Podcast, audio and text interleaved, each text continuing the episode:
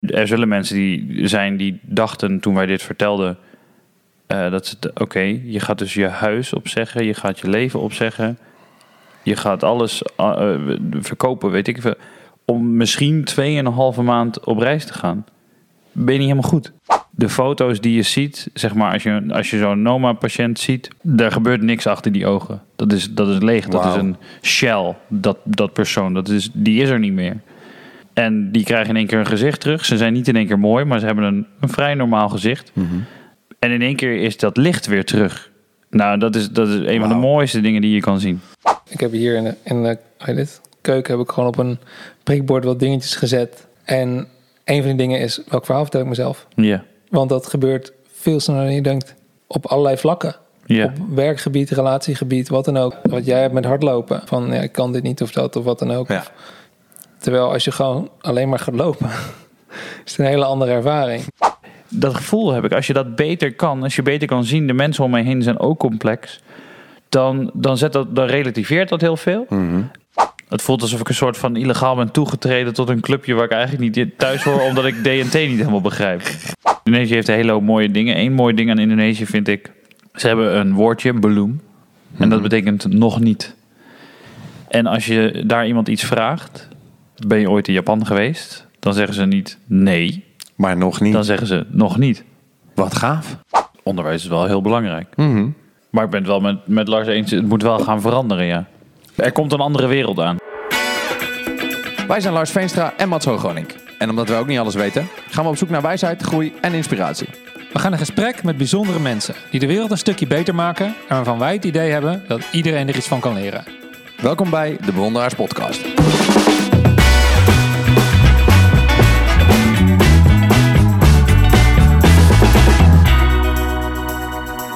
Welkom bij de langste podcast ooit. Ja, dik drie uur. Wauw. Ja, mensen, hier moet je een paar autoritjes voor maken, maar hij is het wel waard hoor. we, Ja, loop, echt, ja, loop heel lang door het bos, zet je oren open en ga lekker luisteren. We hebben echt zoveel aangeraakt met, eh, met deze man. Super interessant. Ja, over, over liefde, over reizen, over, eh, over wat het betekent om, om mensen te zijn. En Ja. Goed om te weten, Martijn de Frankrijker is een van onze beste vrienden. En die eh, is eh, 2,5 jaar lang op, op wereldreis geweest. Dus de lang uitgestelde podcast is eindelijk gekomen. Ja, hij is schrijver, verhalenverteller. Ja, mensen, gewoon gaan luisteren. Ja, Martijn, leuk dat je er bent, man. Want we hebben hier echt heel lang naar uitgekeken. 17 jaar om precies te zijn. Ja, echt, eh, ja. Ik ken Martijn niet 32 eens zo lang. jaar. Wat zei je? Ik ken Martijn niet eens 17 jaar. Nee, ik ook niet, maar zo voelt het wel. We kennen elkaar allemaal vrij, vrij kort. Ja, Ja. ja. Hij vindt me ondertussen niet meer vervelend. Dat is ook wel lekker. Dat was in het begin, ja. Ja. In, in het Niet begin, ik, dat weet jij niet. In het begin ontmoette ik Mats en dacht ik, oh my word. Hoe kun je zo energiek zijn? Dat is echt Laat me met rust. altijd, te- altijd blij, altijd, altijd helemaal happy.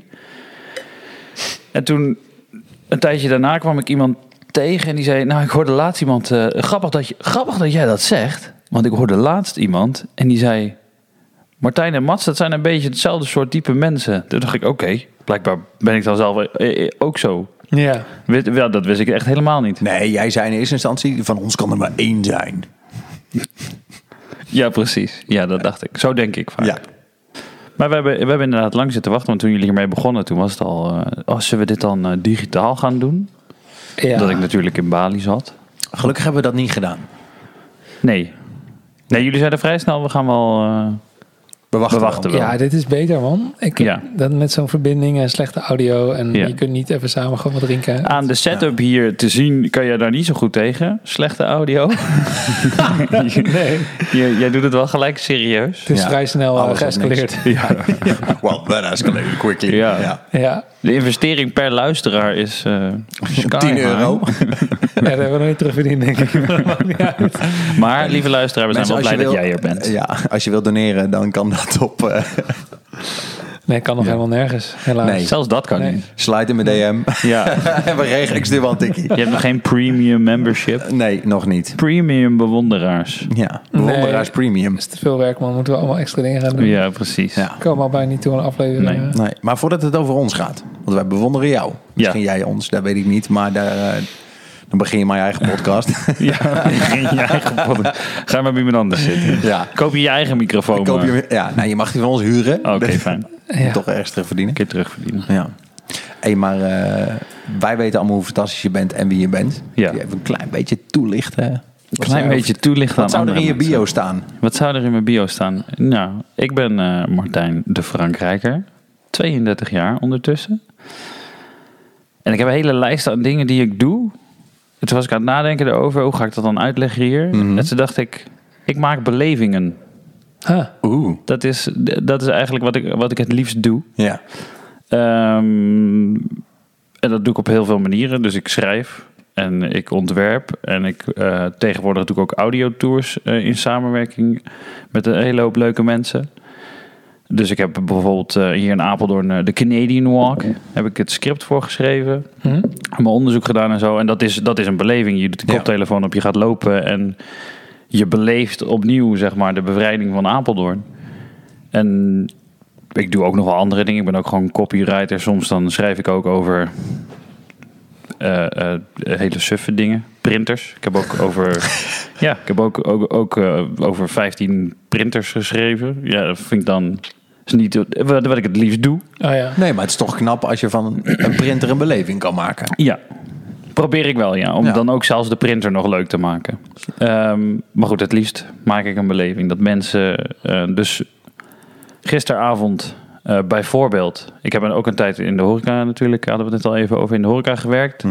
Bij de Olifant in Apeldoorn. En ehm, daar deden we beer versus wine. Dus dan krijg je Ja, vijf, ja. vijf eh, gerechten. En dan krijg je een biertje bij, krijg je een wijntje bij. En het gaat erom de combinatie, zeg maar. Welke, wat is nou, welke sommelier in die zin heeft een betere combinatie gemaakt? En Frits, de eigenaar van de olifant, zei toen ik terugkwam uit de balie... zei hij, oh, wil je dat doen? Dan gaan we dat weer een keer doen. Ik ben geen biersommelier. Ik, ik eh, heb in die tijd van, van de olifant heb ik heel veel met bier gedaan. Ik kan daar ook leuk over vertellen. Eh, maar de wijnsommelier, die werkt in, de- bij Henri Bloemen hier. En die, die werkt in een wijnhuis. ja, Dat- precies. Die weet daar echt alles over. Dus toen dacht ik, ja, ik, ik ga daar niet... Ik ga er niet tegen op kunnen boksen in smaak. Ik, ik ga niet iets kunnen verzinnen om daar met die punten te winnen. En toen dacht ik ook, ja, maar ik ga er wel... Dan gaat het me om de beleving. Ja. Ja. Dat mensen daar dan zitten... En dat nou, het bier, hopelijk smaakt het. Maar ik wil ook met de verhalen dat het een leukere avond wordt, zeg Ja. maar. Dus wat ik bijvoorbeeld doe, het zijn vijf rondes. En aan het begin van elke ronde doe ik dan een gedichtje om de ronde aan te kondigen. Dat verzin ik dan ter plekke. Dat dat vind Oh, ik gewoon... irritant. Ook dat kun je? Ja, oké. Wat chill. dus dat, maar dat is gewoon... de- eh, want dan, dan wordt zo'n avond in één keer ook entertainment, zeg maar. Ja. Huh? En dat, dus ik wil gewoon dat mensen dan naar huis gaan en dat ze. Misschien, misschien laat ik ze niet zeggen. Ik heb gisteren een bier eh, eh, eh, combinatie met eten gehad eh, die fantastisch was. Maar ik hoop wel dat ze dan zeggen: Oh, en er was, er was zo'n gozer en die, en die deed gewoon gedichtjes maken aan het begin van elke ronde. En dat was zo, was zo leuk hoe die dat deed. Ja. En, en dan heb je een beleving gehad, zeg maar. Dan, dan verhoogt dat op die manier je avond, zeg maar. dus, dus ik merk dat dat wel ehm, met veel dingen terugkomt. Ja. Dat, ik, dat ik hoop dat ik, nee, met de dingen die ik allemaal leuk vind of, of doe, om het dan op die manier een beetje spicy te maken. Ja, ik denk dat een van jouw superkrachten wel is dat je dingen even net wat leuker maakt. Of niet net wat, veel leuker maakt dan dat ze zijn. Nu heb ik je wel eens verteld, de, de eerste keer dat Hele we... goede marketingpraat. Ja, dankjewel. Ja. Wat? Nou ja, nee, klopt. Ja, in de zin van, maar niet alleen dingen leuker maken dan ze zijn, ook gewoon dingen die al leuk zijn heel goed vertellen. Ik denk niet dat het altijd, de- het is nu alsof, het is niet dat het een soort van vals is of zo, of nep. Nee. Maar het is gewoon... Sorry als ik dit zo bracht. het was helemaal niet Nee, maar zo, kan ik het, zo kun je het ook opvatten. Ja. Nee, maar ik bedoel, je kan inderdaad een, zeggen, ik ga naar een bierproeverij, om dat Ja. als voorbeeld even te gebruiken. Of je kan zeggen, nou, ik had een gast, ik weet niet meer wat ik geproefd heb, maar dit was zo'n leuke avond. Ja. Ja. Dus dan, ja, oké, inderdaad, dan is het al leuk, maar kan het nog leuker. Ja. Ja. Ja, 100%. Weet je, Ik, ik zie het een beetje als, je bent wel een soort woordkunstenaar. In die zin, Mhm. we hebben natuurlijk ook al eens een keer samengewerkt aan een projectje, dat ik met een soort gordroge tekst kwam van, ja, dit moet leuk worden. Deze info moet erin, ja. maar ik weet niet precies hoe. Ja. En dan ineens is het een smeu geheel en wil je gewoon meer lezen. Terwijl eigenlijk gaat het over iets heel ja, feitelijks, wat hem niet zo heel boeiend doet. Ja. Als zich is, maar ja, dat lukt dan in één keer Ging, wel. ging je ook printers verkopen? Nee, nee, nee, ja, gewoon een bedrijfsfilmpje was dat dan Ja. een script voor of zo, weet je wel. Maar ja. Nou, zo was onze eerste samenwerking ook. Dat was met die Academy Guides volgens mij. Ik weet nog dat... Oh, eh, fantastisch was dat. Ja, ik hoef het jou niet te vertellen, want je was erbij. Ja, maar ja, ik ja. ging een, eh, een, een Academy maken voor New York Pizza. En eh, ik, ik zit dat te maken en we hadden natuurlijk wel een soort van inleidend tekstje bij elk trainingslevel. Maar dat, ja, dat, dat was, was prima. Punt. Drieënhalf, laat maar zeggen. En toen zei ik tegen mijn collega, joh, ik zou, zo, het zou het zo leuk vinden als je dit leest en dat je denkt, ja, ik wil dit. Hier word ik enthousiast van. Weet je, dat je de beleving al van het papier aftrekt. Nou, dat was aan Martijn wel over te laten. ik weet nog dat we deze boekjes kregen en dat, dat er acht man operations geboeid dit zat te lezen. En af en toe eh eh schuddebuikend achter zijn tafel zat van het lachen. Zo van, hoe bedenk je dit om iets zo fantastisch neer te zetten? Ja. Ja, heel gaaf. Ja, dus we zaten, was ik verkocht. We zaten laatst ook inderdaad op het terras met z'n allen. En, eh, en eh, een andere vriend, Mark, die was daar ook bij. En toen was er iemand die, die ik niet kende en die mij ook niet kende. En toen zei hij, ja, oh, hij schrijft. Ja, Wat je moet doen, is je moet even naar de olifant en dan de teksten op de muur lezen. Oh ja. En, de, en, en ik heb daar wat teksten opgeschreven, die staan er echt al vijf jaar op. En, en dat vind ik dan leuk, dat iemand, ze- dat iemand zegt... je moet naar een kroeg gaan, niet om te gaan zuipen, maar ga het tekstje Ja. lezen. Ik heb toen ook het menu daar geschreven... dat mensen, ook, dat, dat, dat mensen gewoon meerdere keren het, de menukaart lazen... Ja. omdat ze het zo grappig vonden. Ja. En omdat ze, dan ook, dat ze dan ook inderdaad zeiden... oh, je moet echt een keer naar de olifant gaan, hoor, want die- menukaart is zo grappig. Ja. Dat je denkt, dat is, niet, dat is niet iets wat je verwacht bij een restaurant. Nee. En, Nee, en dat vind ik dan leuk, zeg maar. En ook met, met tekst. Tegenwoordig moet natuurlijk alles korter. En, en Mand. Ja. ja, mand, precies. Het moet, het moet zo kort mogelijk. En ik, en ik ben daar gewoon niet zo van. Ja. Dus, dus dat zeg ik ook altijd, altijd heel duidelijk tegen mensen die dan bij mij aankloppen voor teksten. Zeg ik, ja, je moet niet verwachten dat ik, dat ik een hele korte, strakke SEO-tekst neer ga zetten of zo. Ehm, Nee, maar jij vertelt echt een verhaal. ja, en het gaat om het verhaal. En als het verhaal 100 woorden nodig hebben, gebruiken we 100 woorden. En Ja. als het verhaal 1000 woorden nodig heeft, gebruiken we 1000 woorden. En als het verhaal interessant genoeg is, dan, dan, dan Schrijf trekt- er een boek over. Nee, dan, Ja. trek, dan, trek je, dan trekt hij je er wel doorheen. Ik, ik Ja. weet nog, ik had een, eh, ik had een, eh, eh, een klant en die deed eh, ehm, software, maakte die. En die had me ook gevraagd om, dat, om zijn teksten te herschrijven. Een hele goede gozer, ik ken hem ook, ken hem ook goed. Dus ik heb daar gewoon een mooi tekstje van gemaakt. En hij kreeg dat tekstje en het was 400 woorden of zo. Eh, en, hij zegt, ja, sorry, ik heb, ik heb SEO, ik heb zo'n cursus gedaan van een aantal maanden. Ehm, dit gaat tegen alle regels in. Als ik dit, dit, dit, dit ga ik niet plaatsen. Dat werkt gewoon niet. En ik ja, ben dan wel, kan dan wel ook een beetje koppig zijn daarin. Het zei ik, weet je wat, wil je het gewoon een keer proberen? Ik, vind, ik, ik hou er gewoon niet van om dan, om dan mijn verhaal in te moeten korten of zo. Nee, precies. Eh, dus zei ja, oké, weet je wat, ik, ik, ik zet hem erop en, en we zien wel. En toen heeft hij erop gezet en twee weken later belt hij mij en zegt, nou, ik, ik weet niet wat hier nou gebeurt. Hij zegt, maar mensen spenderen 400% langer op mijn website dan hiervoor. ja, het is- ja, Snap ik. ja. nee, maar het moet gewoon, zeg maar, als het, Ja, je bent dan binnen hè, met zo'n Maar verhaal. Zo'n Ja. SEO-tekst, daar, daar kijkt toch ook iedereen doorheen? ja, Dat is toch, dat is toch niet, meestal niet boeiend, want er moeten te veel bepaalde woorden in zitten. En, ja, dat, dat, Ja. je merkt het aan alles. Het is gewoon, een- het, is- het, Het schuurt. Ja. het is een gevoel en voor mij is, is taal ook gevoel. ja. Ehm, dus ik, nu, tegenwoordig dicht ik niet heel veel meer. Zou ik eigenlijk meer moeten doen. Want hè, je, je kan dat en, en doe er wat mee. Maar, ehm, en een gedicht ontstaat in mijn hoofd ook als een gevoel, zeg maar. Dus het is Ja. ook, ook als het niet, zelfs als het niet rijmt, dan voel ik gewoon dat de, dat de, dat de woorden lopen of zo. Het, Ja. het, het vloeit. ja, ja. En dat, dat interesseert me gewoon heel erg. Dat gevoel met woorden kunnen maken. Ja, ik vind de taal vind ik gewoon, gewoon machtig dat, dat, dat je dat kan doen. Dat je zoveel gevoel kan oproepen bij mensen. ja, dat is Dat vet, is- hè? Ja. Dat is gewoon heel... eh, heel nou ja, en, en ook in zo'n podcast doe je dat natuurlijk ook. Dan probeer je ook met, met, je, met je woorden probeer je te zorgen dat mensen naar, luisteren. En dat Ja. ze denken... Oh, wauw, oké, zo, had ik, zo had ik er nog niet naar gekeken. Ehm, nou ja, dan gaan daar hopelijk ergens anders deurtjes open of zo. In, in, en dat je denkt, oh, zo kan ik het ook eens een keer doen. Of zo, zo kan ik morgen ook een keer uit bed stappen of zo. Heb je dat altijd al gehad, die, ehm, die fascinatie daarvoor? Nou, ik weet wel, dus mijn, het eerste gedicht wat ik schreef was toen ik 12 was. Die, dat was niet echt een heel goed gedicht. Zoals vaker gebeurt als mensen op hun twaalfde een gedicht schrijven. Zo begin je. Maar ik, maar ik ben nooit dus je hebt ook inderdaad, nou ja, ik, ik lees veel en ik lees veel over mensen die, die schrijven. En, en als je dan die obsessie van die mensen inderdaad, nee, ik wist altijd al dat ik schrijver wilde worden. En ik, eh, maar dat, dat heb ik niet echt. Ik, ik bedacht me dat laatst in één keer, dat ik, ik denk toen, nou ja, hè, ik werd 30. Ga je eens over, over het leven nadenken. Wat heb ik nou gedaan de afgelopen tien jaar? En in één keer, en in één keer schoot me te binnen dat ik, toen ik op de, op de hogeschool zat, dat ik dacht en ook met mensen deelde, ik wil gewoon een 9 tot 5 baan. Ik wil niet al te veel gedoe. Ik hou niet van gedoe. Dus ik, ik wil, ik, en dat wil ik gewoon. Ik wil gewoon 9 tot 5, lekker eh, werken, eh, een beetje goed verdienen en voor de rest, Prima. ja, oh, lekker, Het zal allemaal lekker makkelijk. Ja.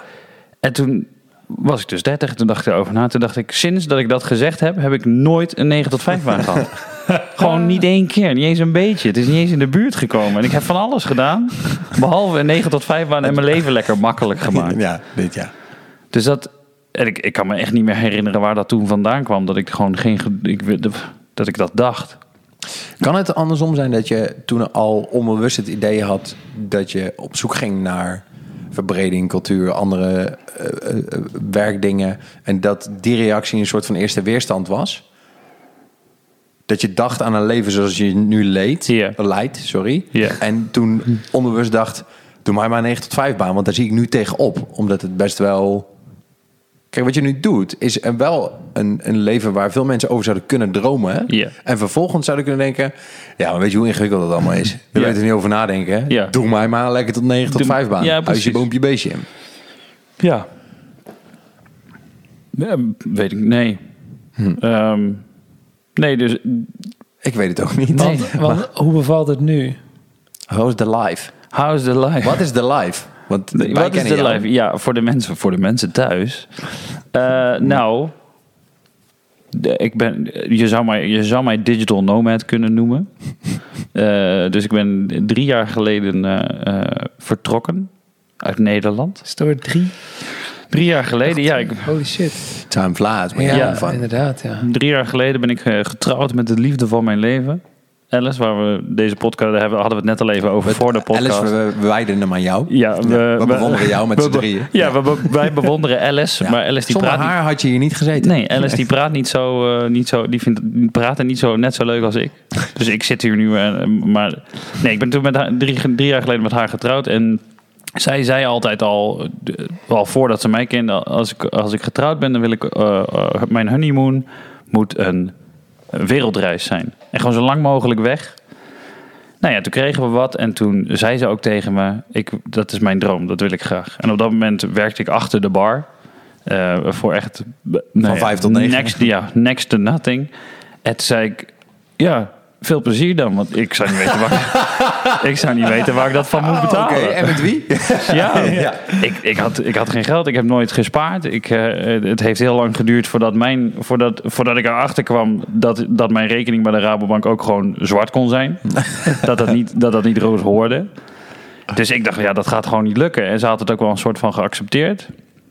Maar ja, mijn vrouw Ja. is een persoon die, die denkt niet echt in onmogelijkheden. Die denkt ook niet per se in mogelijkheden of zo. Die, die doet gewoon maar. Die, die, Nou, die ziet geen weerstand volgens Ja, mij. die- Komt allemaal wel goed. ja, komt Ja. wel goed inderdaad. Dus, En had ze gelogen? Eh, nee, zeker niet. Nee. Nee. dus wij kwamen en ik kwam een website tegen, pixeltrade.com volgens mij. En dat, dat ging over een man en die had vier jaar lang de wereld eh, eh, was hij rond geweest en hij dat had hij dat had hem niks gekost omdat hij zijn fotografie ruilde voor Oh ja. eh, onderdak, voor eten en voor vervoer. En toen dacht ik, nou, Alice is fotograaf. Ik schrijf en ik ontwerp en zo en ik, ik doe dingen. Misschien zouden wij dat ook wel kunnen doen. Ja. En, en toen werd in één keer, was in die zin geld niet eens meer echt een issue of zo. Zo van, nee, weet je wat, we hebben wel wat geld. Mhm. We gaan gewoon en, en we gaan wel kijken. En we hebben er toen zelf van gemaakt, we gaan goede doelen helpen. Eh, omdat we daar gewoon heel veel interesse in hebben. We, ik, we hadden ook wel zoiets van... Mensen die bij goede doelen werken, die zijn interessant. Ja. Want mensen met goede, bij goede doelen... die hebben vaak zo'n grote passie voor iets... dat ze daarvoor een goed doel eh, opstarten. Dus eigenlijk hadden wij een soort van interesse. Wij dachten, wij willen die mensen ontmoeten en we willen ze helpen. Ja. En hopelijk kunnen ze in ruil daarvoor ons onderdak bieden. En, en toen zijn we maar gewoon gegaan. En in het begin eh, zeiden we ook tegen elkaar: als dit 2,5 maand duurt, dan is het eigenlijk al mooi. Ja, En daarna was het, ja, en dan- toen, toen had het 2,5 maand geduurd. En toen was het, als het vier maanden duurt, is het fijn. En, en nu zijn we drie jaar verder. En, en hebben we, ja, zijn we door Europa geweest. Eh, Afrika hebben we gehad, Azië. Nou ja, twee jaar in Indonesië gewoond. Eh, de coronatijd in, in, Ja, op Bali doorgebracht. Ja. Omdat ons dat beter leek dan, eh, dan nou ja, bij iemand logeren. Omdat we in Nederland geen huis hebben. En dat was wel... eh, Ja, en als je dan bij iemand logeert, dan op Bali. AUB. ja, precies, precies. Ja, dus dat is, de, dat is mijn leven op dit moment. Ik ben nu, dus we zijn 2,5 maand terug in Nederland. En eh, over anderhalve maand gaan we weer verder. Gaan we reizen. Ja. Ja. Heb je er zin in om weer weg te gaan? ja en nee. Want al reizend heb ik niet dit. Kan Nee. ik niet met jullie om een tafel zitten. Vaak is dat zonder microfoon voor me snuffert. Lars, we gaan op Never Ending Honeymoon. Je weet het toch niet, maar wij gaan mee. Lekker, lekker. Nee, dat, dat heb ik wel gemist. Dus ook de. En dat, dat merk ik heel erg. Dat dus me- als je mensen zegt, ik, eh, we zijn op Never Ending Honeymoon, zoals we het noemen. We reizen heel veel. Dat mensen inderdaad een soort van jaloers kunnen zijn. Of zeggen, oh, dat wil ik ook. En, en ik kan dan alleen maar denken, ja, nee, dat wil je niet. Dat is, dat is mijn leven, zeg maar. Je moet wel gaan doen- je moet doen wat jouw leven is, zeg maar. Ja, En dat precies. zal, Ja. en, en, en Je mag op bezoek, maar je hoeft niet mee. Nee, Dat ja, zijn nee, ja, tegenwoordig is dat heel erg, zeg maar. Je ziet, je ziet op Instagram hoe andere mensen leven en dat wil je ook. Ja. Dan denk ik, nee, denk even na over hoe je het zelf zou willen. En probeer het dan op die manier eh, eh, in te richten of zo. Ehm, ik weet niet waar ik heen ging met dit verhaal. Dat weet ik ook niet, maar waar wil je heen met dit verhaal? Want je mag er zelf eh, iets van verzinnen. Ik mag er gewoon, eh, mag gewoon zelf een draai aan geven. je zegt van... Dat nou, je, de vraag was, eh, sorry dat ik je onderbreek. De vraag was, ehm, heb je zin om weer te gaan? En toen begon Oh, je ja. over dat je het fijn vindt om weer hier te zijn. Ja, Ja. Toch? Ja, precies. Nee, de- maar wij waren dus op. eh, oh, daarom vertelde ik dit. Dus mensen zijn jaloers omdat wij op Bali zijn geweest. Ja. Is ook niet alles. De- Het was heel mooi en heel lekker weer en ik heb het daar fantastisch gehad. Maar ik miste jullie, ik miste mijn vrienden en Wij misten jou ook. de mensen die, die, die voor vast op Bali wonen, dat zijn andere types dan de, de mensen die, ik- waar ik me graag mee, eh, eh, die ik graag om me heen heb, zeg maar. Mensen op Bali, die zijn met zichzelf bezig. Ja. Die zijn hun eigen, eigen tantric massages en hun eigen ayahuasca ceremonies en hun eigen yoga retreats en hun eigen. Dus ik heb daar één keer gehad en dat, dat was voor mij echt wel een keerpunt dat ik. Ik had heel erg behoefte om met eh, weer, weer even een mannenavond of zo. En ik zat Ja. met een man te praten, super interessante gozer. En hij was anderhalf uur tegen me aan aan het lullen, vond ik heel leuk. Ik vond het heel leuk om te horen. Eh, hij had heel veel geld en hij, de, de- hoe hij daar aan was gekomen en zo. Vond het zelf heel interessant. Ja, en toen na anderhalf uur, toen viel het een beetje stil. Toen dacht ik, oh, kan ik ook nog even over mezelf vertellen. En, en toen begon ik mijn verhaal. En binnen één zin zei hij, ja, ik ga. Toen liep hij gewoon weg. Wauw. En toen dacht ik, wat is dit nou, joh? Dat, is, dat, was, dat vond ik zo vreemd, Ja. dat je, dat je zo kan zijn. En toen dacht ik, oh, ja, lekker hier. Eh, eh, mensen die gewoon, waar je een gesprek mee kan voeren, een dialoog Mhm. die naar je luisteren. Dat is, dat is heel belangrijk. Ehm, dus hier zijn heeft ook heel veel waarde voor me. Dus heb ik zin om weer te gaan? Ja. Het is echt koud op dit moment. Het is een rotzomer. Maar ja, dat is volgens mij elk jaar is, het, eh, is er wel iets mis met de zomer. Ja, voor de mensen die dit alleen luisteren en niet kijken, maar tijdens op dit moment in een skibroek op de bank. Ja. En zijn muts heeft hij wel Ja, afgedaan, ik maar dat is dus- omdat de koptelefoon anders niet past. Eerlijk, ik heb wel koude handen op dit moment. Ik weet niet of jullie dat hebben, maar... Ja, wij hebben de hele, hele winter in een ijsbad gezeten. Dus Ja, oh ja, Ja. jullie hebben Wim Hof. eh, Ja, nou ja, nee, ik- Wim Hof ja, heeft gebewonderd. Iets minder, maar ik wel veel. Ja, nou ja, dat is Ja. chill. ik Ja. helemaal niet hoor. Sorry, ik helemaal niet. Flikker op. Maar doe je, doe je dat, de Wim Hof? eh, Ja, ik heb net ook zo'n ding besteld, want nu wordt het weer... Ja, het- Zo'n ding? Wat is gewoon zo'n dompelbad voor thuis. Een dompelbad voor thuis. Ja, dat je gewoon, dan kan ik gewoon een paar keer in de week... Die zet je in de tuin. Hoe, Ja? hoe werkt dit? Ja, alleen het, het ding is, je wil dat het water tegen de vriestemperatuur aan is. En we- gaat op vijf of zo. Dan is Dat het- wil je echt. Ja, dat is. Kijk, het, het, het leuke ervan is dat Eh? Omdat ik weet wat het je oplevert en ik weet dat het goed is. Maar het is gewoon zelfkastijding in de badkuip. Ja. Dit is gewoon wat je aan het doen bent. Nee, en het ik gewoon- hou hierom van je, hè? begrijp me niet Het verkeerd. is zo tof, omdat je... ehm, je gaat gewoon... Je, je kiest ervoor je grens op te zoeken. Ja. En je, en je vlucht niet. Je Ja. gaat gewoon in dat water zitten en je hebt het koud, maar je accepteert het gewoon helemaal en je laat het helemaal gebeuren. En als je er tegen gaat vechten, dan ben je er zo weer uit, dan hou je het niet vol. Maar als je gewoon rustig gaat zitten, helemaal ontspannen en rustig ademt, dan kun je gewoon daar minuten in blijven zitten. Ja. En eh, ja, het is ook gewoon heel goed voor je lijf en je afweersysteem en al die dingen. Maar het is ook gewoon heel erg een ding van eh, leren met stress omgaan. Fysieke stress, maar ook in zekere zin een soort mentale stress. Ja. En eh, ja, ik vond het echt fantastisch. En ik heb het sinds ik dat doe ook veel minder snel koud. Ja, ik dat, heb wel echt ja. het gevoel dat mijn lijf veel... Maar ook niet sneller warm wordt. Het is gewoon alsof het meer vanzelf eh, regulerend beter werkt of zo. Ja, ja, ja. Dus het is echt top. Alleen het, het probleem is, zodra het warmer wordt... was al in maart of zo... zodra het buiten warmer wordt, wordt het water ook warmer. En als het water 10, 12 graden is, is het dan niet meer zo spannend. Dan kun je er een kwartier in zitten, maakt geen zak uit. Ja. Dus je wil gewoon heel koud water. Ja, ja, ja. Dus ja, eigenlijk moet je een ijsblokjesmachine hebben of zo. Ja, je moet het koud houden. Ja. Bijzonder. Ja, dat, dus ook op Bali was Wim Hof is, is echt, eh, Echt een ding. echt een goeroe daar. Ja. Dat is Ah, ja. echt, oh, kom maar Nederland. Oh, Wim Hof, Wim Hof. Oh ja, echt. En ze deden, maar ze deden daar heel veel, dat is ook van hem toch, breathwork? Ja, ja, ja. Nou dat ja, is dat is wat niet per hij se doet. van hem, maar hij doet dat ook. Oh ja, Ja, ik dus weet dat het hij niet. dat heeft bedacht. Maar die, dat koude Nou, baden en dit, zo. dit moet, we- moet je denk ik even uitzoeken voordat je dat onderzoekt. dat want weet hij ik is wel. wel. degene die de theorie heeft. Nou, hij heeft het, hij, kijk, hij heeft het Sorry, ik weet. groter gemaakt in zekere zin. Maar veel van de ademhalingstechnieken die hij heeft, die, eh, die bestaan al heel erg lang. Die hebben ook verbindenis met yoga en allemaal dingen. Ja, Dus oké, is sorry, ik dat, maak dat hij dat heeft uitgevonden. Alleen hij heeft wel het een groter publiek gebracht door een nieuw publiek. En bepaalde dingen gecombineerd die er nog niet gecombineerd waren. Ja, oké, want volgens mij heeft hij wel de combinatie gemaakt tussen eh, in mijn zwembroek door de Noordpool lopen, omdat ik goed om kan gaan met mijn ademhaling. Ja, dat denk ik wel. Ik denk dat hij, ik weet niet hoe het precies zit er met het ijsbaden. Dat, ik denk niet dat hij het heeft uitgevonden, maar hij was wel, hij is wel de meest bekende persoon op dat gebied. Ja, ik denk dat wel waar, dat hij ja. dat soort van heeft gepusht en hij heeft volgens mij ook een wereldrecord. En ja, dus, maar dus ik snap wel heel goed dat hij daarin het meest bekend is. Ja. Ja, Ja. ja. Maar ik, dus ik ben daar dan nog niet zo, niet zo van, of nog niet zo van. Misschien ga je me in, Ga in de, misschien ga je me in de komende, komende half uur van deze podcast ga je me overtuigen.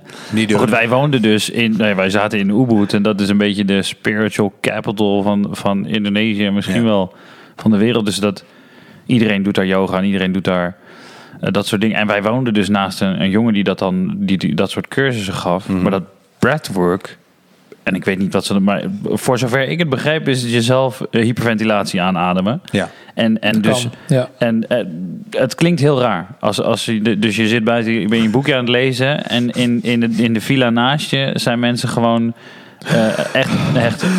ja. Ja, en na een tijdje aan het krijsen. En aan het schreeuwen. En, en wat op zich hetzelfde is. eh, krijsen en schreeuwen. is een synoniem van elkaar. En blaren. Ja, blaren, ja. Ehm, Dat is in ieder geval harder dan praten. Maar ja. En aan het huilen. Oh, huilen gingen ze ook Ja. allemaal heel hard doen en zo. En, Allemaal En, ja, nou, en dan denk ik. Ho, ho, ho. Wat ben je aan het doen? Nou, ik, ik kan je vertellen, ik heb, ik heb dit in eh, februari, denk ik, heb ik dit gedaan, een driedaags ademweekend.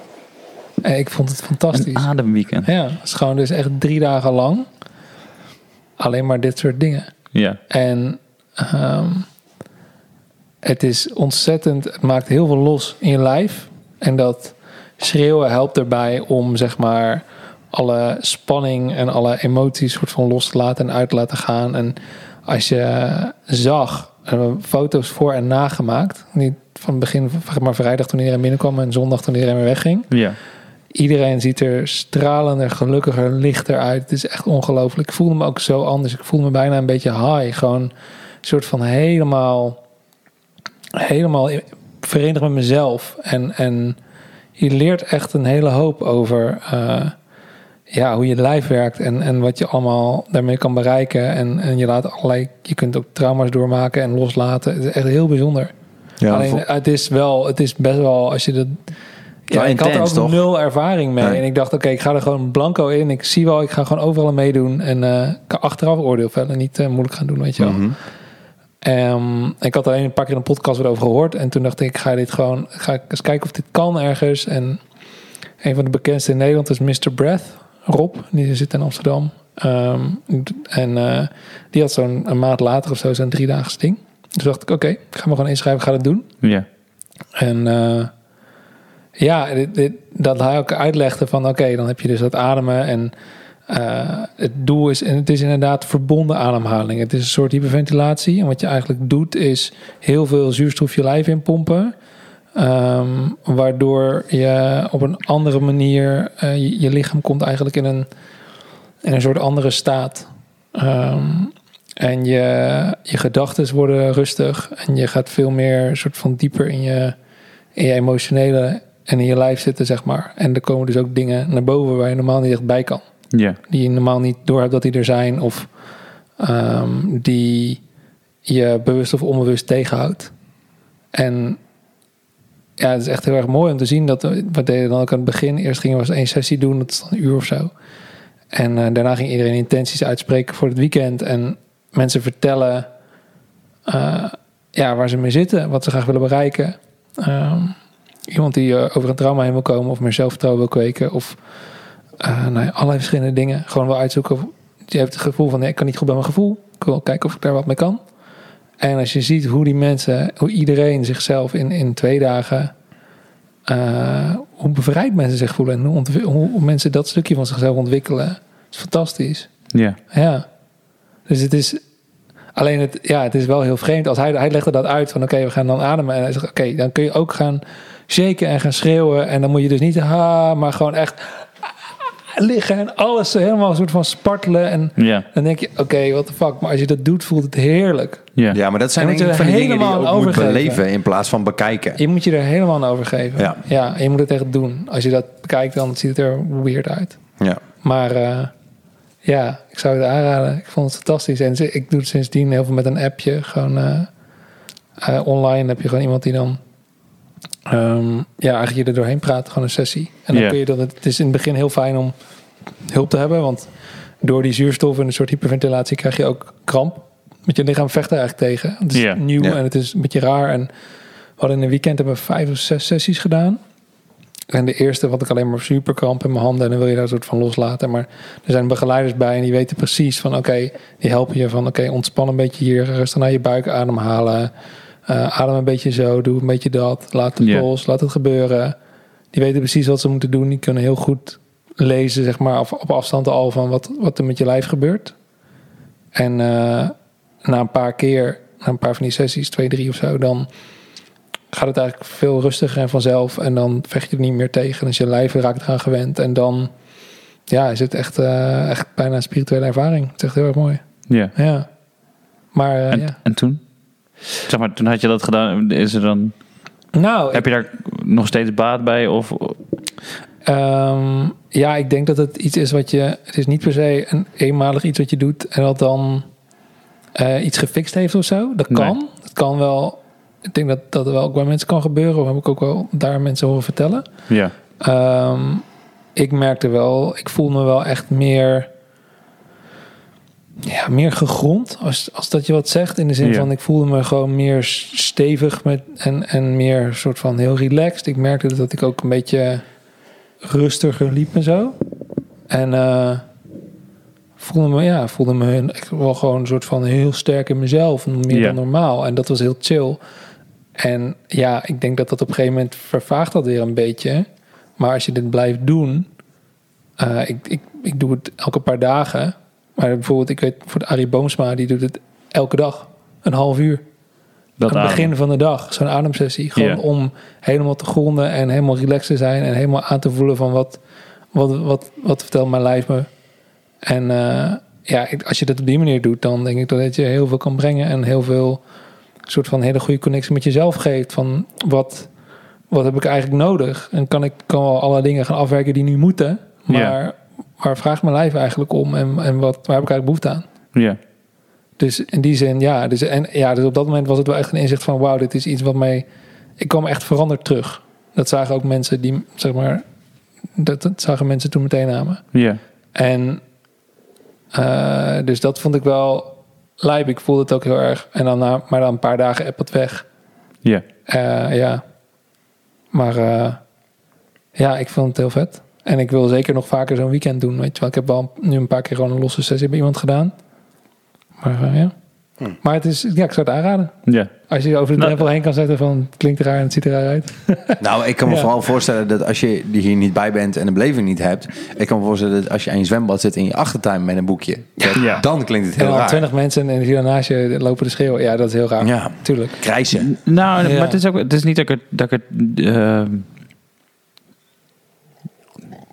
dat ik er gesloten tegenover sta. Maar het, is heel vaak bij dat soort dingen...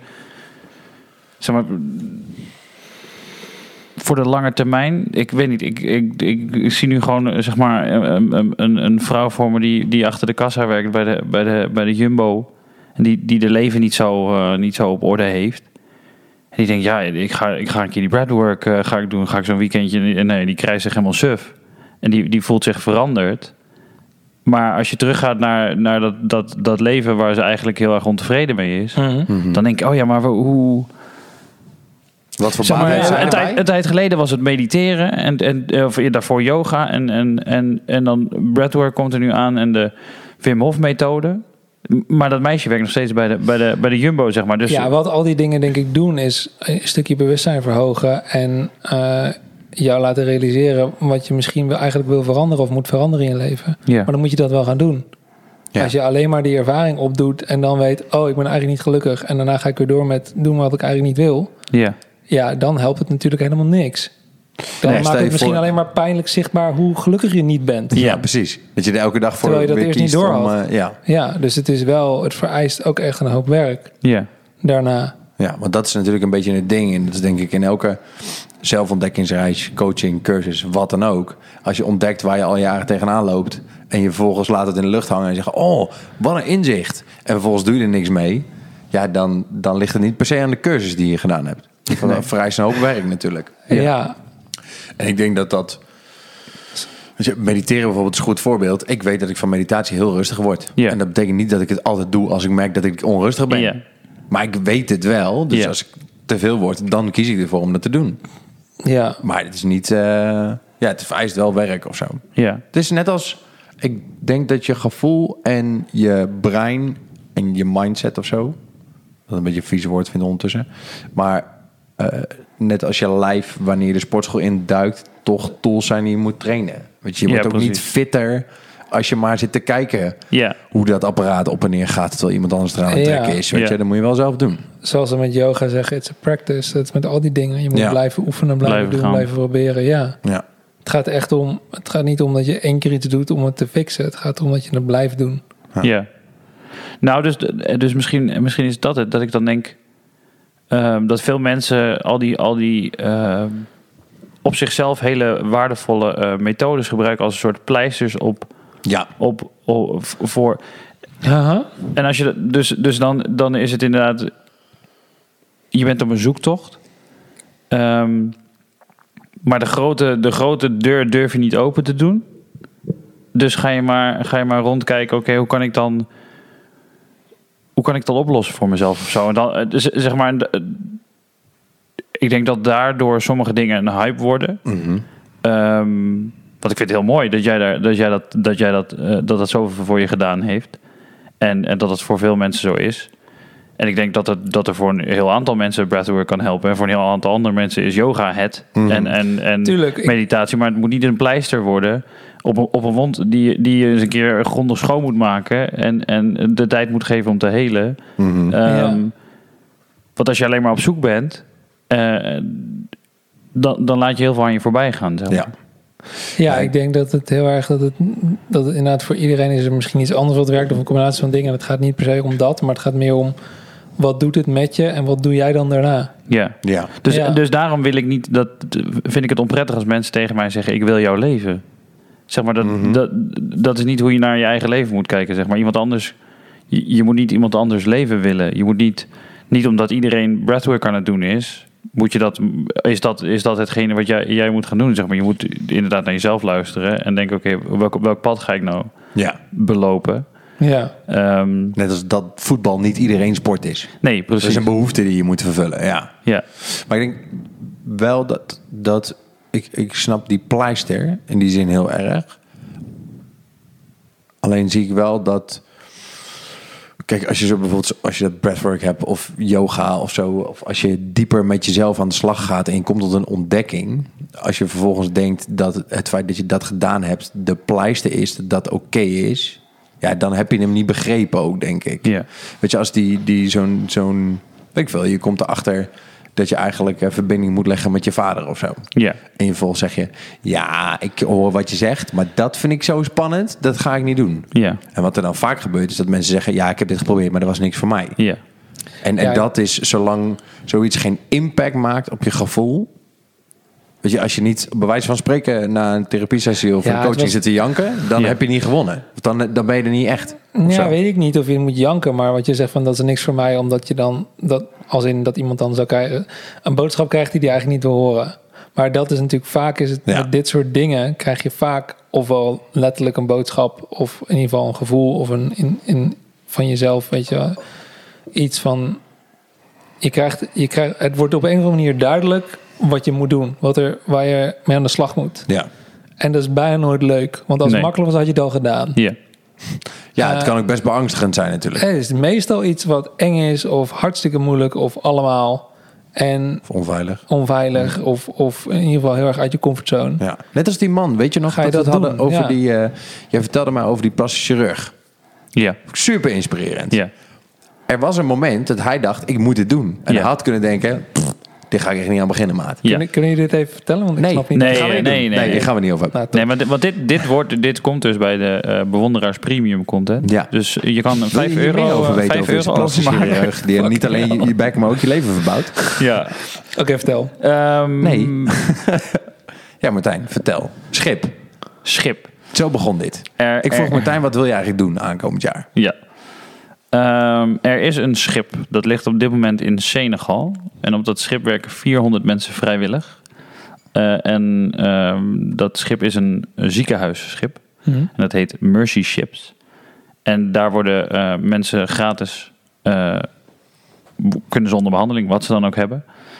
Ehm, nou, de, nou, dat is niet zoals hier dat je ergens een pijntje hebt of een dingetje of ditje of datje. Eh, dat zijn vaak wel hele serieuze dingen. Nou, dat ze in Afrika, nee, ja, dat ze in Afrika, ja, pleister helpt niet meer daarbij. In Afrika hebben ze eh, slechte healthcare en ehm, dus dat zijn mensen die een tumor hebben, maar die tumor die zit daar al tien jaar en die is echt uitgegroeid tot, nou ja, dat gaat bijna een eigen leven leiden. Eh, iets anders is Noma. Als je, een, als je niet zit te Oh, ja. eten op dit moment, eh, google het even. Het is, het is een, Als je wel zit eten, zet ons even op pauze. Ja. Zet de muziekje aan en dan zien we je zo weer. Eh, dat is een, ziekte die hadden wij hier ook tot 1900. En, en Noma is eh, super makkelijk op te lossen. Je moet namelijk je, je tanden poetsen. En als je antibiotica hebt, dan, dan, dan als je weg. het dan krijgt, is het direct weg. Zeg maar. Dus, maar als je Noma krijgt en je doet dat niet en je eet niet genoeg groente, dan is dat een bacterie die vlees begint weg te eten. En dat is vaak in het gezicht. Eh, dus dat zijn mensen die. De, Het begint de- in je mond, toch? de- ja, het begint in je mond. En de 2% van de mensen die niet overlijdt binnen een schrikbarend korte tijd, daarvan wordt hun hele gezicht weggegeten. Dus die hebben dan geen neus Heel meer, die hebben, hun bovenlip is weg. Wow, wat heftig. Ehm, wij hebben een, een- of eh, Alice, die heeft een, eh, een eh, plastisch chirurg ontmoet, een, een hele tijd terug voordat ik haar kende al. En die eh, doet ook reconstructive surgery. En hij helpt die mensen. Maar goed, die beste man, die was ooit plastisch chirurg eh, in Zuid-Afrika en verdiende 800 euro per- of eh, dollar per uur. En had dat eigenlijk wel, wel goed voor elkaar. Ik bedoel, Ja. 800, 800 dollar per uur, dat is, eh, dat is, dat is flink, eh, flink cash. Er zijn dagen dat ik het niet verdien. Ja, precies. Ehm, maar goed, dat. Het begon hem sowieso een beetje tegen te staan dat hij alleen maar, eh, zeg maar bij wijze van spreken, billen en borst aan het doen was. Ja. Ehm, maar de, de beste man is ook een eh, christen en hij, hij had gewoon het gevoel dat God tegen hem zei: je moet de mensen in Afrika gaan helpen. Dus hij heeft zijn practice heeft hij opgezegd en hij is nu fulltime vrijwilliger. Eh, hij leeft van, van giften. En hij, hij helpt die mensen. En hij, dus hij vliegt de wereld rond. Hij vliegt dan naar dat schip, maar hij doet ook nog andere dingen. En dan, dan doet hij eh, eh, gewoon weken achter elkaar, doet hij elke dag drie, vier van die operaties. En dus bijvoorbeeld mensen met Noma, die, die hun gezicht is, die geeft hij een gezicht terug. Wauw. En zeg maar, als jij het hebt over na de breathwork, die voor- en na-foto, je, je ziet dat we meer shinen. De, het, het- de foto's die je ziet, zeg maar, als je, als je zo'n Noma-patiënt ziet, er gebeurt niks achter die ogen. Dat is, dat is leeg. Dat is een shell, dat, dat persoon. Dat is, die is er niet meer. Ehm, en die krijgen in één keer een gezicht terug. Ze zijn niet in één keer mooi, maar ze hebben een, een vrij normaal gezicht. Ehm, en in één keer is dat licht weer terug. Nou, dat is, dat is een van de mooiste dingen die je kan zien. Prachtig. Ja, dus ik kan dat... me voorstellen dat daar geen 800 dollar per uur tegenop kan. Nee, nee. nee. Toch? Dat je dan zoveel... Ja. Ja, nou ja, voor veel mensen zal dat helaas wel. Ik bedoel, eh, het, het, want het is een heel moeilijk bestaan. Maar je moet, dus je moet daar elke dag voor kiezen. Ja. Ehm, blijf ik vertrouwen dat dit goed gaat? Blijf ik vertrouwen dat die giften binnenkomen?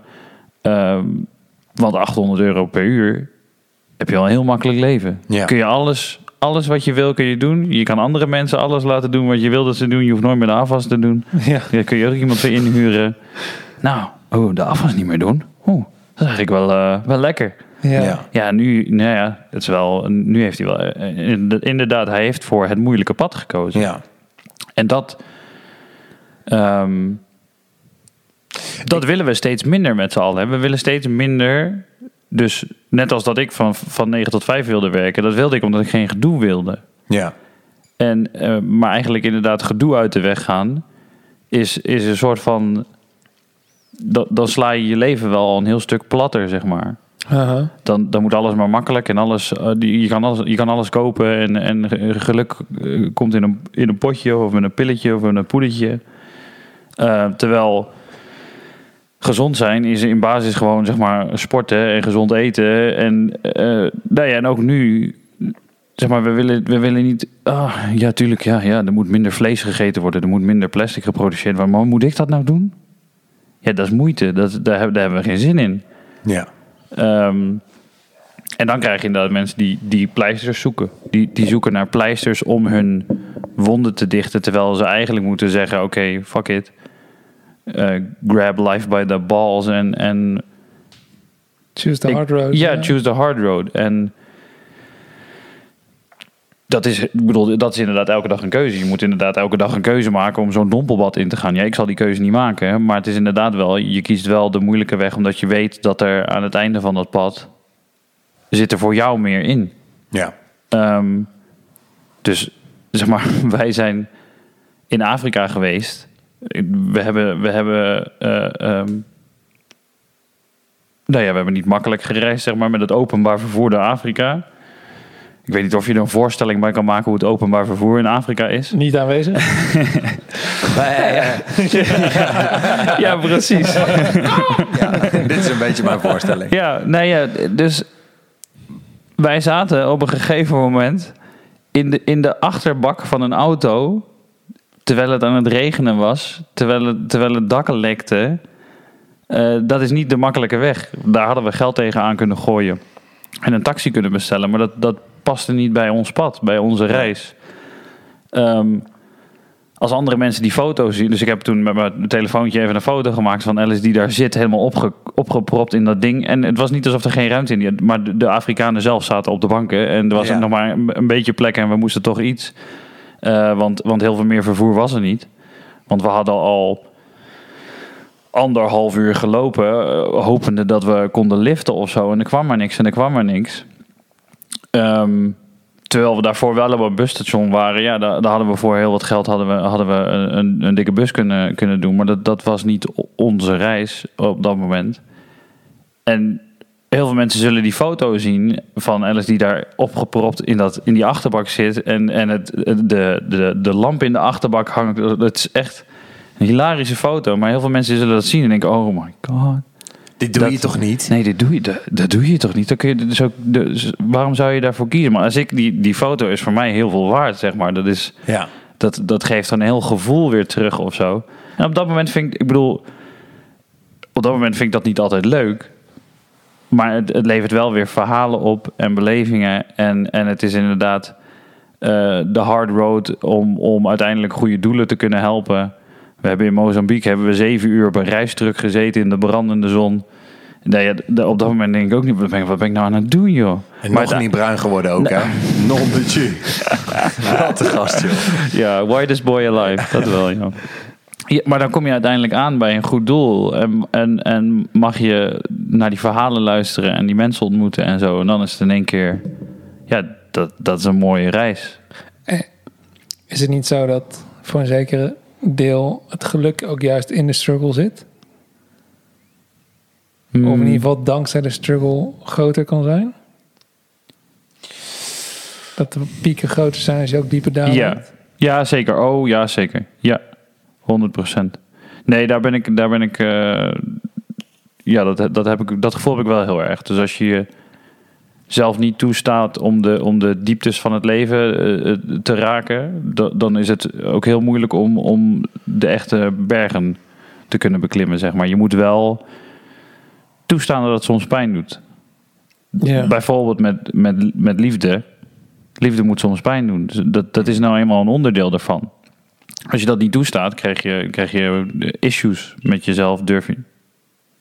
Het iets piept. Dit is een beetje als je probeert de regen te vermijden... terwijl je buiten de zon schijnen wil voelen... Ja. en dan vanuit je raam ja, precies. naar buiten Ja. kijken. ja. Is de... ehm, Nou ja, dus. Ik ga morgen kamperen met vrienden. En ik was vandaag al even spullen aan het afleveren. De partytent stond. En wij, wij gingen gelijk onder die partytent zitten. terwijl het regende. Nee, het regende niet. Oh, omdat het soort van schel. Ja, maar ja. we hebben het al zo in ons hoofd dat we, dat we veilig inderdaad onder die partytent Ja. moeten zitten. Want wat nou als? ja. Dat het een soort van normaal is om dat, eh, om dat te doen, zeg maar. Gelijk onder die partytent duiken om het veilig te houden. Je hoeft niet, Ja. je maakt het jezelf makkelijk, want als het gaat regenen hoef je niet de, de stoeltjes naar binnen te zetten. Maar in één keer heb je niet meer de zon op je kop. Nee, En, de wind in je haren. Ja, precies. De, nou Ja, ja, en ook zo wordt, wat is die regen? Want inderdaad heel vaak, ik heb natuurlijk zelf ook oneindig vaak gedaan. Als het gaat regenen, capuchon op of je gaat harder fietsen of wat dan ook. Maar de laatste tijd laat ik het steeds meer gebeuren. ja, En het is eigenlijk, het is nog niet dat ik er, nou soms geniet ik er oprecht ook van. Soms denk ik, oké, nou het regent, whatever. ja, Maar het is gewoon, het is helemaal niet een big deal totdat je het ervan maakt. ja, Als jij ineens gaat haasten en je vindt het vervelend en er zitten heel veel mensen boos kijken en hard fietsen, maar ja, dan ben je een beetje nat. ja. Nou en, Als dat het ergste is wat je Ja. die dag gaat overkomen, dan heb je best wel een prima leven. Ik ga wel laten zeggen dat Lars en ik erover twijfelden om een taxi vanaf het terras naar huis te bestellen. Toen het keihard begon te regenen. Ja, ja, ja. We hebben Nou, dit niet gedaan overigens. maar- Dat wil ik er even bij zeggen. toen wij vorig jaar zo aan het hardlopen waren, Oh man, ja, het regen, heerlijk. lekker om in de Ja. regen hard te lopen. Ja. Ja. Zien wij te weinig licht om ernaar op zoek te gaan? Bedoel je dit omdat er zoveel eh, kuts gaande is? Nee, ik bedoel dat omdat we in het gemak altijd op zoek zijn naar comfort, geruststelling, wat hetzelfde betekent, sorry. Eh, eh, de makkelijke weg, de pleisters, de, de irritatie over het feit dat ik kan bedenken dat ik een film zou moeten gaan downloaden in plaats van dat ik hem kan streamen, is onmetelijk irritant in mijn hoofd. Even als voorbeeld. En daarom stel ik mezelf de vraag, en ik, denk dat je hem, ik hoop dat je hem kan beantwoorden. Zien wij te weinig dingen die echt belangrijk zijn in ons dagelijkse leven om daarvoor te vechten? Kijk, ik heb met je in een gevangenis gestaan in Bali. ja. en toen dacht ik, dit is belangrijk. Ja. Ik voel aan elke vezel in mijn lijf dat buiten wat hier aan de hand is, maakt eigenlijk helemaal niks uit. Nee. Je, Als ik hem heel plat sla. Willen jullie dit vertellen voor de, Voor de luisteraar? Eh, ja, ik, eh, ik ging van Indonesië, of nee, van Bali naar Indonesië, waar Martijn was. Bali is wel... eh, is Indonesië. Ik ging van de gemeente Bali naar de gemeente Bandung. ja. Van het eiland Bali Precies. naar het Ja. vasteland op Jakarta. Zeg ik het goed? Of Java? Java. Java is het Java. vasteland, Jakarta is een deelstaat en Bandung is de hoofdstad van Jakarta. Dit, is allemaal, dit is allemaal het minder interessante deel van dit verhaal. Maar Goed, op- dames en heren, ik was dus in Bali en ik ging naar Bandung. Ja, Ja. dat is een beetje de conclusie. En eh, ik had een soort van... eh, ik had de wens om spreker te worden. Dus ik had dat tegen Martijn verteld. En Martijn eh, vatte de koe letterlijk en figuurlijk bij de horens. En wij hadden het erover wat we gingen doen als we daar waren. Want ik zei, ik wil graag doen wat jullie, zien wat jullie aan het doen zijn daar. Ze vertelde over de stichting eh, waarvoor ze werkte.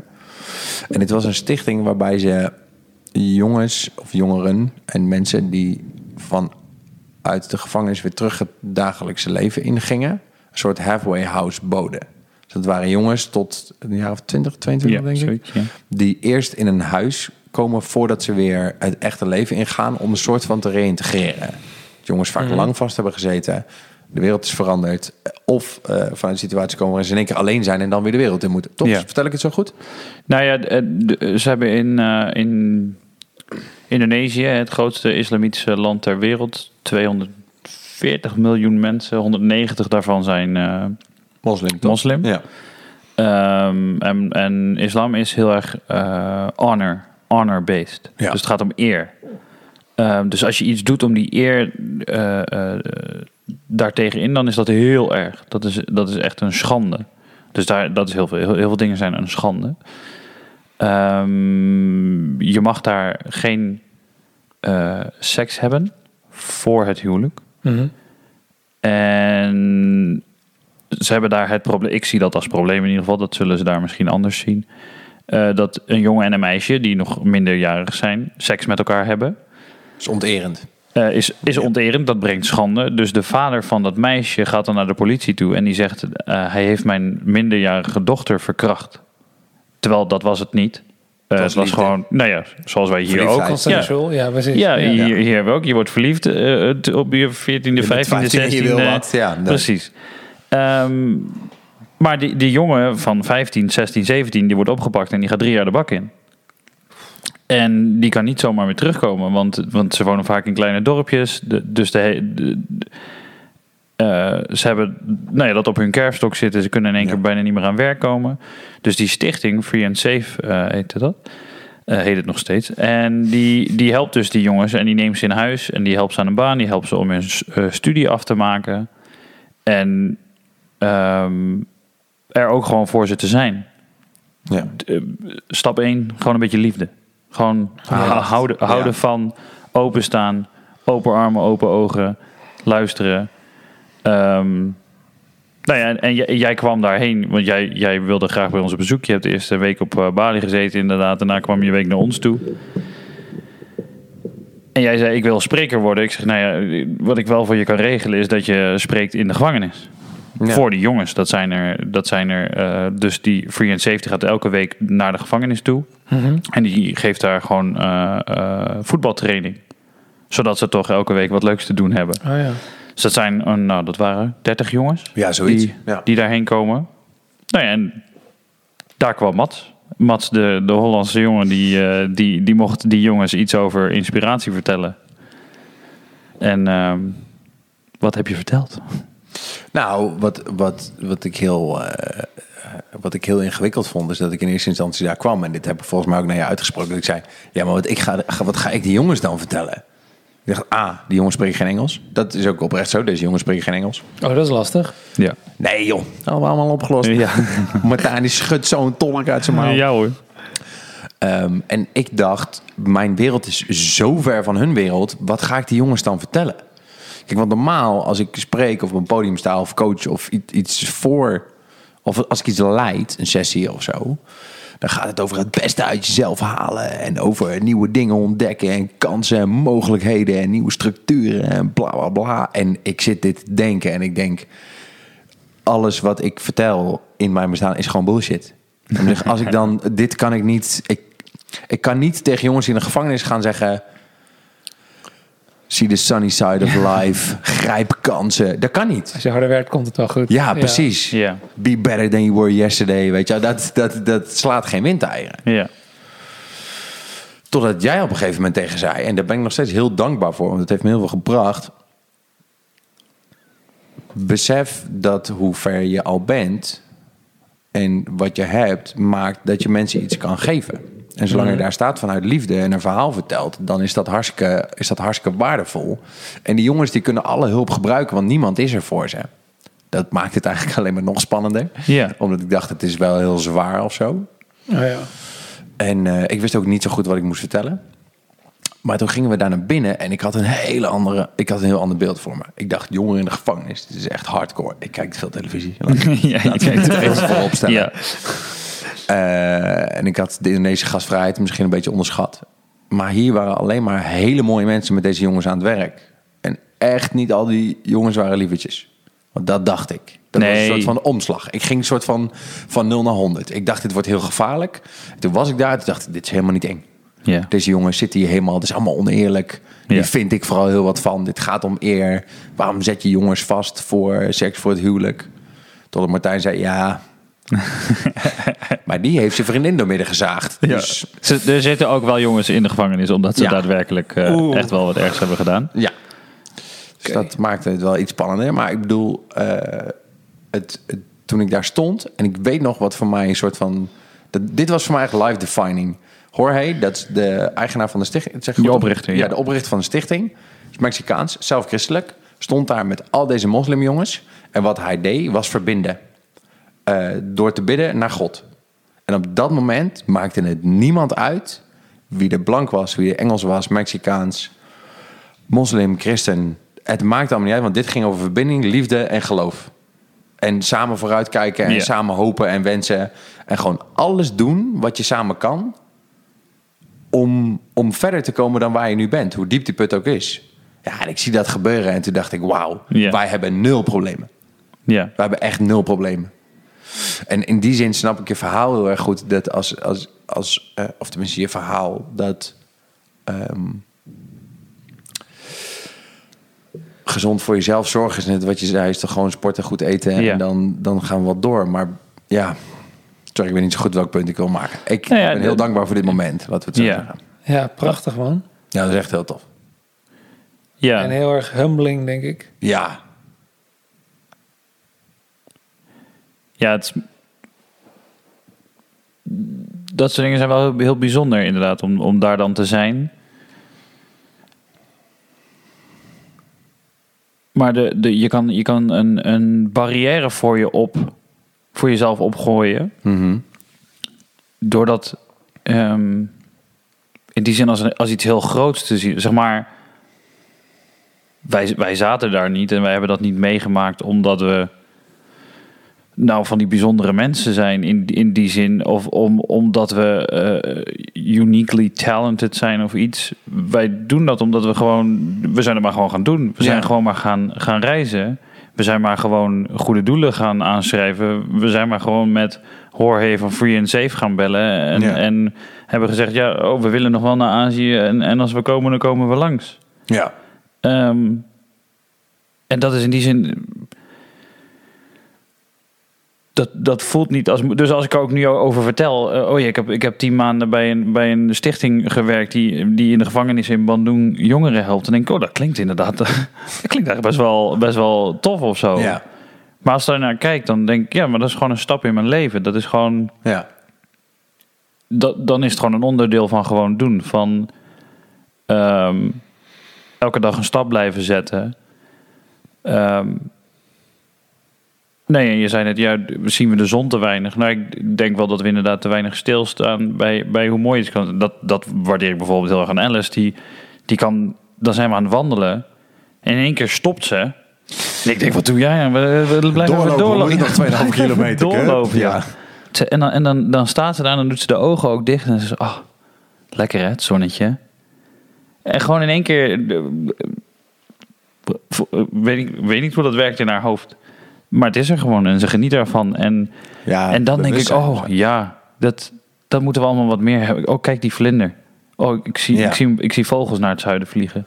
Eh, gewoon allemaal dingen die niet meer opvallen. En Om meer in het hier en nu zijn in plaats van in straks. Nou ja, en dat zat ik te denken. Dus, dus over dat breathwork, zeg maar, ik, ik- mijn euvel daarbij is, is dat ik denk, wanneer is het genoeg of zo? En, en dus we zaten in Bali en toen zeiden ze, ja, ze, hebben- ze hebben weer wat nieuws.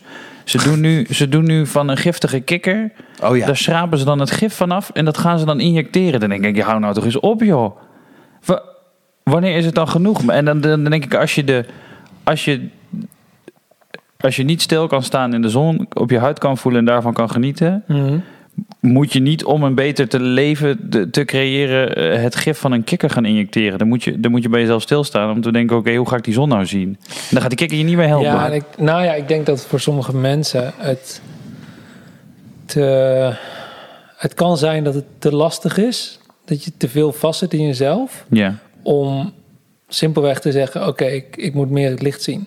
ja, Dat je iets nodig hebt wat jou door je weerstand heen duwt. Of door je angst. Door je... Ja, iets, iets in jou houdt jou tegen om dat gewoon uit jezelf te kunnen. ja, En, ik, en zoiets als.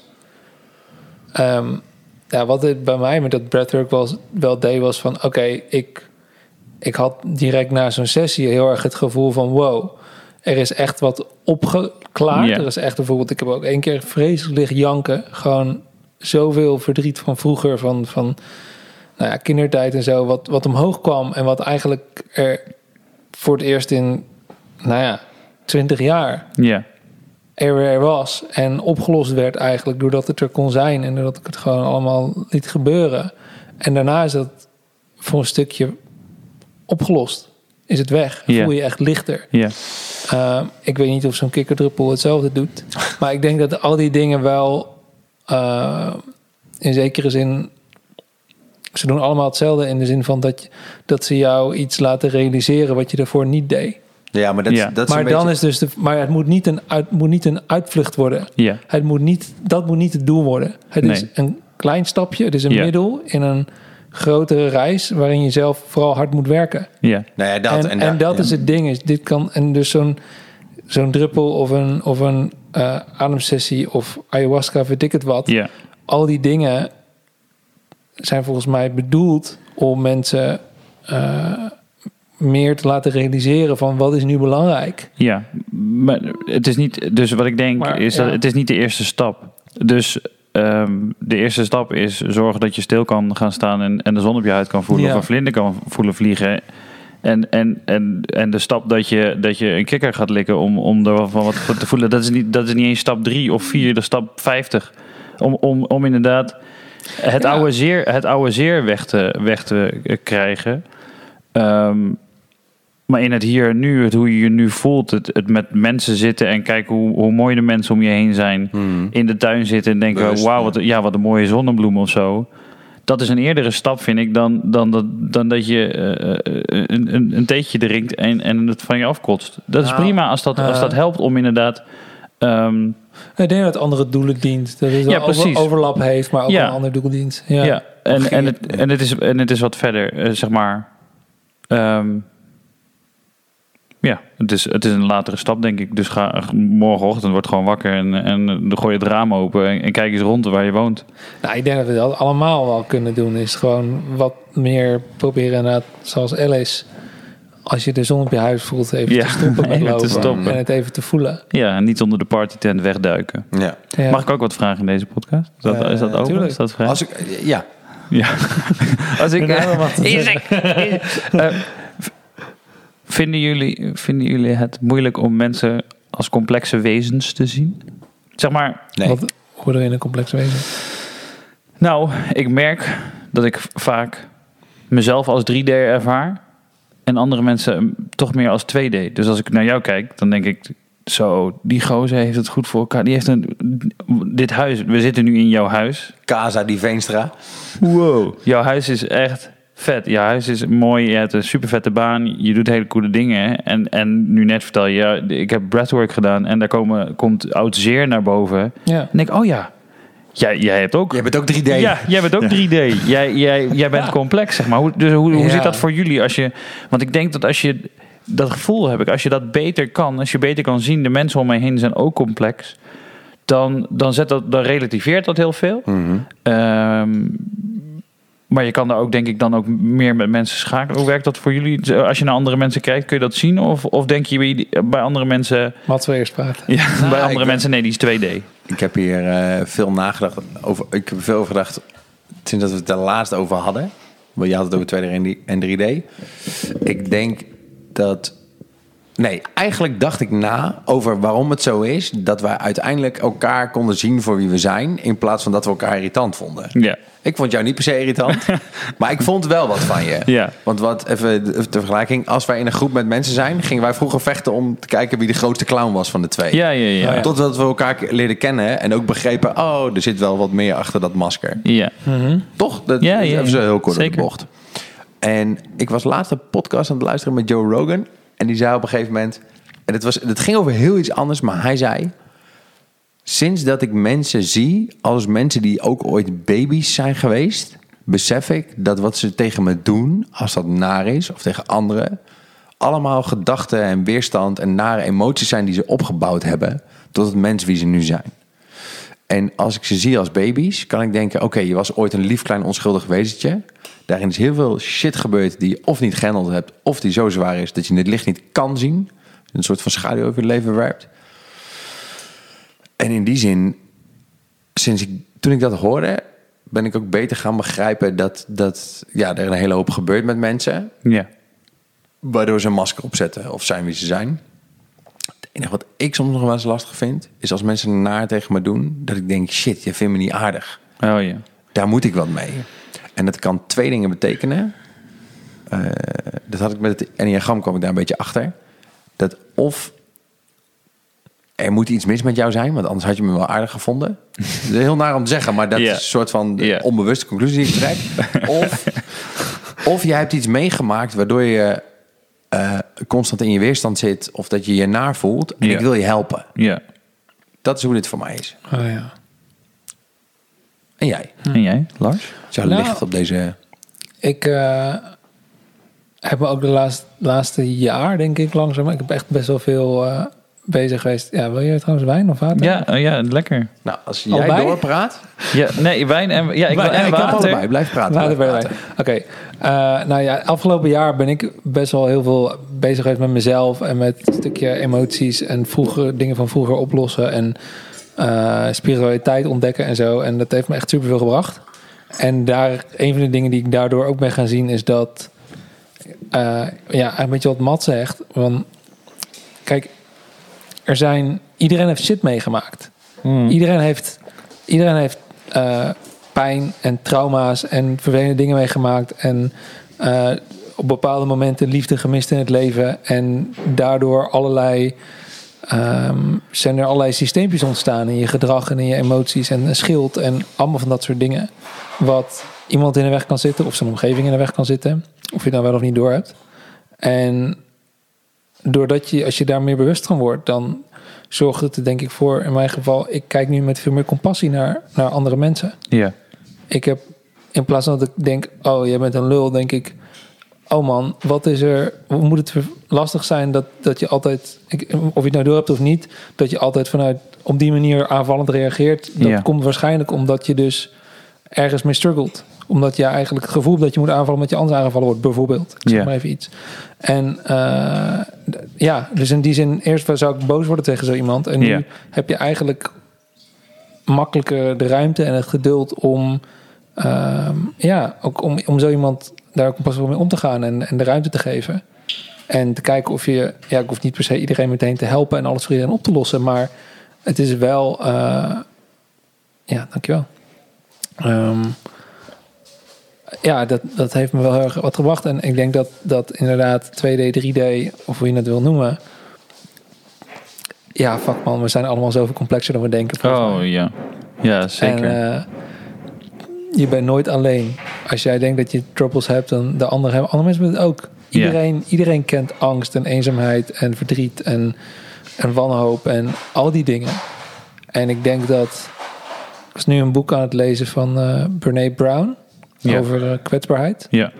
En super toffe vrouw trouwens. Ja. Echt mensen, als je haar niet kent, Brene met een B aan het begin. eh, Zij, ehm, Brene Brown, even haar TED Talk kijken. Ik was zeggen, begin bij de TED Ja, Talk. en en zij dan, heeft ook op eh, Netflix staat ook inmiddels een, eh, iets van een uur, anderhalf uur Ja. een docu. Of een optreden eigenlijk. Prachtig hoe zij kan vertellen. Kan ja, enorm waarderen. Heel veel persoonlijkheid en kwetsbaarheid erin. Maar ook heel veel kracht. En zij vertelt eigenlijk over... ehm, eh, ja, hoe je... Ja, gaat goed, Mat? Mats is even aan het verbouwen. Oké, top. Ehm, Nee, dat is top. Maar was ik even kijken. Ja, eh, wat boek van haar aan het lezen. Ik ben even het eruit kwijt, jongens. Daring Greatly. Ja, ehm, Schaamte. ja, schaamte, kwetsbaarheid. Ja, dat je zeg maar door, door jezelf kwetsbaar op te stellen, door te, te laten zien waar je het moeilijk mee hebt, kun je die verbinding maken met andere mensen. En realiseer je ook dat andere mensen, zul je realiseren dat andere mensen dat ook kennen, dat gevoel. Ja, Maar dat kan alleen maar, die verbinding kan alleen maar ontstaan als jij dat ook laat zien. ja, Als jij je schild ophoudt, dan weten andere mensen het niet van jou. ja, En dan weet jij het ook niet van een ander, want dan krijgt die ander niet de kans om het jou te vertellen. ja. Om het te delen. En dus die complexiteit die we allemaal hebben, die is. Ja, die is. eh, ik denk dat we. Ik ben er heel lang blind voor geweest. ja. En ik begin het nu te ontrafelen. Te zien, ja. En het is soms lastig en ingewikkeld, maar ook ontzettend mooi. En Ja. heel, erg, heel erg vet hoe je, eh, ja, hoe- hoeveel meer je daardoor ineens naar jezelf gaat kijken, naar je omgeving. En, en, en niet op een zware manier per se, maar ook op een hele mooie manier. En, en heel erg, ehm, ja, ik, ik, en je gaat ook veel patronen zien en zo Ja, in, in tussen mensen. En dat, oh, iedereen heeft het eigenlijk. ja. Ja, Ja. Nou ja, en ik kan daar ook zelfs wel van, van schrikken of zo. Dus een thema in mijn, mijn leven op dit moment is wel mannelijkheid. En, en hoe doe je dat dan? Man zijn. En Proost, eh, Proost. dames. Eh, man, zijn, man zijn is aan het veranderen in die zin. En hoe, hoe doe je dat? En eh, hoe doen andere mannen dat? En ja, ik ben niet zo, ik ben helemaal geen klus. Ik, ik maar ik vind dat soms wel heel moeilijk dat ik daar, daar niks van kan. Dan voel ik me onhandig en dan, dan, dan eh, Hangt je vrouw weer fluitend drie planken op en dan... ja, eh, die bouwt alles. En Ja, dan denk ik, oh ja. zo'n heb ik ook, oh, ja. ja, dus dat... ehm, maar ik vind het heel moeilijk ook om over te praten. Maar, oh, maar ik, kan er ook van schrikken hoeveel mensen daar last van. Dus, dus, dus dan durf ik inderdaad open te zijn en, en dat te delen. eh, met onder andere met jullie en, en nog met andere vrienden. En nu met de wereld. Ja, wereld. Ik, eh, ik weet nog niet hoe je een man moet zijn. Nee. Ehm, en in één keer merk je, ja, dat heb ik ook. Ja, dat Ja. heb ik ook. Oh, dat, dat vind ik ook. Oh, dat weet ik ook niet hoe dat moet. Of oh, oh, ja. De relatie met mijn vader is ook complex. En, en, en heeft ook. eh, de- Ik denk, oh, oh, oké. Hoe, hoe werkt dat dan? Waarom, hoe kan het dat we dat allemaal eh, eh, hebben? Ehm,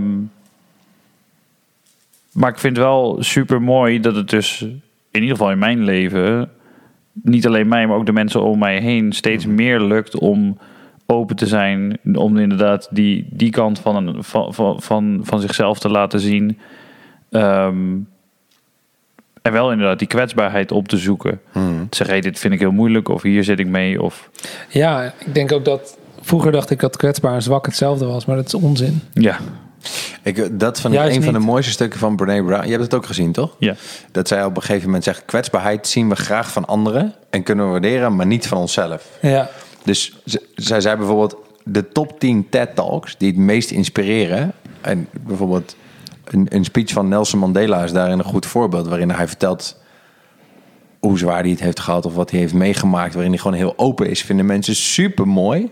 ja. Maar niemand kan ooit vertellen hoe, hoe zwaar of hoe moeilijk die het zelf heeft. Of hoe zwak die is of wat dan ook. ja. oh ja, oké, ja. Snap je? Ik zal Ja. nooit zeggen, hey, dit lukt mij niet. Maar als iemand anders tegen mij zegt, hey, dit lukt mij niet. Dan zeg ik, maar, het is niet erg, ga ik je helpen. ja. Terwijl als ik zelf bedenk dat ik dat ga zeggen, dan denk ik, jezus, wat een loser. Dan leer je het toch, dan doe je het toch. Stel je je niet aan. Wat ik eh, gisteren in dat boek las, was een, een stukje waarin zij ook vertelt van Brene Brown. ehm, het, de grootste uitdaging uit ons leven is met net zulke zachte ogen naar jezelf kijken Kijk als naar de als naar een wereld. Naar een Ja. ander. Ja, ja, ja, Het is ja. het moeilijkste wat er is. Ja, Je bent zo snel hard voor jezelf, veel Ja. eisend. En, ja, je zegt dingen tegen jezelf die je tegen je ergste vijanden misschien nog niet zou zeggen. Nee, nee, precies. Maar dat is denk ik gaat ook heel wel... snel. En het is heel goed om je daar bewust van te worden. En, en op een gegeven moment kun je dat een beetje voor zijn. En dan... Maar dat is denk ik ook wel onze grootste uitdaging. Dat ons brein vaak sneller oordeelt dan dat we zelf kunnen denken. Dus in de, in de zin, ik kan helemaal niet klussen. hè. Ja. Er zit een overtuiging die je zelf hebt aangepraat. Ja. En dat, dat merk ik zelf ook. Ik weet bijvoorbeeld van mezelf dat ik niet genoeg geduld opbreng om te klussen. ja, en ik weet ook helemaal niet of ik kan klussen. Ik heb het nog nooit echt Nee. gedaan. Ik sta Ja, precies. niet ik toe, kan ook omdat- niet diepzee duiken. Ja, nou ja, om- ja, omdat ik niet weet, omdat ik niet weet hoe. eh, ik zal nog net niet zeggen wat je met een hamer moet doen, maar omdat ik ja. Ehm, durf ik daar ook niet mee bezig te gaan, want het is ook gewoon angst natuurlijk. Hè?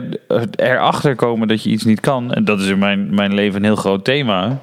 Eh, Ik, ik wil al sinds ik, eh, weet ik wel, 15 ben een boek schrijven. Aha. Maar het is veiliger om geen boek te schrijven, want dan kom ik er ook niet achter dat ik het niet kan. Nee. Ehm, waardoor ik nog steeds geen boek heb geschreven. En daar weer heel erg boos over mezelf, eh, te- tegen mezelf ben. Over het feit dat ik dat nog niet gedaan heb. Maar zolang je inderdaad niet dat stukje oplossen van... hé, hey, oké, maar je moet het wel een keer proberen. En die kwetsbaarheid hebben ze van... oké, waarschijnlijk is het eerste boek niet een heel goed boek. Dat is bij heel veel schrijvers, zeg maar. Net als het eerste gedicht in twaalf was. Ja, Dit Ja. is precies wat ik wilde zeggen. ja. was, was, was echt een... Ik heb het laatst gelezen, hè? echt een kut gedicht. Ja, was ook echt. ik, vond, ik vond hem een keer terug. Ik weet, maar ik, ik, weet nog steeds niet hoe. Hij, hij is toen Zit je hem nou ook nog uit te lachen? heel Dat is groot echt geprint ook. En toen, en toen. Oh, zoals, waar? Nee, ja, zoals met dingen gebeurt. Je hebt dat en dan heb je het nog steeds, maar dan raak je het kwijt. Ja, dan vindt toen je moeder ik, het. Ja, toen was ik. Ja, precies. Ja, toen vond mijn moeder het. En mijn moeder, die, die, die gaf dat aan mij. En, en, en toen er, er- eh, voelde ik daar schaamte bij. Bij Mhm. dat gedicht, omdat het zo slecht was. Terwijl ik nu dan denk, ik was twaalf. Je Ja. was eigenlijk een heel andere persoon dan Ja. je nu bent. Ja, maar, maar- maar- maar wat is ook erg aan om op je twaalfde... Wat is er erg aan om op je 32e een kutgedicht te schrijven? Niks. Wat is er erg aan om een slecht gedicht te schrijven? Ja. Wat is er erger om het te proberen? Nou ja, en ook, dus dat, da- daar denk ik vaak over na. Ik ben nu eh, eh, gitaar aan het leren spelen. Ehm, en dan denk ik, oh, zou ik daar meer mee willen of zo? Of, of wil ik daar dan... Maar dan denk ik, ja, maar... Ik word nooit je- zo goed als... Nee, maar ook, maar, maar ook eh, bands beginnen eerder of zo. Je begint op je, op je twintigste een band, eh, maar je kan niet op je 32e nog een band beginnen. Dat moet je niet doen. Dat doet niemand. Wie doet dat? En, maar dat is natuurlijk een super dom iets om te denken. Zeg maar, waarom zou je, waarom zou je niet op je 32e nog een kutgedicht kunnen schrijven? Omdat je pas Ja. op je 32e bedenkt, eh, dat ga ik doen. Waarom zou je niet op je, op je 32e eh, eh, iets kunnen doen wat je eigenlijk altijd al wel een soort van tegenaan hebt zitten schuren. Ja. Want je denkt, nee, dit had Daar ik moeten te doen. voor. Dit had ik moeten Ja. doen toen ik jong was. En, en, en dat is natuurlijk onzin. Ja. Ga, ga een kutgedicht schrijven. ja. Ga ik, doen, morgenochtend. Ga ik een kutgedicht Ja. schrijven. Ik had het hier laatst over met mijn moeder. Dit ging over studeren. Dat er heel veel mensen zijn die dan 36 zijn en die zeggen dan... Ja, ik ga nu niet meer studeren hoor, dat ik dat lekker moeten doen toen ik 20 was. Maar wel klagen over dat ze een baan niet kunnen krijgen... omdat ze dan daar per se een hbo voor moeten hebben. Wat een Ja. onzin. Ik kan dit toch ook? En toen zei moeder, dat snap ik nooit. Je kan of vier jaar nog klagen over het feit dat je het diploma niet hebt... of in die vier jaar dat gewoon gaan halen. Ja. Maar vier jaar verder is het resultaat nog steeds hetzelfde als je er niks aan doet. Ja, en het is heel. Ik hoor wat ik nu ook heel erg hoor is. eh, je doet dit niet omdat het hoort. Ja. Omdat het, je? nou, het, het hoort zo dat je die studie doet voor je 25ste. ja, precies. Oh, zo. Ja. Dus, terwijl het dat is is niet niet dat die school zegt, als je op je 40ste inschrijft, dat die school zegt, nou meneer, je bent te oud. Nee. Je kunt gewoon meedoen. Ja. Maar je hebt jezelf verteld, of jij wil, bent bang voor het oordeel van de omgeving of wat dan ook, dat dit niet de way to go is. Ja.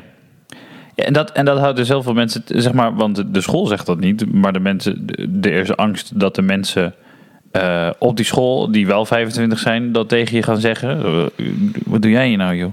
Joh, ik Wat- denk dat je hem veel platter kan slaan. Dat gevoelsmatig is dat op je ladder is dat een stap terug. Ja. Dus dat betekent ook dat je je Ah, ja. fulltime baan moet opzeggen. Ja. En, en, maar, maar bijvoorbeeld, ik moet dan ook een keer denken, zeg maar, eigenlijk, als je de sportschool ingaat, kijk naar de mensen die overgewicht hebben en vind dat mooi. In plaats van die, die stoere boys, die komen toch wel. Maar het Ja. feit dat iemand over de drempel heen is gekomen Ja. en daar zich zijn best staat te doen en staat te shinen om, om, om eh, eh, gezonder te worden, hoe fucking mooi is dat? Ja. In, in- en Maar die, Compassie, heel veel ja. mensen doen dat inderdaad niet. En dat, heel veel dingen niet. Omdat ze denken, dit hoort zo niet. Nee. En dat heb ik met klussen. Zou ik eigenlijk ook met de sportschool hebben. Dat als ik naar de sportschool ga, denk ik... Ja, maar ik weet niet hoe zo'n machine werkt. Wat doe ik Dan hier? sta ik daar aan zo'n machine te trekken. En dan komt iemand langs en Wat ben jij in vredesnaam aan het doen? Maat, ik heb dit ook.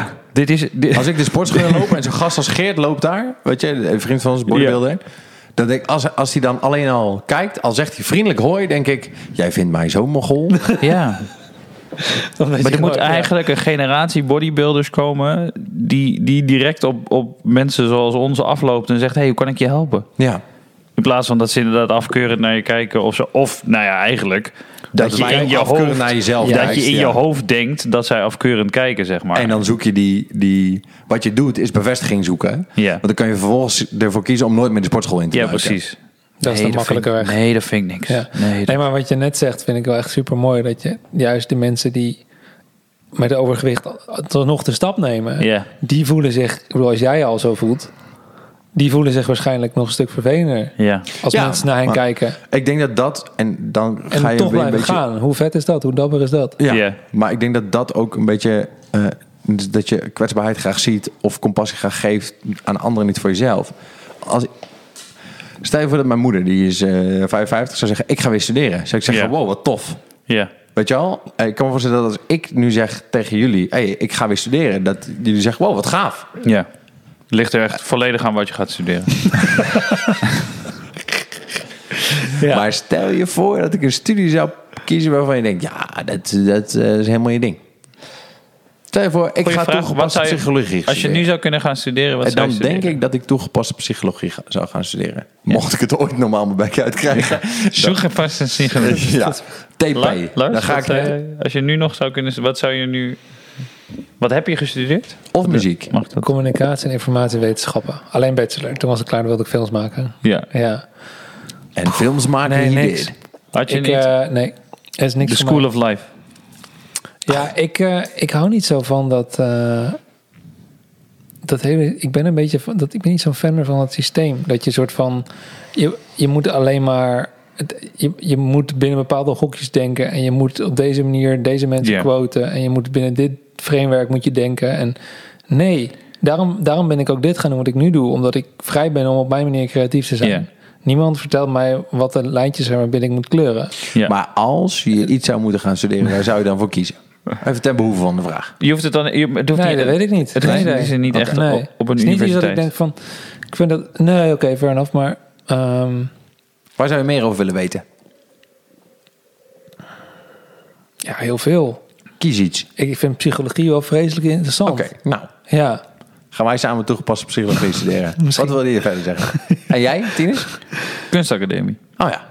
Ik heb hier wel eens over nagedacht. Ja. Ik heb het antwoord klaar. Ja, Ja, ik heb, ik communica- stellen, communicatie en multimedia design eh, gestudeerd. Ah, ja. Zo. Dat was ook, dat is helemaal niet, niet mijn ding. En dus ik, ik dat is mijn, dus daar begin ik hier ook over, omdat ik denk, als je vier jaar kunstacademie doet, dan heb je vier jaar, zo voelt dat voor mij misschien als mensen die kunstacademie hebben gedaan luisteren, die denken, waar slaat dit, dat slaat er nergens op, dat werkt niet zo. Maar ik zie het voor me dat je dan Bellen. Ja. eh, dat je vier jaar lang dingen uit mag proberen. Dat je, dat, je, dat je paden in mag gaan en mag denken: oh, eh, Beeldhoven, eh, hoe werkt dat? Hoe gaat dat? En zo. Je, je gaat een eigen stijl neer proberen te zetten. Mhm.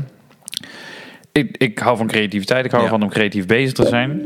Ehm, en ik heb nu het gevoel, ja, oh, ik heb zo'n periode niet gehad in mijn leven. Nee. Dat ik gewoon maar mocht maken en dat het, dat het voor een cijfer was, maar niet. eh, En nu heb ik het gevoel, dus dat dat niet meer mag. Dat ik inderdaad te oud ben om mezelf de, de, de rust en de ruimte te gunnen. Om gewoon te zeggen, nou ja, misschien ga ik wel een keer proberen te beeld houden. Ja. Of zo, misschien ga ik. En, ehm, maar ja, waarom niet? Waarom kan ik mezelf die. Nou ja, dan komt er natuurlijk weer discipline om de hoek. En dan komt er weer. Dus ik ben het met je eens. Ik ben ook niet een heel erg groot fan van, van het scholensysteem en hoe dat werkt. Eén voordeel voor mij is wel, je moet het. En je, hebt, je, je, je gaat die school doen en je moet eh, op die en die dag moet je dit en dit inleveren. Dat is wel lekker voor mij. Dat heb ik soms wel even nodig. Een, een datumtje waar ik het op kan Ja, halen. dit is het verschil tussen wij en Lars. Ja, Lars doet het gewoon. Lars vertelt de school dat ze iets in hadden moeten Ja. leveren. Maar jij hebt toch ook gewoon deadlines als je freelance klussen hebt? Ja, ja, ja. Dat is toch hetzelfde idee? Ja, Maar dus... De, Ja, maar dan vertelt de klant wat hij moet doen. Ja, Ja. net als dat de school dat zou doen. Ja, nee, maar ik bedoel, maar- dus ik zou het het liefst, zeg maar, ik zou het nu ook zonder school kunnen doen. Mezelf zo'n periode gunnen. Oh, zo, ja. maar dan heb ik eigenlijk deadlines nodig. Ja. Ja, Kijk, precies. als jij iets, dat is denk ik het verschil. Als jij iets wil leren, Mhm. dan ga je gewoon zitten en dan ga je dat regelen. Dan schrijf je op. Ik, Mm, Dat denk jij. Ik heb daar ook best wel moeite mee hoor. nee, oké, maar ik Nee, Lars, jij bent 2D. Jij bent perfect in onze ogen. wat- Laten we dit zo houden. Dat is voor ons namelijk veel makkelijker. Maar vertel, Heb je nou ook nog emotie? Nou ja, ik heb daar ook. Ik, ik heb misschien meer discipline dan de meeste mensen, maar. eh, of in ieder geval dan om, mensen om ons heen.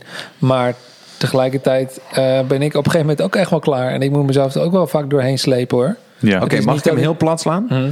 Even, eh, niet om je te onderbreken, maar Ja. ik denk dat het verschil tussen ons en jou is... dat als jij wil gaan sporten, dan ga je op zoek naar een trainingsschema.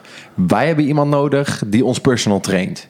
Die zegt, we gaan nu lopen en dit en dit gaan we doen. En je moet gewoon luisteren. Ja, maar ik heb bijvoorbeeld, dat was het dat ik dacht, oké, ik wil gitaar leren spelen. Ja. En dan ging ik op YouTube zoeken, 30 dagen en dan kon je één nummer spelen. Ja, ik zeg Ja. gewoon dat ik gitaar wil leren dag, spelen. dag vier was ik al helemaal klaar. Ja, oké. Maar dat, ja. En misschien omdat ik het niet graag genoeg wilde. Of I don't know what it was. Weet je wel. Uiteindelijk is het natuurlijk gewoon... Wil je het graag genoeg en maak je er prioriteit van. Om, Ja. om, zodat je er tijd voor hebt. Maar niet uit waar je bent, wat je doet. Het is gewoon een kwestie van prioriteit. Ja. Maar ehm, ja, vier, dag vier was ik klaar. En daarna heb ik nog wel eens een keer zo eventjes... Op, weet je wel, na een week nog even een keer wat geprobeerd of zo. Maar eigenlijk was het na vier dagen afgelopen met...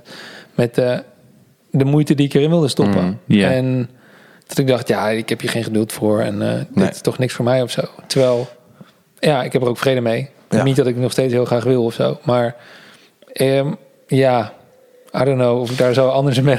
Nou, het was een compliment hoor. In de zin dat. Ja, dat ik weet nog ik. toen je het huis Thanks. aan het bouwen was. Dat, dat jij uit ging zoeken hoe je muren onder plafonds ging zetten. En weet ik veel wat allemaal. Dat ik ben blij als ik schroevendraaier vast kan houden. Maar als ik zou ja, willen hoe leren werkt een klussen. ventilatieberekening en hoe moet je dit en dat? Ja. Nou ja, bijvoorbeeld, kijk, als Ja. ik zou willen leren klussen, dan zou ik of daarvoor naar school gaan of bij een aannemer in dienst, zodat ik stage kan lopen. Dit is hoe ik dit zou leren. Iemand gaat mij gewoon vertellen hoe ik dit moet doen. Ik ga dit niet zelf bedenken. Ik wil misschien wel weten waarom, Huh? maar tell me. En zo zou ik ook naar school gaan. Ja, ik ben zou heel luisteren. erg van het gewoon gaan doen en dan zien we wel. Gaandeweg leren. Dat heb ik met mijn werk gedaan, dat heb ik met alles Ja. gedaan. Alleen dat, dat is op zich leuk en je leert heel snel. Uh-huh. Maar je moet ook altijd eerst fouten maken voordat je wat leert. En dat was bijvoorbeeld met een huis, is dat, kan dat snel een spuigaten uitlopen. Ja, Maar, kost een hoop eh, geld, denk Kan ik. ook geld of Ja. tijd kosten. Maar eh, over het algemeen is dat wel een manier die voor mij heel lekker werkt. En ik vind het niet zo erg dat ik dan net een ander resultaat heb of een foutje maak of iets opnieuw moet doen. Eh, ja, voor andere mensen kan het anders zijn. Maar goed, Ja, dat is- mis- misschien ja. is het ook zo dat, dat het net over dingen gaat waar we dan allebei... Ik denk dat ik of via YouTube wel gitaar zou kunnen leren spelen en jij niet. Mhm. En jij zou via YouTube een house kunnen bouwen. ik krijg net die hamer over de vloer. Nee, maar even, snap je? Ja, ja. Het is ook maar net waar je affiniteit... Jij bent natuurlijk heel muzikaal. Het is maar net waar je affiniteit mee hebt ook, denk ik. En, wa- en wat Ja. je nou echt graag wil. Ja, voor mij was het meer een soort van romantisch idee van het lijkt me heel leuk om ooit gitaar te kunnen spelen. En, maar in de praktijk, als ik dat dan eenmaal kan, hoe vaak ga ik het dan doen? Ja. Bijna nooit. Dus Dit is wel, Ja. om, om waar we het gesprek over begonnen, over studeren en die periode van creativiteit. Ja. Ik zou heel graag, dit is waarom ik zo'n fan ben van het universeel basisinkomen. Ja. Kijk, en mijn grootste klacht in het hele verhaal is dat ik dus zou moeten stoppen met werken en geen geld zou verdienen. Als Ja. ik een jaar lang creativiteit. Wat? Je hoeft toch niet te stoppen? Ik geloof er wel in dat als je zegt. Oké, ik dacht van, in, in het kader van periode van creativiteit. Ik dacht van de week. Hoe goed zou ik kunnen worden als ik nu een jaar lang alleen maar bezig ging met drummen? Want eigenlijk wil ik dat al mijn hele leven. Maar ik mag dat niet van mezelf. Ik doe dat niet. Snap je? Dus het is altijd een soort van de bij en een dingetje en, en zo en zo. Dus in die zin denk ik dat je dat ook kan vormen als een jaar van creativiteit. Waarin je gaat zeggen, hey, laten we kijken wat we hier uit kunnen halen en wat je kan ontdekken. Ehm, maar ik doe dat niet, omdat dat betekent dat ik dan ook een jaar geen eten heb. Even heel kort door de bocht. Ja. Of ik moet al die drumstellen verkopen, maar dan kan ik binnen een jaar niet drummen. Dus dit is ook wel een ingewikkelde context. Nou, je kan ook dan negen drums verkopen en er op één spelen. Ja, dat zou ook kunnen. Maar snap je mijn punt? Ja, ja zeker. Dus dat ik, en daarom vind ik het. Maar Maar gaan we, ja, hoe je het bruggetje maken in universeel basisinkomen dan? nou, eh, kan dan. hij gewoon, kan hij gewoon niks doen. Kan hij gewoon lekker thuis gaan zitten en dan gaat hij gewoon... eh, Ja. Nou, ik zou het heel fijn vinden als je een soort van year off zou kunnen hebben. ja. Dus dat je dat die andere eh, 64 jaar waarin ik werk, dat ik 1% meer belasting betaal. Ja. Ja, maar dit kun je toch gewoon weer zelf regelen? Ja. Nee, dat kan ik dus niet. Ja, maar je, ja oké, maar jij weet het al. Nee, dit- jij wilt het je Schatje, ik, be- ik bedenk dit terwijl we hier zitten. Hè? Nee, oké, maar je zegt, ik wil het eigenlijk Dus wanneer ga jij een Dus jaar... hoe lang werk je al jaar. voor jezelf? 15 jaar. Je had in die 15 jaar... Wat? Nee, maat. Nee, niet voor jezelf. sorry. Tweeënhalf, Hoe lang ja. werk je al? Hoe lang verdien je al geld? 15 jaar, ongeveer. Zoiets, ja. In het begin was natuurlijk niet veel, maar goed. Nee. Eh, Verdien heel als veel, maar krijg altijd altijd- heel weinig. Als jij altijd 5% aan de kant had gezet van wat je verdiende, dat is een fractie, dat kun je altijd krijgen, altijd had je nu een jaar vrij kunnen nemen. Had je dit kunnen doen? Ja, Zonder dat had problemen. gekund. Maar dit is een beetje wijsheid achteraf, hè? Tuurlijk, maar eh, eh, ja. Er is, Ja, er is dat klopt. Ik zou dit ook nog 15 jaar kunnen doen en dan een jaar vrij kunnen nemen. Ja. Maar ik bedoel, het, zeggen, het zou heel gaaf zijn als je. eh, nou, dit, dus dat je elk jaar een procent meer belastinggeld zou betalen. En dat je dan op een gegeven moment een soort van jaar off kan nemen. Ja. Maar heb je een jaar nodig? Wat zei je? Heb je een jaar nodig? Nee, ik ben gewoon benieuwd hoe ver ik kom in een jaar. Misschien heb ik wel tien jaar nodig, namelijk. Oké. Nee, maar snap je, dat, dat ja, weet ik niet. Wat, hoe lang heb jij Maar- nodig om je creativiteit eh, optimaal te benutten? Ehm, Kun je daar een tijd aan? Nee, toch? nee. Nee. Dat houdt nooit op. Je Nee, dat houdt nooit op. nee. Maar ik denk wel dat je met een jaar heel ver komt. Wat je in een week niet gaat bereiken. Ja. Maar is het niet ook zo dat wanneer je dan... Maar, maar, dit is wel, maar dit is dan wel, zeg maar, waar we het in het begin ook over hadden. Wij, wij zijn nu op wereldreis omdat we gewoon zijn gegaan. Ja. Ja, Je, je kan, je kan Dat een jaar lang, doen, ja. nee, ja, je kan een jaar, een jaar lang focussen op drummen door het ook te gewoon te gaan doen. En zeg maar, als je het echt wil, ja, misschien moet je het dan niet hier doen, maar bijvoorbeeld, nee, wij hebben in Bali gezeten. Bali, ja. in, op Bali, als jij, als jij eh, alleen, maar, alleen maar gewoon nasi goreng eet en niet elke avond in de kroeg belandt, dat kan niet, want je bent druk met drummen, dan kun je daar leven voor 500 euro in de maand. En dan Ja. heb je echt een goed leven nog. Ja. Dat, dus, eh, nou ja, hoe kom ik aan 500 euro in de maand? Je zal nog wel iets werk moeten doen, maar je hebt in één keer een hele hoop meer tijd om, om met drummen bezig te zijn. Zeg ja, maar, en, en, en 5.000, 6.000 euro sparen hoeft misschien ook geen 10 jaar te duren. I nee. love it when a plan comes together. Ja. Ja, Nou, Nee, ja, dus de- alleen nog even een vliegtuig vinden dat die 11 drumstellen mee die Ja. kant op heist en we zijn er. Nee, ik zit... eh, shit. Nee, maar dus de, soms moet je het ook maar gewoon doen, zeg maar, en ook, ook accepteren dat het fout kan gaan. Ja. Wij, wij, wij hebben dit kunnen doen en wij doen dit nog steeds omdat we accepteerden dat het misschien maar 2,5 maand duurde. Ja. En er zullen mensen die zijn die dachten toen wij dit vertelden, eh, dat ze, oké, je gaat dus je huis opzeggen, je gaat je leven opzeggen, je gaat alles eh, eh, verkopen, weet ik veel, om misschien 2,5 maand op reis te gaan. Ben je niet helemaal goed? Wat, is- wat is er mis met je? Ja, als je zeker weet dat je twee jaar weg kan, ja, dan snap ik het wel. Dan, dan kun je dat een keer doen. Maar als je de zekerheid hebt dat je na twee dan, dan zou ik dat wel doen. Als ik zeker zou weten dat ik twee jaar zou kunnen reizen, zou ik mijn huis verkopen. Dan ga ik morgen weg. Ja. Ja, maar ja, Dat weet je niet. wanneer weet je het zeker? Hoeveel, hoeveel geld is dan genoeg?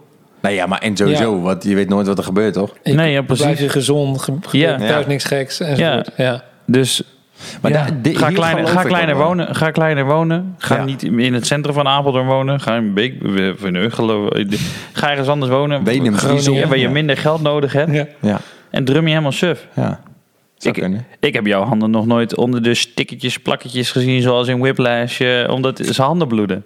Nee. Ik denk dat, dat, dat heb jij nodig, zo'n coach als een whiplash. En een Ja. paar maanden, dan ben je heel end. Dat denk ik wel. Maar dat was niet het punt. Ik was, ik was met, eh, met Mats aan het hardlopen en ik had dat nog nooit meegemaakt.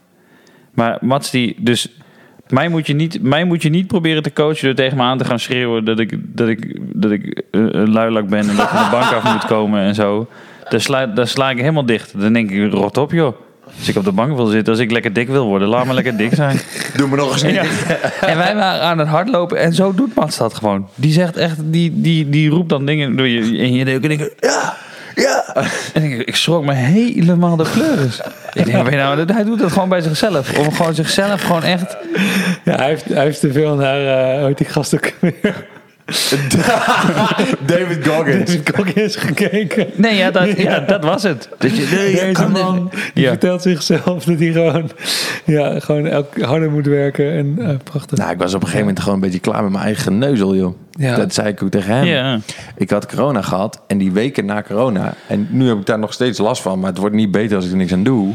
Ik heb gewoon veel minder energie en veel meer ademtekort. En ondertussen blijf ik gewoon lekker roken. Ja, als je waar- nou stom met roken meer Ja, schat. Dat is toch precies wat ik probeer te vertellen. Dat ik snap dat dat het probleem is. In plaats van het corona de schuld te Oh, geven. Luister eens ook de vakken. Maar, eh, nee, ik zit ik het. Sorry. Ik ben eens met hem aan het lopen. En hij zegt, 's middag of 's ochtends, we waren naar dienst geweest. Ik, hij- ik wil wel even iets meer, ik wil iets meer duiding geven. Dit, dit voelt gewoon, ik wil iets meer duiding. Dit is niet, we gingen niet gewoon even rennen. Dus ik, ik wil binnenkort weer een halve marathon gaan lopen. En, en eh, dus wij gingen met z'n allen, zouden we naar een, eh, een lekker plasje gaan. Want het was, Ja, eh, was Burnside lekker weer. Emst, ja. ja. en Burnside in Emst inderdaad. Gin En ik dacht, mee. ah nee, ik had vandaag nog op de agenda staan 12 kilometer te lopen. Ik kijk, eh, hoe ver is Burnside Emst vanaf hier? 12 kilometer, echt tot op, tot op de ik meter. moet. Ja. Dus ik zeg, jongens, Gaan jullie maar met de auto. ik ga hardlopen. Dus iedereen, oké, nou, ga lekker hardlopen. Mats is dan ook de enige die in één keer, die in één keer zegt, ja, ga ik met je mee. Ja. Ja, hoe lang heeft hij al niet hardgelopen? Hij heeft long covid eh, klachten. eh, hij, De hij laatste rookt, keer dat hij ik had rookt. hard gelopen was met jou. Weet je nog? Toen ik barely 3,5 Oh, ja, kilometer liep. Twee maanden geleden of zo. Ja. Ja. Midden op de dag gingen we ook lopen. Het was Oh, één het was uur. echt 78 graden. heel warm. In de schaduw. Ja. En nu, nu kun je verder. Nu snappen mensen een beetje de situatie. Ja. Dat jij ook een beetje als een, Ja. als een sukkel eh, gewoon bedenkt. Ik ga Dus- mee 12 kilometer. Nou, en er gebeurden twee dingen. Hij, dat zei hij niet, maar hij had eigenlijk geen zin in dat ik meeging. Hij wilde gewoon in zijn eentje lopen. Nou, ik had er geen... Nee, na een kilometer had ik geen zin meer in dat hij mee was. Toen kwam ik erachter dat hij dus nog heel lang niet meer gelopen had. Dus dacht ik, ja man, ik wilde wel echt gewoon 12 kilometer gewoon doen. Beuken. Ja. Maar ehm, wat moet ik nou vertellen dan? Dat ik, tegen, dat ik gewoon ging Nou, ja, hoe werkt dat in je hoofd dan? Dat je jezelf zo aan het schreeuwen... De, hoe... Nou, op een gegeven moment merk ik dat ik mezelf gelijk ga geven in het feit dat ik denk dat ik het niet kan. Dus, en dat doe ik met alles. Dus in mijn brein gaat dan... Zie je wel, je redt het niet. Het was echt een stom idee om zo te gaan lopen. Je hebt inderdaad er last van. Het is midden op het daggebied. Denk je wel niet dat je bent. Een of andere superheld. De laatste keer dat je liep was met Lars. Dat was 3,4 kilometer. Toen ging je ook huilend naar huis. Wat ben je aan het doen? Je rookt. Doe Ja. normaal. Stop Ja. dit. Het is 400 graden. Je wordt eruit gelopen. Je staat voor lul. Dit gebeurt er allemaal in mijn brein. Je zegt allemaal dingen die je tegen een ander nooit zou zeggen. Ja. Precies. Ja, echt heel hard ook. En Schreeuwend. Sch- Hij schreeuwde dingen tegen zichzelf die hij tegen een ander nooit... Die hij Ja. tegen zijn honden niet zou zeggen. Dus intern was ik dit allemaal aan het doen. En ik ben op een gegeven moment, op een gegeven moment dat laatste stuk, toen eh, wat er gebeurde met mijn longen was, en dat, is- dat is echt wel anders eh, met roken dan met corona. Toen ik rookte en wij gingen hardlopen. Weet je nog dat ik toen op een gegeven moment stopte? Dat was omdat het ging branden. Maar wat ik nu heb, is dat ik mijn longen niet optimaal kan gebruiken. Dus ze Oh, vullen ja. zich maar voor drie kwart. Oh, ja. Dus op een gegeven moment doe je... En ik kan er niks meer bij. En we waren dat aan het doen. En dat werd mijn excuus de hele tijd. Zie, ik kan het niet. Ik kan niet lopen. Dus ik ging steeds stoppen. En hij irriteerde zich aan mij. En toen dacht ik... Oh, meh. Dus dacht ik... Oké, mijn lichaam wil dus niet. Dan moet ik op, op mijn hoofd. Of op mijn intern. En op een gegeven moment ging jij vooruit lopen. En toen dacht ik in eerste instantie zei mijn brein... Zie je wel, Martijn loop je er gewoon uit. Wat ben jij een loser. En toen dacht ik, nee, ik ga mezelf vertellen... dat Martijn harder loopt... omdat hij mijn adem in zijn nek voelt. Dus ik zei de hele tijd tegen mezelf... Hij heeft mij nodig om harder te lopen. Hij heeft mij nodig om harder te lopen. En het slaat nergens op, maar het werkte. Ja. 300 meter. Ja. De 300 meter ging niet echt als een... eh, Als een tiet. Ja. En eh, Maar jij bent, jij bent wel echt heel streng voor jezelf. Ik dacht dat ik streng was voor Nee, mezelf. hij maar is jij echt- kan er ook wat van. Ja, want hij was dus al zo. En, en we waren er bijna, we moesten nog een kilometer. En ik heb wel met hardlopen, als ik thuis kom, dan, dan wil ik het gevoel hebben dat ik heb hard gelopen. Wat logischerwijs, want ik heb hard gelopen. Dus, dus, eh, dus ik, we hadden een stukken gelopen. En ik dacht, ja, maar die laatste kilometer wil ik dan ook wel even, even wat harder doen. Oh ja. Zodat ik aankom en dat ik denk, oké, ik, ik heb ook echt wat gedaan. hij Ja. zei... Als hinders moeten we dat veld opkomen Ja, waaien. precies, precies. En toen dacht ik, ja, ik ga niet staan. Dus ik vroeg aan hem: hey, nog een kilometer, is het te doen? Gaan we wel even een tandje bij? Gaat, het, gaat dat lukken? Terwijl eigenlijk wist jij wel dat het helemaal niet ging lukken. Maar hij is al zo ongelooflijk streng voor zichzelf dat hij ook echt direct gewoon niet eens nadenkt en zegt: we gaan. En hij begint al gelijk te rennen. Ik denk, ik zal maar benieuwen. Nou ja, het is dus ook niet, niet, Pure wanhoop, hoor. niet gelukt. het is niet gelukt.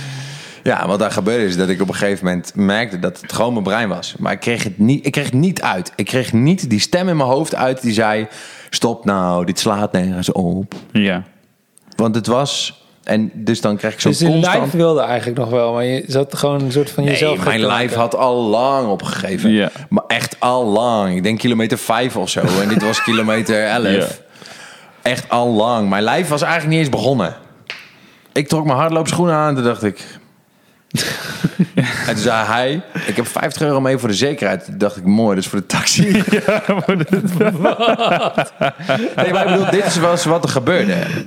En eh, toen op een gegeven moment, ik weet dat laatste stuk, toen was ik er zo klaar mee. En toen schreeuwde ik gewoon echt, ah! Zo van, omdat ik gewoon, ik was gewoon kwaad. Omdat ik Ja. mezelf, ik had mezelf zo lang verteld dat ik niet fit genoeg was om te sporten. Dat ik daadwerkelijk niet meer fit genoeg was om te sporten. Ja.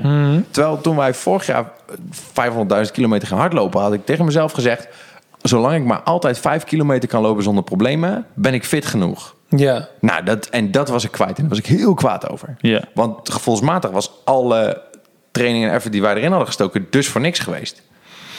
Dus het was meer dan dat. En daarom Ja. ging ik zo een soort van loos. Dat ik Oh echt ja. dacht. Vind ik wel, dat vind ik een omdat- interessant onderwerp. De leugens die we onszelf vertellen. Zeg maar, die je dan ben- bent gaan, gaan leven. Dus je, Ja, ik, oh ik ben niet meer fit genoeg en in één keer ben je niet meer fit genoeg. Nee, ik kan dit niet, dus ik kan dit niet. Ja.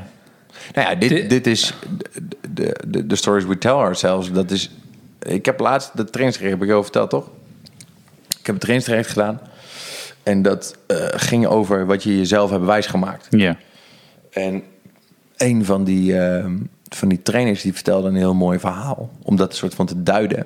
En die zei, er was een meisje, toen zij zeven was, is zij eh, aangerand door haar vader.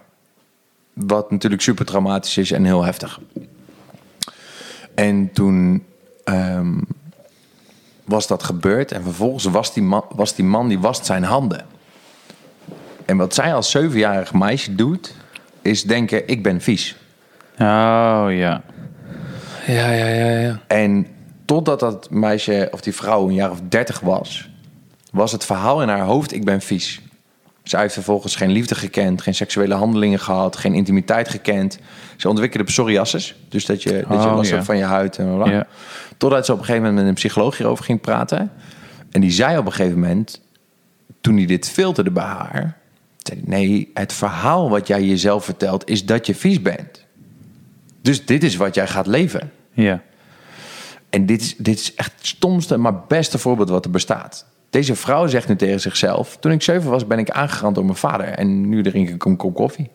Of eet ik een croissantje. Of drink ik Ja. een glas wijn. Ja. Zodat dat verhaal heeft geen waarde meer. Ja. En wat wij allemaal aan het ontdekken zijn in zo'n gifkikkermethode... Ja. is kijken wat de weerstand in dit verhaal is en waar het dan vandaan komt. Maar de meeste mensen komen niet verder dan... dit komt omdat mijn vader mij verkracht heeft. Ja. Maar heel weinig mensen komen tot... en wat ik dus doe, is dat verhaal mijn leven nu laten bepalen Ja. voor iets wat 23 jaar geleden gebeurd is.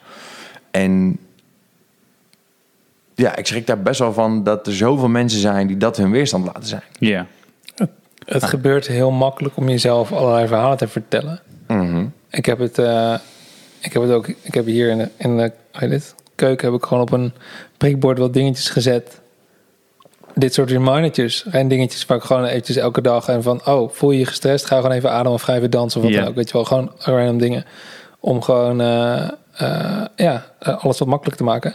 En een van die dingen is, welk verhaal vertel ik mezelf? Ja. Want dat gebeurt veel sneller dan je denkt. Op allerlei vlakken. Op werkgebied, relatiegebied, wat dan ook. Denk je heel snel van... oh ja, wat jij hebt met hardlopen. Je vertelt jezelf allerlei dingen van... ja, ik kan dit niet of dat of wat dan ook. Ja. Of zie je wel. Terwijl als je gewoon alleen maar gaat lopen... is het een hele andere ervaring. Ja. Ja. En je ziet wel waar je komt. En waarschijnlijk kom je een stuk verder... dan wanneer je jezelf allemaal negatieve dingen gaat vertellen. Want je zelf- vertelt jezelf bijna nooit een positief verhaal. Nee, Je weet vertelt je, jezelf vooral vervelende verhalen. Joh, als het andersom was geweest, had ik hen, tegen hem gezegd: joh, je hebt vier maanden niet gelopen en als je niet mee was gegaan, had je nul gelopen vandaag. Ja. Had je alleen maar bier liggen. Uiteindelijk gaan. heeft hij 10 kilometer gelopen. Is, vind ik een hele prestatie. Ja. Nou, dus, maar, maar ik weet ook wel, dat kan ik Mats niet vertellen, dat, da- daar had hij op dat moment de oren niet naar. hij had niet de oren om te horen, maar je hebt wel 10. Nee, maar ik heb niet die 12 kilometer gedaan die ik af had gesproken. Ja, Maar dat is dus, ja. stop met liegen tegen jezelf. Geniet van de dag en de zon op je huid. Dan, dan gaat het een stuk Ja. beter. Nou, en ik denk dat, dat compassie en genade in, in die zin een belangrijke tool zijn voor jezelf. Ja. Om, eh, om een soort van... Op een gegeven moment kwam het wel. Toen we in het gras lagen en toen dacht ik... Nou, we hebben dit toch... Me zeggen, als ik niet was meegaan, had ik helemaal niks gedaan vandaag. Ja. En dan had ik mezelf... Dan was jij... Ik, dat probeer ik om te draaien. Toen dacht ik, hoe had ik me gevoeld als jij aan was komen lopen? En Als een hinde over de weide. Schoonheid die je bent. Ja, oh. Nee, maar als jij aan was komen lopen en ik had gedacht... shit, ik had toch moeten zeggen vanmorgen dat ik mee was gegaan... dan had ik gebaald. Ja. En dan had ik me eigenlijk nog slechter gevoeld dan... nee, echt, ja. Tuurlijk. Ja. Dus je hebt denk- altijd spijt van de dingen die je niet doet. Ja, Altijd meer dan van de dingen die je wel hebt gedaan. Denk ik. het ligt eraan wat de dingen zijn. Oké, maar ik begrijp je. Over het algemeen Ja. zijn natuurlijk uitzonderingen denkbaar. Ja. Ja, Ja. Rare, rare uitspraak vind ik dat. ja. De- kun je me niet uitleggen? Nee, nee, nee, ik bedoel... Nee, ik moet hem nog zeggen. rustig. Er zijn... dit is de uitzondering die de regel bevestigt. Ja, dat hoor je En dan denk ik... Wat zeg jij nou? Dat is is toch excuus. heel- Weet je hoe Nee, dit maar bedacht wat, is? Wat betekent dat nou? Deze dit- dit is ja, wat jongens. Even... Wat Mag ik betekent vertellen hoe dit dit? bedacht is? Dit is een vader die tegen al zijn vier kinderen elke dag zegt... als je thuis komt, dan hang je sleutels aan het rekje... dan gaat je jas aan de kapstok en dan gaan je schoenen in de kast. Totdat vader een keer zijn sleutels vergeten is. Die rent terug naar binnen en dan zeggen drie kinderen... Pa, je hebt je schoenen niet uitgedaan. En dan zegt, hij, dan zegt pa, ja, maar dit is de uitzondering die de regel bevestigt. En nu snappen jullie waarom die regel zo belangrijk is. Ja. Want kijk, het hele huis is vies. En vervolgens taait hij hem af. Weet je hoe je een betere schrijver wordt? Niet, niet ik, maar jullie ook. Dus Nee. door, door dit soort bullshit uit, het, uit, uit je teksten weg te halen. Dus, dus bullshit als de uitzondering die de regel bevestigt. Dingen die door, mensen... Die, Door, door, door dus te, als, je aan het, als je, je hebt iets geschreven en het dan teruglezen en kijken of je dingen ziet zoals dit is de uitzondering die de regel bevestigt. Dat je dan, dat je dus bewust bent van wat je hebt geschreven en dat je denkt, wat staat daar nou? Waarom, wat betekent dat woord? Wat voegt dit woord überhaupt toe? Kan dit anders? Kan dit korter? Kan ja, dit kan beter? dit korter, kan dit beter? En echt je bullshit meter aanzetten. Want onze hele taal is echt gevuld met, met zooi. ja. Dus eh, ja, ja, jullie schrijven een mailtje of een presentatie of een, of een offerte. En, en als je het kritisch terugleest, en dat is wat ik doe, dus dat is wat ik doe als ik herschrijf. Dan, ga, ik, dan ga ik teksten lezen die mensen hebben geschreven. En dan ga ik bij, al, bij elk woord vragen, wat, wat doet dit woord hier? Hey, wie ben die guy? Ja, maar dus als een woord niet meewerkt in de zin, dan werkt hij dus tegen. Nee, dat, dat, dat, dat moet je niet hebben in je tekst. Je, moet, je moet die dingen uit je tekst slopen. Het, moet iets, het, het moet of meewerken aan de boodschap, of meewerken aan het gevoel wat je erin wil zetten. Dus ik heb niet, Ja. ik heb in mijn, mijn teksten zijn in die zin. Want als je alleen maar woorden hebt die functioneel zijn, dan heb je een hele saaie zakelijke tekst. Dus in mijn tekst zitten ook woorden die niet functioneel zijn, maar die doe ik erbij om een gevoel neer te zetten. Dan wordt het leuk. Een beleving. Dan wordt het een beleving. Beleving, Precies. Maar dus zoals... De, pro- ik probeer dat in mijn leven ook. Dus inderdaad, als ik iemand hoor zeggen... dit is de uitzondering die de regel bevestigt... denk ik, wat, wat zeg je nou? wat, dat is niks. Wat zeg je nou eigenlijk? Nee, en dat is hetzelfde als dat ik, dat ik net zeg... ze zijn aan het, aan het brullen en aan het krijsen. Dan denk ik gelijk bij mezelf... dat zijn synoniemen. Waarom Ja, zeg je die nou gaat- allebei? Ja. Ja, als je dit gaat opschrijven, dan ga Ja. je het weghalen. Ja, dit- precies. Ja, dit moet je dubbel nacontroleren. Ja, ja dus, dus Check even of hij het dubbel nagecontroleerd heeft. Ja. Iedereen kan morgen al een betere schrijver worden door gewoon naar een tekst te kijken en denken: wat heb ik nou neergezet, joh? ja. Wat, de, gewoon zinnen weghalen. En ja dan denk ik: of je oh, het makkelijker kan het vertellen. staat nog steeds hetzelfde. Daar hebben ze in Limburg een Ja. oplossing voor. Oh, mijn vrouw, Alice, We houden van Sorry. Alice. Even, ja. ja, die komt uit Limburg. Ja. En ik, ik weet niet hoe het met jou zit, maar ik vind Limburgs niet een, hele, niet een heel lekker dialect of zo. Niet, eh, daar heb ik niks mee. Ik kan het wel hebben. Maar Nou, dit is wel, dit is wel zeg maar, dit begint tegen Duitsland aan te schuren en zo. en Anders. dat is Je hebt niet- Maastricht en je hebt Limburg. Ja. Dat is wel een Ah, verschil. Oké. Ja. Maastricht is elegant. Ja, is, is een beetje zingerig. Ja, dat is Ja. nog wel. Maar, ver- nou ja, goed. Maar goed. Ehm, zij praten dus Limburgs daar thuis. En, en er komt heel vaak één woord komt er voorbij. En na een tijdje ga je je afvragen wat betekent dat woord dan? Wat is? En ik kom erachter dat zij hebben gewoon met één woord Dat betekent gewoon- alles. Ja, dat is gewoon, dat is gewoon in, in het woordenboek is dat gewoon acht pagina's een uitleg wat het allemaal betekent. En, dat, en het is een heel elegant woord. Als zij daar binnenkomen bij, bij mensen en ze willen elkaar vragen hoe gaat het, dan zeggen ze Anna. En dan, rea- ja, en dan reageer je met ook Anna. En dat betekent, dat is gewoon alles in één. Dus, eh, maar, dus ik, ik had het hier laatst met Mats over en die, die, die En met- ging daar en heel, rest, heel ja. hard op. Dus die vindt dat nog steeds echt briljant dat zij gewoon, nee, in Limburg, waar zij vandaan komt, in Neer. Daar hebben ze hele gesprekken met het woordje enne. Enne. Want het kan dus betekenen hoe gaat het. Het betekent dus ook het gaat goed. Maar het kan ook betekenen als je, eh, stel, jij hebt een nieuwe auto en ik kom hier aan en ik kijk naar je auto en dan zeg ik alleen maar enne. Dat betekent dan gewoon vette auto, vriend. Ja, het is, het is gewoon Dikke heel... bak, maat. Ja. Het is een beetje, hoe's nou? Dat, maar Ja. dan Keer duizend. multivocaal. Ja, precies. Ja. Ja, Wauw. Ja, taal is interessant. Hè? taal is heel interessant. Maar dus begin erbij met gewoon denken, we, gewoon haal de poep eruit. ja. Haal de poep, uit, haal de poep uit je tekst. Ja, maar dat is wel echt... Ja, ik had dat ook... Ik was van de week... eh, Elke een- boodschap wordt toch zo helder, denk ik. Ja. Ja, ik was van de week met een commercial bezig voor een klant en er moest een kort voice-overtje in. En dan de eerste versie is een halve pagina. Uiteindelijk zijn het mm, 30 woorden Ja, precies. of zo. Ja. Zoiets. Ja, Gewoon zinnen van één woord en dan even rust en dan weer twee woorden en dan weer even rust. ja, En het werkt fantastisch. ja, Ja, minder, minder, minder. ja. Gewoon, wat is nou de kern?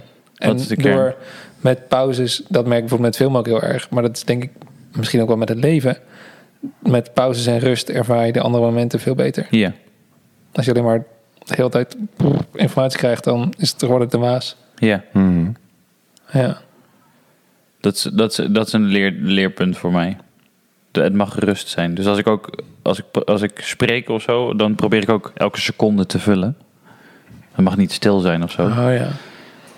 Maar, maar inderdaad, de afwisseling juist, cadans. En, en, en het is juist fijn om soms even... Mensen kunnen ook even tot rust komen. Iemand- Je geeft ze even wat ruimte. Iemand die op het podium de juiste vraag stelt aan het publiek en dan 20 seconden stil is. Ja, Holy shit. ja. Schappig merk ik, ik heb dus dit is mijn eerste podcast die ik opneem, Mhm. die ik doe. Ik merk dus dat ik de hele tijd behoefte heb om aan de, de luisteraar te vragen dingen ook. Dat kan natuurlijk niet, maar dus... Nou ja. Maar ik merk Oh, we kunnen de ont- Oh, ja. enige zonder brieven ontvangen we graag op. Ja, eh, nee, nee, maar het, dus, Instagram at de bewonderaars. Kun je zeker wat sturen. Ja, Ja. Het, het, het zegt wat. Zeg maar, ik ben, ben- dus elke keer als we wat zeggen, dan denk ik, oh, hoe zou, hoe zou de luisteraar dat... Dus da- dan merk ik dat ik publiek gewoon fijn vind. Dus ik, ik- de interactie Aha. Vind ik heel leuk. Omdat je natuurlijk, je probeert ook met zo'n podcast... Ja. Lieve luisteraar, we proberen jou wat mee te geven vanuit onze eigen ervaring. Eh, wees lief voor jezelf. Zie andere mensen complex. Haal de poep uit je taal. Eh, Voel de zon schijnen. je voelt de zon schijnen op je huid. Sta En mocht dus- ze in Limburg zijn. En, eh. oh. Ehm, maar ik vind, dat, ik vind dat een leuke gewaarwording in mezelf. Ik denk, Ja. ik wil, dus ik wil ook dat als ze hier naar luisteren, zichzelf ook een vraag stellen of zo. Zeg maar, een beleving. Geen plat enter- dit is geen plat entertainment, hoop ik. Nee. Dit is Nee, niet, dat heb ik ook niet. Dat is, eh, Het is ook- ik ben daar nou niet allergisch voor geworden, maar ik heb er wel steeds meer de behoefte voor. Ja. aan. ja. Ja. Ik moet ook niet alleen maar altijd serieus zijn. bezig Nee, zijn, maar, oh nee. maar- nee, soms moet je ook gewoon een film kijken. Het Ja. leven is balans. Ja, ja. Het gaat allemaal Mooi, mooi. Ja. maar het is, het is wel jammer dat. Of jammer, ja, god. Ik heb, weet je, als ik denk van, oh ja, ik heb toen ik zeg maar 15 was, was ik, eh, was ik echt zo'n, had ik zo'n tijd dat ik alleen maar aan het gamen was. Ja. Nou, ik denk niet dat ik nou denk, wat heb ik, had ik het toen fantastisch. Was het gewoon in het moment wel een soort van leuk of zo, maar was meer omdat ik niet echt iets beter kon bedenken. Nee. Maar er zijn ook, ja, weet je, ik denk dat er ook heel veel mensen zijn die soort van een beetje vast blijven zitten in zo'n modus. Ja. En dat bewust of onbewust. En weet je, niet, ik heb daar niet echt een oordeel over. Het Niet dat dat fout is of zo, maar ik denk dat het, voor, dat het ook voor heel veel mensen gewoon fijn zou zijn om zelf, voor henzelf, om daar uit te komen. Er is zoveel meer te halen en te voelen en te beleven. En Ja. eh, ja, probeer een beetje uit die, die modus van eh, makkelijk, makkelijk entertainment en een makkelijke weg willen. Ja. Het geluk zit juist in, in de struggle en in de diepgang en in al die andere dingen. Denk ik. Ja, zeker. Ja. Maar het is ook, het is ook, het is ook kut. Ja, Dat is ook lastig. ja, ik, Ja. geluk is de moeilijkere optie kiezen. Is, is, is Ja. s'avonds als de zon nog schijnt niet Love Island aanzetten, maar de Veluwe opgaan en een wandeling maken. Ik vind Love Island aanzetten wel de moeilijke optie van deze twee. Maar ik, ik begrijp wel je punt. Ja. Inmiddels, nee, sowieso. Ik heb dat ook niet. Nee, maar ik heb vroeger dus, eh, ik vond Jordy Shore fantastisch. Ik heb echt, weet, ik weet hoeveel lang geleden. Nou, Vond- het was gezellig. Ja, ja, nee, maar Nee, dit is nee, toch is kan, maar nu eh, snap ik er. En het, het is gewoon een soort van belachelijk plat entertainment. Ja. En meer leedvermaak dan interessant. Maar wat doet dat met het? Waarom, waarom, waarom is er iets waarom we dat leuk vinden? En Ja, waarom, dit is short term gewoon. Die mensen doen daaraan mee omdat ze heel snel heel veel geld mee verdienen. En wij kijken dat omdat we dan lekker kunnen lachen en niet hoeven na te denken. Ja. We kunnen gewoon oordelen. Dat is namelijk veilig. ja. Ja. Maar dat is ook wat mijn grootste frustratie is in. in, in ha, het-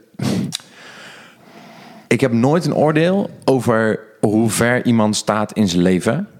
Of hoe intelligent iemand is. Of dat hij, laat me zeggen, I don't give a fuck. Of je vakken vult. Of dat, I don't give a fuck. Als je maar het beste uit jezelf haalt en het leuk I don't vindt. give a fuck Ja. Sorry, had ik zelf niet gehoord. Eh, maar mij maakt dat niet uit. Wat ik wel heel afschuwelijk vind, ook andersom, als je financieel directeur bent en eigenlijk heel gelukkig zou worden van Iets anders. mensen helpen of, eh, of vakken vullen. Ja. Weet je, als je financieel directeur bent en je zou veel gelukkiger zijn en andere mensen dus gelukkig maken als je vakken zou vullen. Ja. Ah, doe dan je best. Ja. Snap je? En als je ook andersom, als je vakken vult, maar je zou eigenlijk die teamleider moeten zijn. Wanneer ga je een jaar drummen dan? Ik denk niet dat ik beter ben in drummen dan in wat ik nu doe. Nee, maar ik bedoel... eh, Zeg maar, je zou dat graag doen, maar je doet het ook niet. Nee, ik, nee dit was een. Dat snap ik niet. verkeerd. Kom ik later op. Nou, wat ik wilde zeggen met dat jaar drummen is dat ik heel graag zou willen weten. Dat was het punt wat ik probeerde te maken, maar dat is me niet gelukt. Dat ehm, ik graag zou willen weten hoe, hoe how far does my talent stretch. Oh. Maar dat je dat niet doet, omdat je denkt, ja, ik moet toch werken en eten en groeien en carrière en leren en ontwikkelen en een baan en dat. Dat, dat was waar ik vooral benieuwd naar was. Ah, ja. Ja. Dus dat. Maar dat, ik word ongelukkig van programma's als Jordy Shore en Love Island en Ja, gewoon Ex on the. Beach. Omdat Al die ik, rommel. ja, maar dat ik naar die mensen zit te kijken en ik denk, lieverd, jongen, man, maakt niet uit. Of meisje, man, vrouw, whatever. Dat ik denk, je moet een mooier mens zijn dan dit. Weet je, dit is gewoon de platte versie van jezelf die je aan Ja. het exporteren bent voor het geld wat het je oplevert. Ja, ja, Ja. Zeg maar, wanneer was de laatste keer dat je Love Island keek en, en dacht...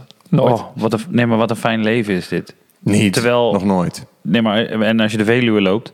Fantastisch. Wauw, wat is het hier mooi. Ja, elke keer. Weet je nog toen we laatst bij het Lo liepen? Ja. Dat we echt zo... Toen gingen we stilstaan allebei. Ja, toen, dan ga je stilstaan. Ja. Dus Love Island of Temptation Island of al die Ex on eilanden. the beach. Al die, IJsla, al die IJslands. die I think it's pronounced Island. Island. Ja, 2D, 3D. Ja. Ja. Nou, dat, nou ja, maar dat, het, is, het is een soort van. Ik merkte dat aan mezelf en dat vind ik heel irritant. Ik weet nog, de, de, de eerste keer dat ik dit zag, werd ik heel kwaad. Echt woedend. Zo van, waarom maken ze dit soort televisie? Dit is voor niemand goed. Ja. Dit is echt, dit is evil van de samenleving. Ja. En dat ik is merk ook- dat hoe-. Kijk, en er zijn heel veel mensen die het gewoon helemaal niet serieus nemen. Hè? Dus die gewoon... Mijn vriendin kan bijvoorbeeld dit kijken terwijl ze gewoon op de bank zit... of even uit wil staan en er Je niks van het, vinden. ja. Dat mag. Nee, maar ik heb daar ook geen oordeel over.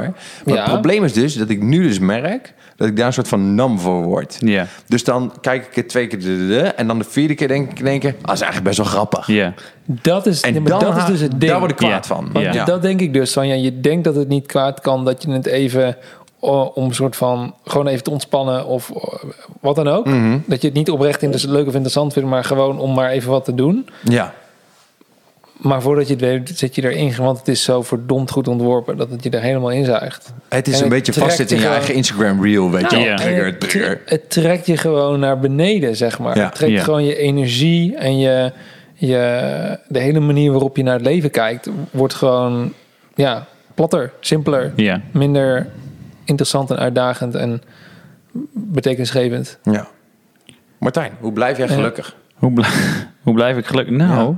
Dat jij mij nog een glaasje inschenkt. Zo, dit kan ik. Ik heb er net een nieuw flesje wijn opengetrokken. Ja. Dat gaat mij helpen. Eh, ik ga even nadenken. Het is een goede...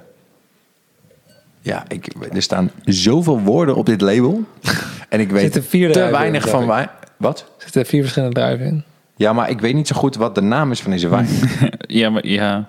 Oh, of wat het huis is of het, of Maak wijn. het, Of, maak het uit. maar niet uit, schenk hem er gewoon lekker in. Wat? Martijn, wat maakt je gelukkig? Oh, ik zie het al. Het is rood.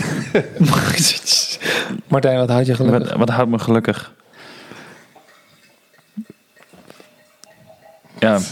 eh stuck on repeat. Ja, ik ben, ik ben wel gelukkig getrouwd. Nou, dat, dat helpt een hele hoop, denk ik. Dat helpt een hele hoop. Ik heb een hele, ik heb een hele fijne vrouw die... die mm, ik moet dan... Nu ga ik me vul- vul- vulnerable opstellen. Ik ga een verhaal... eh, nee, ik ga niet het hele verhaal vertellen. Dat is echt te, te, te. Maar goed, ik was een keer met een eh, eh, bedrijfsuitje van de Café Den Olifant, wijnbar en tapperij. Waren wij in Antwerpen, of in Gent, Gent denk ik. En wij zijn daar en bij de, de, de uitjes van wijnbar en tapperij Den Olifant eh, is, er, is er... Je gaat altijd ergens anders heen. Eén ding is hetzelfde, je drinkt een hele hoop. En niet een beetje. Nee, echt een hoop. Ja. Ja. En ik zat daar, eh, bij, we, we waren gaan dineren. Er was ook een lekkere rode wijn op tafel gekomen nadat wij al speciaal bier hadden gedronken. Dat is echt een dodelijke combinatie. En er zat Jij naast weet ons... wel wat een hamer doet, hè? Ja, Jij naast weet ons- wat een hamer doet. Naast ons aan het tafeltje zat een, zat een jonge stelletje. Zij was 17, hij was 18. En zij waren hun één jaar samen zijn aan het vieren. Oh, wauw. En ik, en ik, nou ja, ik had te veel gedronken. feels. Ik, had dat, ik had te veel gedronken en ik vond het zo mooi en ik vond het zo leuk. En eh, ik dacht, weet je, weet, je, weet, je, weet je wat ik doe? Ik ben naar die bar gelopen. Ik zeg, ik wil graag afrekenen voor dat stelletje daar. En ik had op dat moment helemaal geen geld. Ik was blut. Ik stond in het rood. En ik heb voor 80 euro afgerekend voor een stelletje wat ik niet kende. maar wat ik gewoon leuk vond. En iedereen die ik dit verhaal vertelde, die zei van...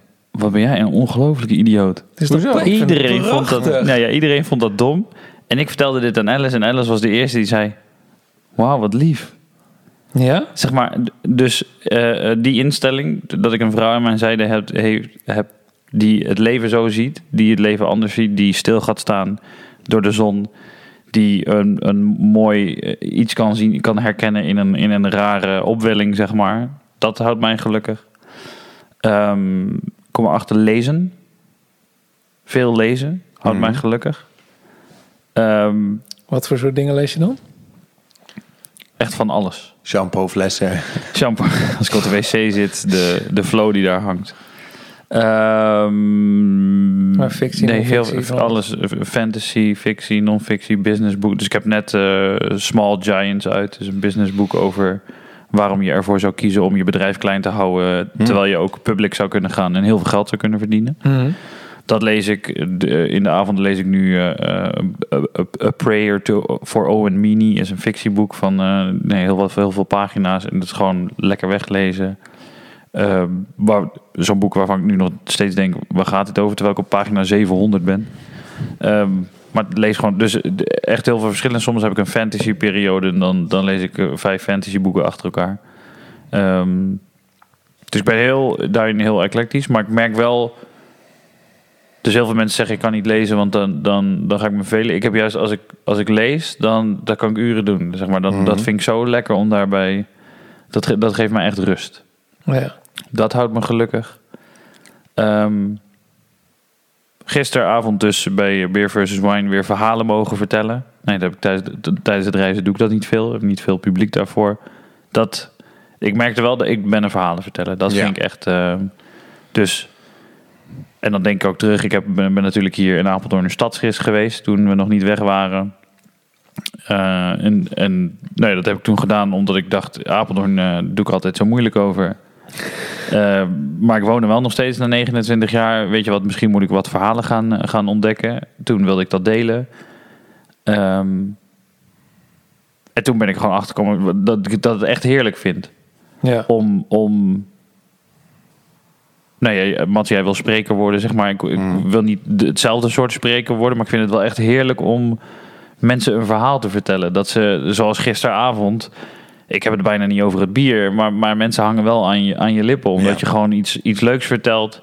Ik maakte gewoon een. Nee, en, en dus dat is dan bijna meer hoe ga ik mezelf gelukkig houden de komende, komende eh, 40, 50 jaar die ik nog heb op deze aardbol. Dan is dat daar wel een, eh, een onderdeel van. Mhm.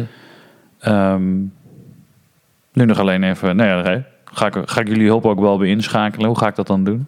Daar, daar zijn jullie natuurlijk heel goed in. Pragmatisch, praktisch. Schop onder je hol. Uitvoering, oplossingen. Uitvoering. Ja, plannen. Van Ja. idee naar uitvoering. Ja. Ja. Kunnen we Ehm, een kalendertje ergens op plakken en dan komen we er wel, denk ik. en vrienden. Ja. Vrienden houden mij wel gelukkig, ja. Om te zien... Ik vind het belangrijk om te luisteren naar mensen. Dat lukt me de ene keer beter dan de andere. Ehm, maar om, dus ik merk heel veel dat, dat veel gesprekken zijn, zijn eh, een soort van dialoog, maar dan langs elkaar heen. Dus iedereen... Twee monologen eigenlijk. twee monologen inderdaad. Iemand die zegt, oh, ik ben, eh, dus ik vertel, ik ben drie weken naar Amerika geweest. Oh, maar ik ben vijf weken naar Amerika geweest. Ik heb mijn auto gehuurd en in één keer dacht, oh, dit was toch mijn verhaal wat ik hier. En, maar ik vind het heel fijn om naar mensen te luisteren. Dat probeer ik ook. En soms gaat het echt niet. Eh, soms ben ik namelijk ook lekker egoïstisch en dan wil ik gewoon dat mensen naar mij luisteren. Maar ik heb wel het gevoel dat daardoor de vriendschappen die Alice en ik hebben, dat die heel veel waard zijn, zeg maar. En ook voor de mensen en het feit dat we nu terugkomen na, na anderhalf jaar en dat er nog steeds zoveel fijne mensen zijn die ons blijkbaar nog steeds graag willen zien. Daar mogen we logeren, daar mogen we eh, een podcast mee opnemen. Dat, dat houdt mij gelukkig. Zeg maar, dat is. Dat maakte het terugkomen echt fantastisch. Terwijl terug naar het, het koude Nederland, zeg maar, waar het regenachtig was, daar keek ik best wel tegenop. Bali is best wel een lekkere plek om te zijn. Ja. Ja, toch wel? Ja, het is wel een. eh, Wel een nee, helemaal in, in pandemic time is Bali wel echt een gouden plek. Ja, geen toeristen, wel Ja. alles wat, wat een toeristische plek lekker kan maken. Omdat er gewoon veel opties zijn, veel Ja. keuzes. Je kan veel doen. Je hebt veel Nu- restaurants. Nu is het wel anders, geloof ik. Nu is Ja. alles dicht. Maar... Nee, het is allemaal open. Oh, oké. Ja, Oh, hoor. ik dacht dat wel... Nee, dat. Ik eh, haal weer even die foto naar mij terug. Dat eh, eh, we zitten in, voor de luisteraars, we zitten in een appgroepje met wij drie en nog een aantal mensen. Maar eh, dat, wij waren volgens mij aan het klagen over het weer, of ik weet niet wat. Maar hij stuurde zo'n filmpje zo van, dit is mijn influencer live. Ja. En Martijn zat op dat Ja, moment in midden, een het zwembad. was midden in de Ah, winter, het was hier min Ja. 148. Jij Ja. wilde hardlopen, denk ik. Ja, het was hier een paar graden en jij zat daar 35. Maar ik zat nog even te denken over die, wat je net zei over gesprekken en dat mensen dan langs elkaar heen gaan praten. Ken, ken jij het boek Socrates op sneakers? Van gehoord, maar niet. eh, Van Elke Wis. Ik heb hem laatst geluisterd. Hmm, Ehm, En zij vertelde eigenlijk vooral over Socratische gesprekken en hoe je dan door de juiste vragen te stellen steeds dieper ingaat op een onderwerp. Een soort van doorvraag, een soort inquiry. Maar eh, ze legt ook heel erg uit van... oké, heel veel van de vragen die wij elkaar stellen... zijn eigenlijk geen vragen. Nee. Dus dan je hebt natuurlijk de retorische vragen en zo... maar ook dit soort dingen. En, en de reacties van mensen op elkaar. Van, eh, je gaat heel snel... Je vraagt iemand iets, maar het is eigenlijk heel vaak alleen maar wachten op je eigen beurt. Dus je vraagt iemand iets en hij geeft je, hij of zij vertelt een paar dingen. En het- heel veel mensen gaan dan meteen terug en naar zichzelf trekken. Hoe was je vakantie? Ja, leuk. We zijn in ehm, Rusland geweest. Oh, ik was laatst ook in Rusland. Bam. En dan een kwartier lang Gekaapt. daar zelf over praten. Kapen, ja. Ja. En het is heel goed als je die dingen... Het is sowieso een leuk boek om te lezen. Maar als je die dingen allemaal ziet en weet en je daar bewust van wordt... dan ja. ga je dat ook zelf anders doen in Ja. je eigen gesprekken. En, en wat ik, en dat zei ik laatst ook tegen jou, Mats, is wat heel belangrijk is, is dat je, dat je wel iemand hebt die wel echt naar je luistert. Hmm. Want iedereen wil gehoord worden. Daarom doen we dat ook. We kapen gesprekken omdat we niet echt gehoord worden. Dus eigenlijk zijn we de hele tijd aan het proberen. Oh, luister, maar luister ook even naar mij. Luister ook even naar mij. Terwijl, ehm, nou, ik kan, ik kan mijn, mijn dingen bij Alice kwijt. Dat is een hele goede luisteraar. Dus ik heb ruimte. Ik heb ruimte om, als ik met jullie zit, om naar jullie te luisteren. Als je die ruimte niet hebt, dan kun je Socrates op sneakers eh, lezen en, en zien hoe het moet. Maar als je het dan gaat proberen, ga je er heel veel frustratie in, in vinden. Dan gaat je dat heel erg frustreren, want dan denk je... Ja, oké, ik weet wel dat ik dit nu moet vragen, maar dat voelt helemaal niet lekker. Je voelt je heel vaak ongehoord. Ja, terwijl... En, Ja. en en ik ben er wel van echt van, oké, vind één iemand of twee iemanden waarmee je dat misschien zelfs wel ook overlegt. Dat je zegt, hé, hey, ik heb eh, iemand nodig die naar me luistert. Ik wil gehoord worden. Vind je het goed om naar mij te luisteren? Vind, vind je dat oké? Gewoon de komende uur mag ik gewoon praten. En dan zul je ook merken als je echt gehoord wordt. Dan aan het einde, eh, zeg maar als het uit is, Mhm. hele, hele, krijg je een hele lichamelijke reactie. Krijg je echt zo, Opluchting. Ja. wauw, wat fijn, wat fijn was dit om gehoord te worden. En, en, en ook dat aan andere mensen kunnen geven, is heel, is heel prettig. Voelt heel lekker om dan om iemand anders dat, dat te zien doen. Nadat jij gewoon een uur hebt gezeten, je, je tijd in die zin hebt gegeven aan die persoon. Mhm. En dan te denken, oh, deze persoon is nou gehoord. Die, dat, is- dat is lekker, dat is, een, dat is een goed gevoel. Dus dat is wel, eh, wat je, ja, het is echt, het is belangrijk. Het is een van de, ik, ik zou zeggen, een basisbehoefte om gehoord te worden. Ja. Dat Merk- denk ik ook. Ik Ja. merk dat heel erg. Mensen die heel gefrustreerd zijn of zo. Mensen die, zie, je, ik zie het ook wel in mensen om, om me heen of zo. Dat je merkt, dat iemand die niet gehoord wordt. Ik merk dat wel, zeg maar. In hoe die zich staande houdt in groepen. Of, Mhm. Weerstand. ehm, ja, Ja, er is snel, als je een, een tijdje niet gehoord wordt, dan komt er zo'n soort gefrustreerd iets omhoog. Een beetje een soort van klein kind bijna, van dat Ja. gewoon gaat schreeuwen en aandacht schoppen. ja. Dit soort demonstraties Geld- ontstaan, hè? Is zo'n demonstraties ontstaan. ja, niet gehoord worden. Ja. Ja. Niemand, niemand luistert naar me. Mensen die Ja. vechten voor verandering zijn ook nooit kwaad. Mensen die strijden tegen onrecht, dat eindigt altijd in ruzie. Ja. Strij- Wacht even hoor. Ken je moeder Mensen die Teresa? vechten- Ja. Die komt Oh, ja. nooit op een demonstratie. Nee, die zei ik ben voor liefde, maar niet tegen, tegen oorlog. Of iets in die trant. Maar in ieder geval, ik ben niet tegen iets, ik ben voor iets. Ja. Ja. Ja. Omdat vanuit tegen iets zijn is dat het weerstand. En Ja. Ja. Is er ook dus nooit openheid voor iets goeds. Daarom heb ik ook heel veel moeite met... Ja, elk type demonstratie eigenlijk. Omdat het over het algemeen schreeuwen tegen iets is. In plaats van vechten voor... Schreeuwen tegen discriminatie is veel slechter dan vechten voor gelijkheid. Of eh, door... eh, Ja, maar er zijn toch ook genoeg demonstraties waarbij er wordt uitgedragen... wij willen meer liefde of wij willen meer aandacht. ja, en dat is hartstikke positief. Ja, Dat vind ik ook super mooi. ja. Maar de- vanuit de eh, gedachte, we zijn tegen iets, komt altijd weerstand. Dus dat zal altijd gaan botsen. En dat is altijd zo zonde van iedereen's. What Ja. you resist persists. Nou, ik denk dat uiteindelijk, omdat we een beetje zo gebouwd zijn, dat iedereen wel gelijkheid en liefde wil. Hey, we zijn ervoor om gelijk en eerlijk behandeld te worden. Maar als iemand zegt, we zijn tegen racisme, dan wordt de discussie vaak, ja, maar dit is helemaal geen racisme. Of niet iedereen is Ja. gelijk. Of dan Ja. ontstaat er een soort van altijd oorlog. En het wordt zo'n soort meta-discussie over wat dan wat begrip is of wat dan ook. Terwijl daar gaat het helemaal niet om. Nee. Nee. Nou ja, je ziet het nu en, en daarom vind ik ongehoord zo belangrijk, dat, of dat zo interessant dat je dat zegt, dat in, in wat we vandaag zagen met die hele unmuters discussie die nu ontstaan is, is dat Mhm. de festival en de muziekwereld heeft zich heel lang uit de discussie gehouden. En die eh, hebben nu voor het eerst gedemonstreerd op een vrij vreedzame manier, maar wel tegen iets. En die zijn mega gefrustreerd en die worden vervolgens niet gehoord en er komt nul reactie. En nu is iedereen kwaad. Ja. Terwijl toen, toen er gedemonstreerd werd, was iedereen eigenlijk best wel...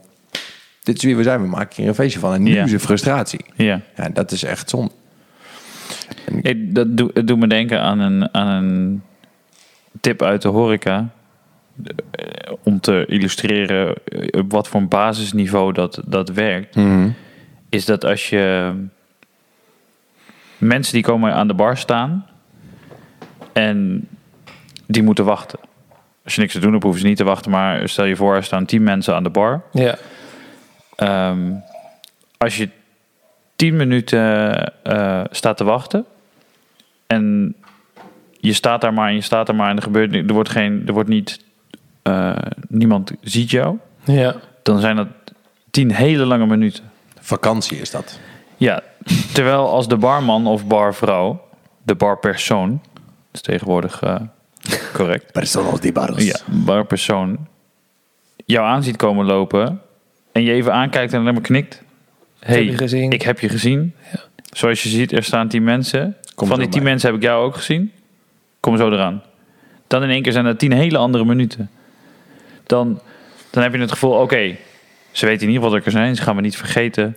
Ik ben in die zin, even overtrokken, belangrijk voor hun. Ja, gezien. Ja. Ja. Mensen willen gezien worden. En, en dus ik denk inderdaad dat als, als iedereen zich gezien en gehoord voelt op deze aarde, als we, dat, eh, als we daar een stapje dichterbij, dan, dan gaan er al veel dingen een heel stuk anders. Zelfs in je persoonlijke leven, in je Oh, vriendschappen. yes. Ja. Als, je, als je zelf het, het gevoel hebt gehoord te zijn, dan heb je zoveel meer ruimte. Mhm. Maar ja, dan moet je inderdaad iemand vinden die zich open kan stellen voor je. Die kan zeggen, oké, weet je wat? Ik luister naar je. Ja. Ik vind dan ook iemand anders om mijn. Want in mijn ervaring werkt het bijna niet om het allebei te willen. Om, want het is echt wel. Het vergt wel wat tijd. En zeg maar. Als je samen gaat zitten en, en, en je wil allebei gehoord worden. Ja, en hetzelfde moet, je, gesprek. moet je een hele lange avond hebben. Ja. Maar hetzelfde gesprek dat, werkt bijna niet. Energetisch ook niet. Het Nee. is gewoon begin heb je besloten wie de luisteraar en wie de prater is. En dat is even hoe het is. Ja. Ja. Dus dat is ook wel. Nou ja, dat, en eigenlijk werkt dat natuurlijk niet. Dus je gaat samen. Je gaat, hey, zullen we een hapje gaan eten? Ja. Je gaat naar een kroeg. Ja, wie, wie, wie gaat er dan? eh, Oh, vanavond luister ik naar jou, oké? Mhm. Maar het is wel een soort van conscious be- beslissing. Zo van: oké, dit- vanavond hoef ik niet. Vanavond hoef ik niet al mijn dingen te delen of zo. Dus ik ga niet met een agenda naar. Weet je wat, ik luister gewoon. Als die persoon wil dat ik vertel, dan vertel ik hoe het gaat. Als die persoon wat te vertellen heeft, luister ik. Ja. Vanavond hoef, hoef ik niet. Ik hoef vanavond niet gehoord te worden. Ik denk ook dat het.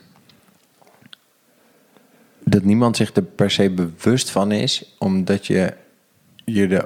Het voelt heel egoïstisch om natuurlijk te zeggen aan het begin van een gesprek: Hey, wil je vanavond toch gewoon even naar mij luisteren? Ja, maar je hoeft natuurlijk.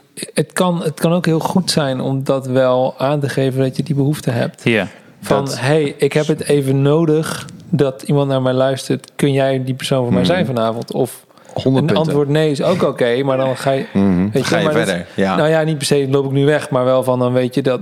Want anders zit je daar een soort van tegenaan te hikken of dat soort van. Andere energie. Dan, Ja. ja. dan zit je daar een soort van. Zit je dat een beetje awkward omheen te dansen of zo misschien. En het is gewoon best wel fijn om, denk ik, dat gewoon te doen. Volgens mij heb jij me dat ook wel eens ooit verteld van als je in een gesprek.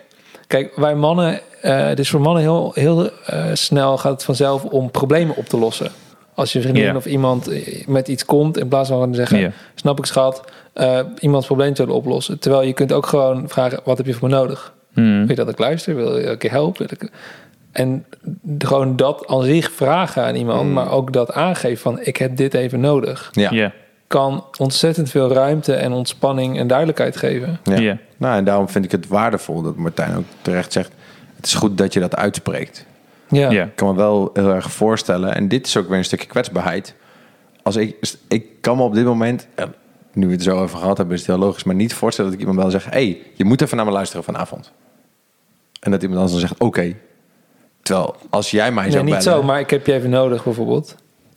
Ja, maar dat wat we vaak doen is zeggen: Zullen we even een hapje eten? Want ik moet even met iemand praten. En Ja. dat is al heel anders dan ik wil dat je gewoon even naar me luistert. Ik Ja. moet dit even kwijt. Vaak, en ik denk dat je dat heel scherp neerzet, vaak gebeurt dat wel. Ja. Weet je, als iemand zijn baan kwijt is en die belt me en zegt: Kunnen we even een hapje eten? Kunnen we even praten? Dan Ja. weet ik, je bedoelt, ik moet dit even kwijt. Ja. Dat, dat is hopelijk een soort van ins- instelling waarin mensen een gesprek in kunnen gaan. Alleen, en dat, dat eh Shai, die heb, dit heb ik met Shai wel eens gehad. Ik wil altijd mensen helpen als ze met een probleem komen.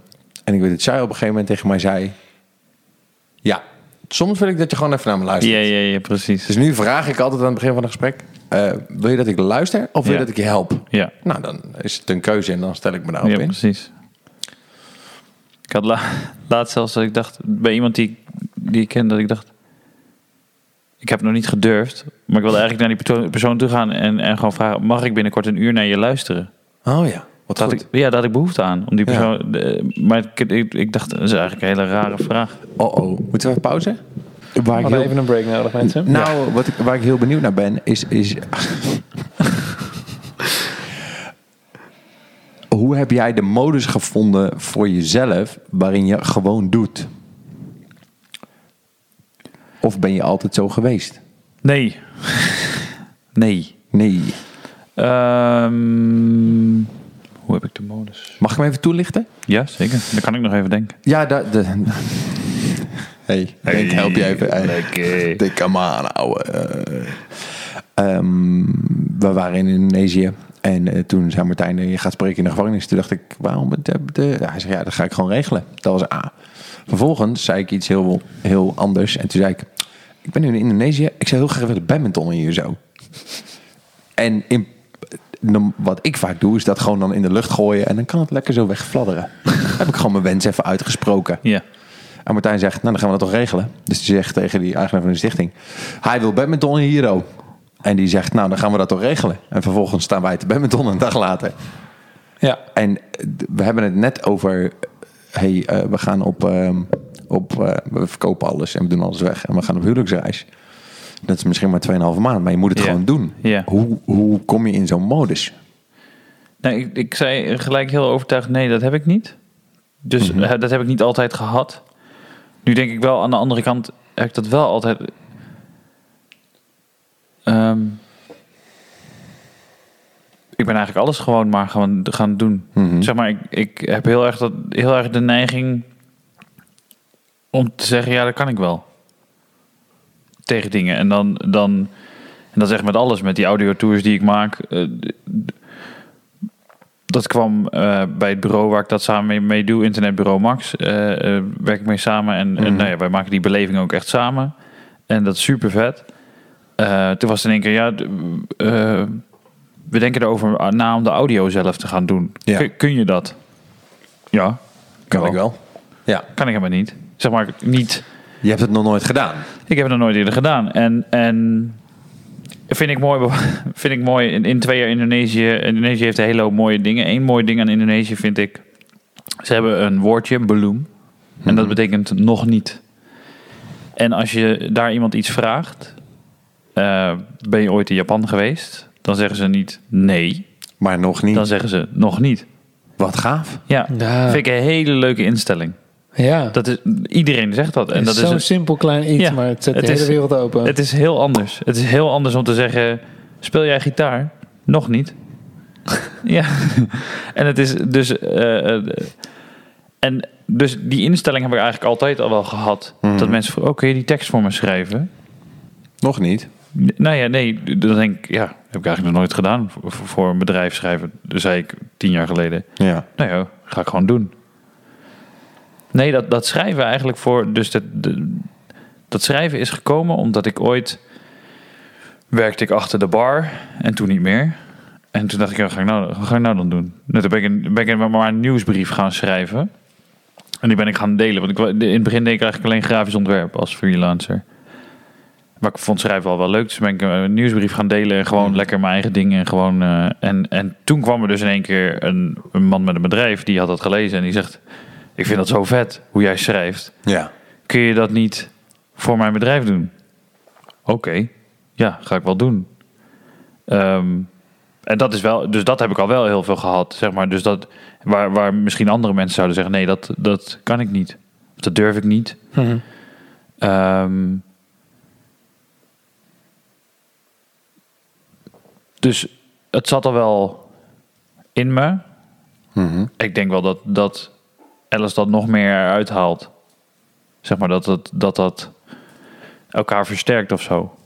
Nee, weet je wat, we gaan gewoon. We zien wel. Ja. Ja. En, en ehm, tegelijkertijd maak ik me wel heel veel zorgen. Dus het is... Mensen komen ook wel eens en die zeggen... Ja, jij doet dat gewoon. Nou, Niet gewoon. ik doe het niet gewoon. Nee. Ik kan me ook echt... Echt helemaal... helemaal na de nachten wa- wakker liggen dat ik denk... Wat heb ik nou weer beloofd, joh? Ik kan helemaal niet een tekst schrijven voor mijn bedrijf. Ik weet niet hoe ik dat moet doen. En, eh, dan, Nee, met, met, va- met samengeknepen billen... Dat opsturen en denken... Nou, nu, nu gaat iemand erachter komen dat ik dit helemaal niet kan. Mhm. Dat is met schrijven vooral. Want ik ben, het irritante aan mij als schrijver is... Ik, ik heb een soort van... Ik kan leuk schrijven, maar D, DNT... Ik kom er, ik, Oh ja. het komt er echt niet in. ja, welke schrijver heeft dat nou? Eigenlijk denk ik soms, ik mag helemaal geen schrijver zijn. Ik, eh, zeg maar, ik, ik eh, moet dat niet... D&D, dat, vind ik heel moeilijk. Dat moet ik echt opzoeken elke keer. Soms, no joke, dan, dan kom ik een woord tegen en dan kom ik er niet uit. Dan herschrijf ik de zin, zodat het niet meer nodig is. Oh, dit doe maar ik ook. Ja. Ik ben best- definieert jouw grammatica of je een goede schrijver bent of niet? Dat gevoel heb ik, dat gevoel heb ik dus wel. Als ik iets. Dus. ehm, het voelt alsof ik een soort van illegaal ben toegetreden tot een clubje waar ik eigenlijk niet thuis hoor, omdat ik DNT niet helemaal begrijp. Alsof je een voetballer bent en altijd in de achterkant van het goal schiet. ja, ja, precies. Ja, en, en ik, heb, ik ben wel het soort persoon die dan soms kan denken... Oh, iemand, iemand gaat een keer naar me... De, mijn, een van mijn grootste angsten in het leven... is dat iemand in één keer naar me toe komt en zegt... Je bent helemaal geen schrijver. Nee, wat ben je nou eigenlijk aan het doen? Letterlijk die zin, dat vind ik een hele enge zin. Wat ben je nou eigenlijk aan het doen? En, en, en dat, dat, dan voelt het voor mij als een soort van kaartenhuis wat instort. Zo Van shit, ja, wat ben ik eigenlijk aan het Maar doen? wie moet die persoon dan zijn? om Ja, het weet kaarthuis ik in te Nee, daar gaat het niet om. Dat ik is niet. imposter syndrome noemen Ja, ze dat. ja, ja, ja, ja. En dat, eh, eh, dat heeft volgens mij met het, met het profiel van per- perfectionisten te maken. Dat, dat je constant aan het wachten bent voor die other shoe to drop. Ja. Dus wanneer gaat iemand doorhebben dat ik dit eigenlijk helemaal niet kan? Ja, Terwijl het natuurlijk gaat over... Je kan het wel, alleen je denkt dat er iets is. Ja. Ja, er zijn zat schrijvers die een hele hoop andere dingen niet kunnen. ja. Maar, maar ik Ja. laat het me dus niet tegenhouden. Goed zo. En dat... Nee, de- Ja, dat is dus dat gewoon doen wat hij zegt. Ja, en dat Ja. Is het, maar dat is het belangrijke. Ja, maar het is niet dat je het je, niet. Hij doet het maar gewoon. Ik, wat ik heel knap vind aan jou is dat, dat je constant op zoek bent naar de oplossing, omdat je wil dat het slaagt. Dus ik heb vaak genoeg gesproken over een boek schrijven. En dat is een continue strijd die je zelf aan het bevechten bent. Maar het knappe is dat je blijft vechten. Ja, Dus dan hoor ik ook dingen als: ik ga gewoon elke dag om zes uur, eerste uur schrijf ik. ja, Daarna ga ik sporten, wandelen, rennen, eh, mijn werk doen en dan eten. Maar eerst ga ik het uur schrijven. ja. Dat je op zoek blijft naar de modus die bij je past. Dat vind ik heel knap. In plaats van zegt, ik kan geen DNT uit elkaar houden. Ja. Dus ik word geen schrijver. Ja, Dat kan natuurlijk ook. Ja. ja het, is wel, het is wel een soort van eh, constante drang om dat te blijven doen of zo. Mhm. En dat, dat komt gewoon omdat ik verhalen wil vertellen. Ja. Dat wil ik gewoon graag. Dat vind ik leuk. Dat... Het mooiste vind ik als mensen anders naar, als, als mensen dankzij een verhaal anders naar dingen kijken. Dus toen ik stadsgids was, het, het mooiste compliment was niet. Ik heb een leuke middag gehad, of dit was heel leuk, of, of de fooi die ik dan kreeg, want dat was een free walking tour, maar mensen gaven dan fooi. Ik, ik was niet het blijst met, met dat ik een keer 10 euro kreeg van, van een iemand het feit dat iemand tegen naar mij toe kwam en zei: Ik heb al 40 jaar hier gewoond, ik heb de stad nog nooit zo gezien. Nee, dat. Ja. Dan denk ik: Dit is het, daar doe ik dit voor, zodat, zodat je het op een andere manier bekijkt. Ehm, dat vind ik gewoon echt machtig mooi om dat te doen.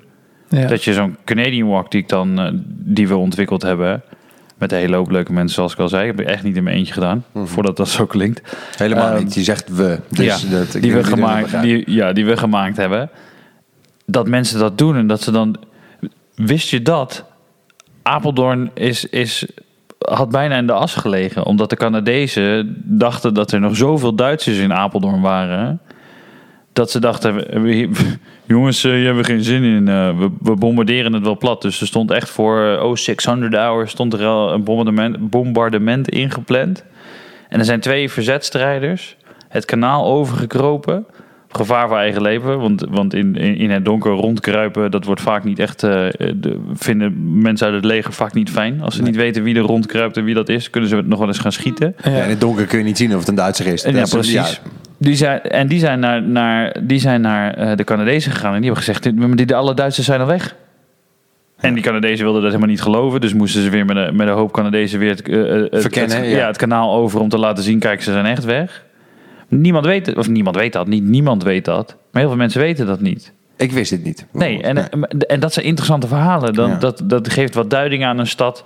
Dat maakt een, een plek zoals het sluisje, waar dat gebeurd is. Ja. Als je daar de volgende keer langskomt, denk je, wauw, dat was hier.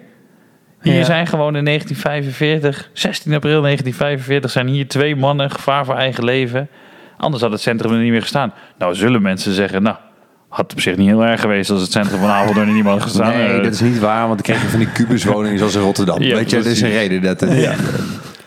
Nee, maar goed, er zullen mensen zijn. Maar goed, dus dat vind ik mooi. Dat, Mhm. dat je... Nee, ja, je merkt aan mijn energie, daar word ik gewoon super enthousiast Ja, ja, zo weet je meer van een Ja, ja, om, de om, om dingen te vertellen. En het, het gaat er maar niet om je, om je datums, of data om de, om de oren te smijten. Of, of allerlei namen of zo. Nee, je bent geen geschiedkundige. Nee, maar ik wil je wat, meer vertellen of zo. Ja, De wereld is super interessant. Anders naar de Dus- wereld Ja, de maar- wereld is super interessant. Mag ik je dat vertellen? ja. Maar dat is nu wat jij zegt. Je bent geen geschiedkundige of geen geschiedenisdocent. Dat is wat ik altijd zo lastig vond aan het hele schoolsysteem. Van hier heb je een hoop feitjes en die moet je allemaal onthouden. Ja. Maar het is toch veel waardevoller om iemand kennis en kunde mee te geven om de wereld anders te begrijpen. Om dingen in context te zien. Om er vooruit te kunnen kijken dankzij wat je weet over de geschiedenis. ja, maar ik denk ook dat dat het verschil is tussen een leraar en een goede, en een goede leraar. Weet je, Ja. Ik had een geschiedenisdocent en deze man die, die bracht een beleving. Die ging, terwijl hij deed hoe Napoleon bovenaan een heuvel stond, boven op zijn bureau staan schreeuwen. Ja, ja, ja. ja, ik hing aan die man's lippen en ik had ook altijd een 9 of een 10 voor geschiedenis. Weet je, bij economie had ik meneer Leemkuil, dat is een wat oudere man. En die, kon, die, die les duurt 50 minuten. De eerste 5 minuten was huiswerk controleren. Daarna ging hij 40 minuten vertellen. En daarna deed hij 5 minuten huiswerk opgeven en een soort van afronding en kijken of mensen nog vragen hadden. Ja. Bij deze man had ik altijd een 9 of een 10 voor geschiedenis. Of eh, voor economie. Omdat hij mensen meenam in zijn verhaal en dingen uitlegde. En uitlegde waarom iets zo werkte. En hoe deze jongen, als hij iemand had in de klas die gewoon helemaal niet aanhaakte. Vriend van mij, Max. Sorry. Sorry, Max. Sorry Max, spijt me, hou van me. Eh, die haakte helemaal af en die snapte iets niet. En op een gegeven moment zei hij, meneer Van der Graaf, hoe kan ik u helpen? En hij zei, ja, ik snap hier toch geen reet van. De economie, wat heb ik daar nou aan? En dan kijkt die jongen aan, hij zei, wat kost een grammetje wiet? en Max was all in. Hij zei, nou meneer, dat eh, kost een tientje. Ligt eraan wat je hebt, maar dat kost ongeveer een tientje. En hij legt precies dezelfde berekening uit. Met een compleet ander verhaal. Ja. Want wat deze man wilde, was dat hij mensen de wereld instuurde die iets meer begrepen van de wereld voordat ze op school kwamen. Ja. En volgens mij ben je dan een goede leraar. ja. Ja, daarop kreeg ik een economiedocent. Dus vast een alleraardigste vrouw. Maar die was alleen maar bezig met wat er in haar boek stond. Ja. Een klein voorbeeld. Meneer Lemkelp wilde ons dingen leren. Dus hij had berekeningen die makkelijker te begrijpen waren. En nauwkeuriger waren. Dus ik eh, maakte mijn eerste proefwerk. En ik kreeg een eh, zes terug. Waarop ik dat proefwerk pakte en ik keek dat zelf na. En ik ging het soort van verbeteren. En heel irritant natuurlijk. En ik ging terug naar de leraar. Ik zei, joh mevrouw, ik zie het. Maar als ik eh, nakijk, volgens mij heeft u wat fouten gemaakt. En moeten we die zes even omdraaien.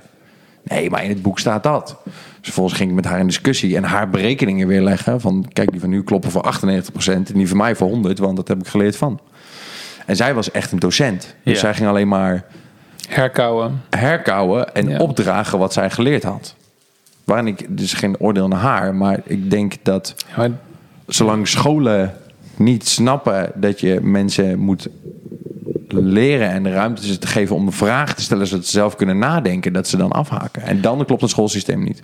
Nee, ja, Ik denk dat het voor een heel groot deel zo ontworpen is. Want op een gegeven moment waren er gewoon heel veel arbeiders nodig die deden wat er gevraagd moest worden. ja. Ja, dan, maar dat, dat is echt dus- opleiden. Gewoon selectief, een, een, soort taakgericht of zo. Ja, het is gewoon, je, je moet gewoon, wordt gewoon vooral gedrilled in leren wat je Moest zeg weten. nou ja, doen wat je verteld wordt. Ja. Ja, dat ja. En, Vind en ik dat heeft van. heel lang, ja, ik ook. Maar dat, heeft, dat was een tijdje nodig in de wereld en dat heeft een tijd goed gewerkt. Maar nu werkt dat niet meer. Ja. Maar dat systeem is er nog. ja. Wat vind jij van onderwijs, Martijn? Gewoon een zier? Onderwijs. Ja. Nou ja, ik bedoel, on- onderwijs is wel heel belangrijk. Mhm. Maar ik ben het wel met, met Lars eens, het moet wel gaan veranderen, ja. Nou, De- er komt een andere wereld aan. Ja. wat ik super interessant vind, ik volg een, eh, een coach, Tibor Olgers. En hij eh, heeft iets dat heet de Nieuwe Lichting. Dat is eigenlijk een school voor een beetje middelbare scholieren, volgens mij vanaf een jaartje of 14, 15. Of zeg maar die, die, die leeftijdscategorie 14, 15, 16. Ehm, voor, voor jongens en voor meisjes. En waarin ze eigenlijk alles leren wat ze op school niet leren. Dus ze gaan, eh, ze krijgen een hell, hell day of een hell weekend. Waarin ze gewoon eh, in het donker eh, het bos in gaan en niet slapen en dat soort Oh, dingen. yes. Ze, ze leren salsa dan, ze leren dansen, ze leren koken, ze leren gewoon eh, hoe, hoe, moet je, eh, hoe ga je met vrouwen om op, het- op een fatsoenlijke manier. Ja. Want dat leer je namelijk niet op internet. Nee. Nee. En ook niet van je, van je maatjes. Eh, en allemaal van dat soort dingen. Gewoon alles wat je niet op school leert, maar wat je in het leven nodig hebt. Hoe leer je investeren? Als Hoe doe jij je weet, belastingaangifte? als jij weet hoe je met geld om moet gaan als je Mhm. 16 bent, dan hoef je vanaf je 40ste nooit meer te werken. Nee. Want dan heb je het allemaal al je al lang geregeld. Als je vroeg begint, dan ben je vroeg klaar. Eh, en allemaal van dat soort dingen. En dat is denk ik heel erg de richting waar. En dit is natuurlijk in zekere zin aanvullend. Ik denk niet dat het per se vervangend moet zijn van wat het huidige onderwijs.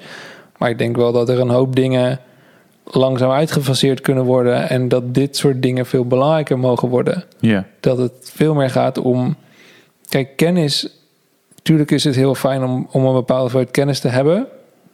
Maar feitjes kun je. Ja, feitjes ga je niet verder, heel veel verder helpen in het leven. Het gaat vooral om skills en om dingen in context zien en begrijpen. En ik denk dat dat het meest waardevol is voor jezelf om een gelukkig, eh, betekenisvol leven te leiden. Maar ook voor jou als je, je, je geld wil verdienen, brood op de plank, je jezelf wil inzetten voor een ander. Ja. Eh, weet je, het kan, jou geen, kan mijn klanten geen bal schelen of ik de tafel van zeven weet of dat ik een of andere economische berekening kan. Ja. Het gaat erom dat ik op een creatieve manier begrijp of kan vertalen, zeg maar, hun wensen en, en alle dingen die daaromheen zitten en iets kan creëren wat hun klanten waardig heeft. Dat is wat je uiteindelijk wil. Ja. En die skills. En, en Ja. in, in het leven, weet je, hoe ga je met mensen om? Wat is communicatie? Wat is mannelijke vrouwelijke energie? Wat is eh, hoe kook je fatsoenlijk? Hoe zorg je- Wat is gezondheid? Ja. Er zijn een hele waslijst van dit soort dingen wat je allemaal niet op school leert. Wat Nee. allemaal fucking belangrijk is. Ja. Dus dat, denk ik. Ik was een Ja. eh, boek aan het lezen een tijdje geleden. Ik weet even niet meer de namen. Het, het, het ging over scholing. Dus hoe scholing ontstaan is en waar het vandaan komt. En Educated. Educated. En, Nee, zo heet het boek. nee, Oh. zo heet het boek niet. Het is een heel, heel bekend boek over scholen namelijk. Ik dacht misschien is het Oké.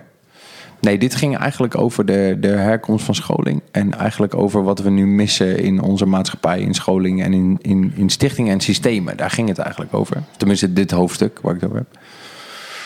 En een van de grootste pijlers die ik daarin heb onthouden was dat de kracht. Sorry, een aantal belangrijke dingen. Er is een verschil tussen een stichting of een gemeenschap en een bedrijf met een bepaalde reden. Een bedrijf heeft namelijk een economische drijfveer. En een stichting of een school of een, of een gemeente of, een, of een, een, een bestuur heeft als taak de bevolking te laten ontwikkelen en te groeien.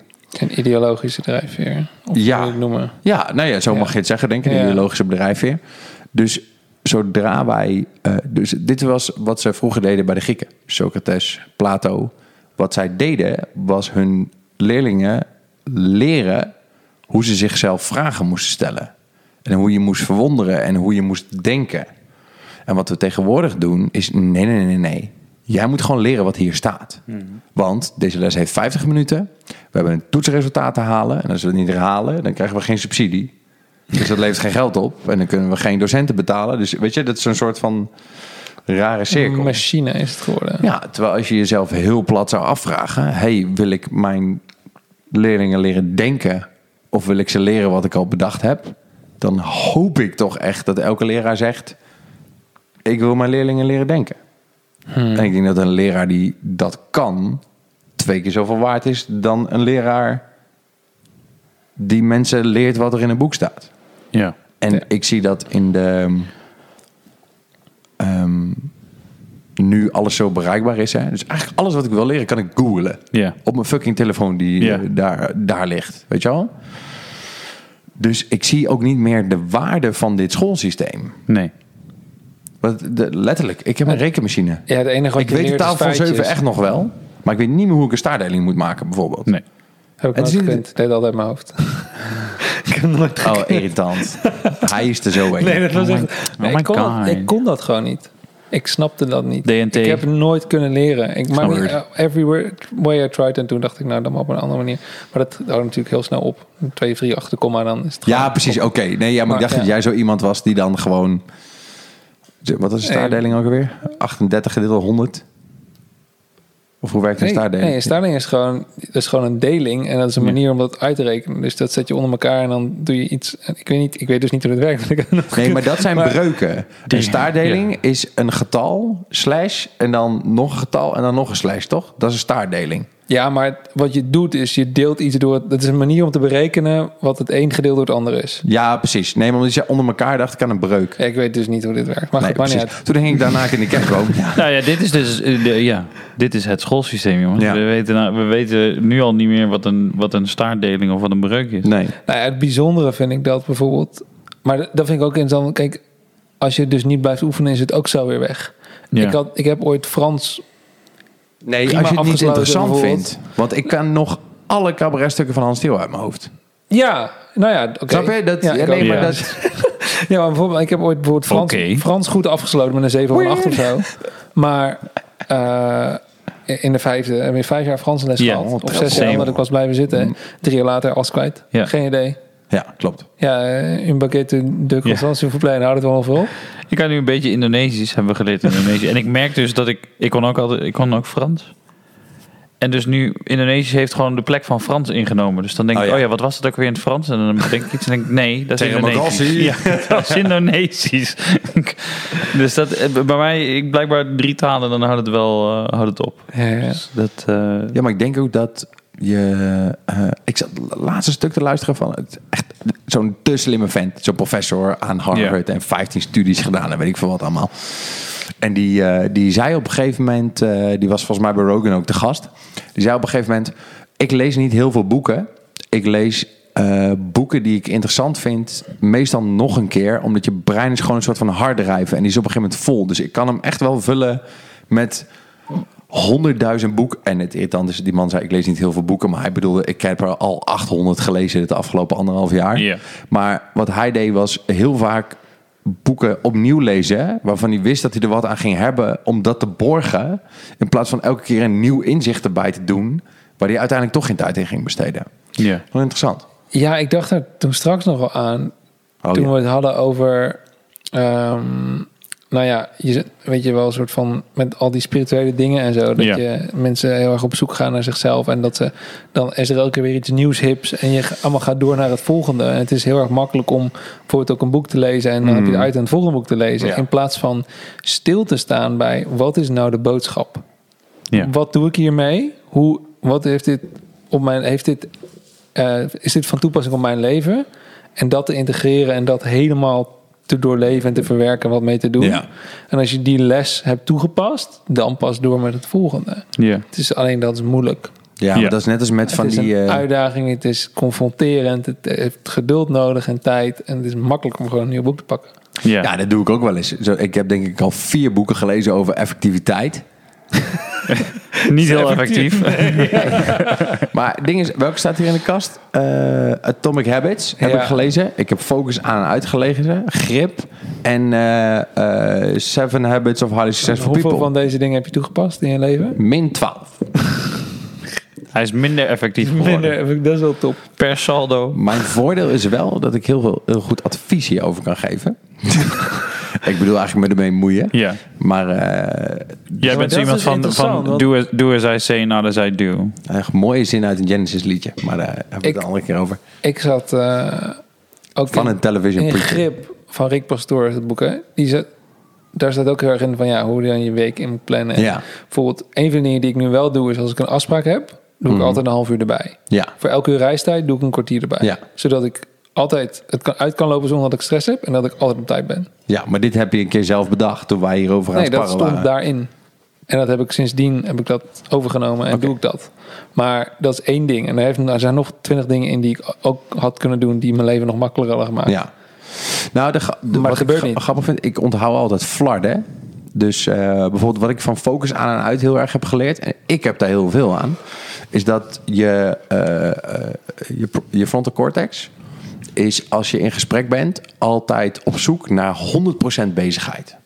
Dus dat bijvoorbeeld als jij een vergadering hebt en die is saai, dan kan het zo zijn dat je brein op zoek gaat naar iets anders om te bedenken. Dus bijvoorbeeld, oh shit, ik moet nog tomaatsaus halen voor de pasta die ik ga maken vanavond. Eh, zodat hij eh, maar 100% bezig is. En wat je brein dan doet, is daar dan 100% bezig zijn, waardoor je echt 0% mee bezig bent met de vergadering die je hebt. Dus hij gaf bijvoorbeeld als tip: als je merkt dat je afdwaalt, dan kun je een aantal dingen doen. Dan kun je of dat accepteren en denken: ik ga heel hard nadenken over de tomaatsaus die ik vanavond nodig heb. Of als je maar 80% aandacht hebt, die andere 20% aanvullen. Door bijvoorbeeld beter te luisteren. Of harder te luisteren. Of sneller te lezen, bijvoorbeeld, als het over een boek gaat. Uh, maar ook bijvoorbeeld uh, als je een boekje voor je hebt liggen. terwijl je aan het luisteren bent, dan met je pen in je boekje bladeren. Zodat je toch met die vergadering bezig bent, maar die andere 20% aan kan vullen. Oh ja.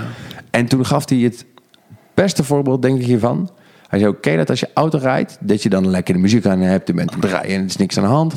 Totdat je achteruit in moet parkeren. Wat doen de meeste mensen dan? Draai de muziek even een tikje zachter. En die moeten gewoon opletten. Ja. En dit is wat je brein dus doet. En ik heb daar heel veel aan. In de zin dat als ik nu in een gesprek ben met mensen of in een meeting. En dit is waarom ik deze heb. Dan ga ik hiermee spelen. Of dit vasthouden. Ja. Wat wil je zeggen? Nou, dat, de mensen zien niet wat je vast hebt. Oh, sorry. Ik heb een, eh, een mala. Dat is zo'n boeddhistische kralenketting die zij gebruiken om te bidden. En ik gewoon als een soort van fidget.